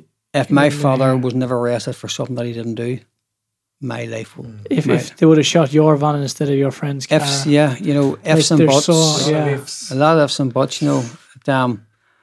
But anyway, you know, it's it's it shaped me for for who I am. Um, and uh, I always tell people that no matter how stupid it sounds, you know, or how crazy it sounds, my childhood was happy because it was only childhood that I knew. Right? A lot of people would probably run a, a mile rather than li- live through what not only me, but but as I can only speak for me because I'm giving my personal story. I say if there were six other people and and and my shoes sitting here, you you would hear six completely different stories. See what you know. But um, yeah. Mm. But um, will uh, will I do will I do it all again? Um, probably yes, but but I, I, I wouldn't get caught. you'd hide behind a lamppost. But, uh, yes, found this With it spoon, on your sir. head, yeah. Monty Python. Ah, Absolutely. well, it's been it's been an absolute privilege. It's uh, it's Yeah, it- it's we've been recording now for uh, four and a half hours. Uh, Shit, she's going to kill me. and I I think it's this story needed it. Yeah, I think did. it needed four and a half hours at Yeah. least. And I we we've we've jumped uh, situations, we've jumped past years, and we've not gone very deep into some things. But I hope the Swedish or the whoever listens to this podcast, I hope they get a, a general picture uh, from your view, your your uh, like Yeah, but the history out of your eyes. absolutely. But you know, but I can't tell my story without without questions coming from from you two guys. So you know, so tusen tack to you guys, and um, you know, I mean. The Swedish as well. yeah. Pratar lite det svenska, men jag vet ingenting. I'm like Manuel and Fawlty Towers. I know, I know nothing.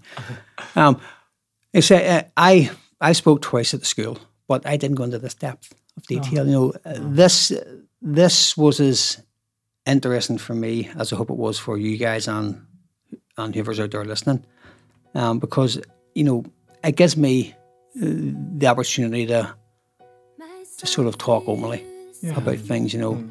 And um, yeah, so once again, cheers. It's good for you to recap and remember stuff again. Absolutely.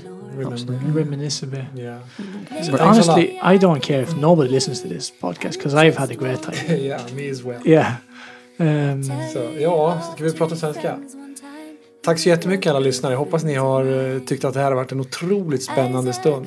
Och en väldigt lång podcast har det blivit. ja, underbart Ja. på, på sitt sätt. Och, ja, jag är, Och eh, jag har fått en helt annan insyn i... Jag har ju vetat vad IRA har varit och lite vad det har stått för och så. Eh, men, men inte i den här, den här, den här djupdykningen som jag har gjort. Jag tyckte det var fantastiskt. Stort tack Seamus. Stort tack. Tack, verkligen tack. Hej då allihopa. Hej då! Hej då! Slán go fóill. There were roses,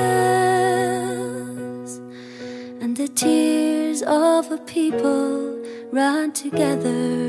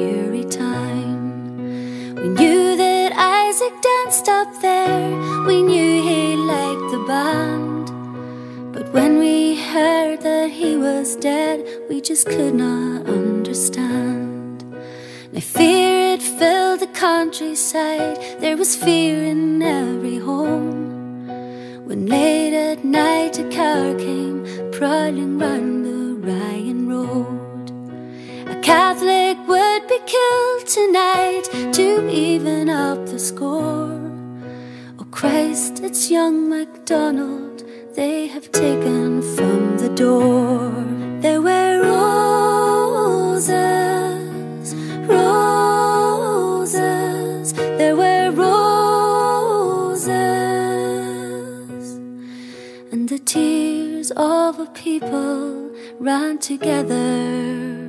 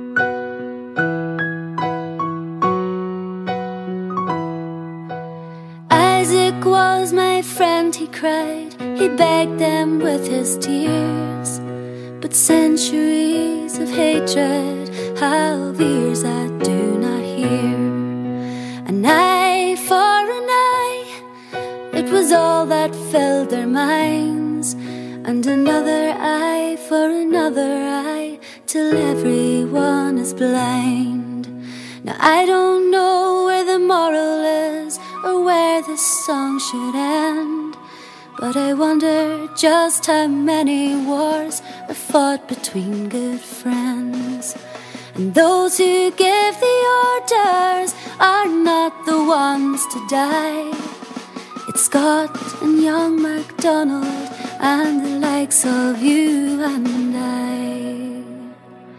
There were roses, roses, there were roses, and the tears of the people ran together.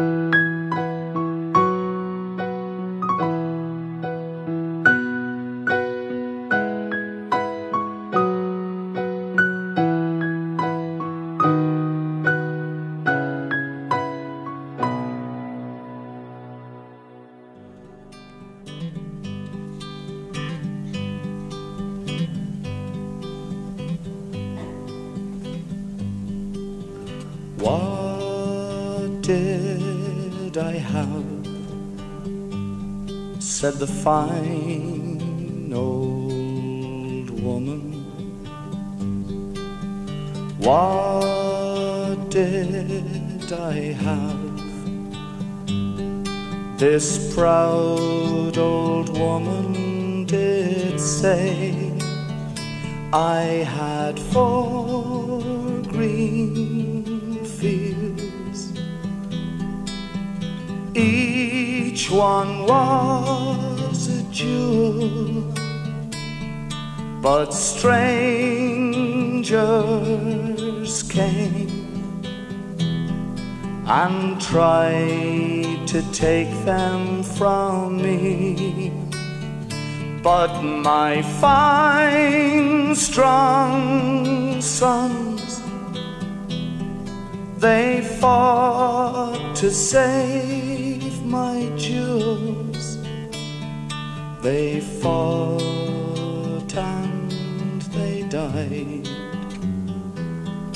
And that was my grief, said she. Long time ago, said the fine old woman. Long time ago, this proud old woman did say there was war and death, plundering and pillage. My children starved by mountain, valley, and stream, and their wailing cries. They reach the very heavens, and my four green fields ran red with their blood, said she.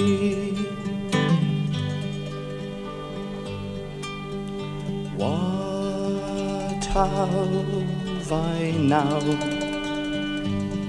Said the fine old woman. What have I now? This proud old woman did say, I have four green fields. One of them's in bondage in strangers' hands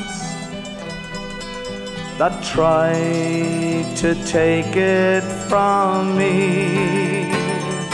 But my sons have sons as brave as were their fathers, and my four green fields will bloom once again, said she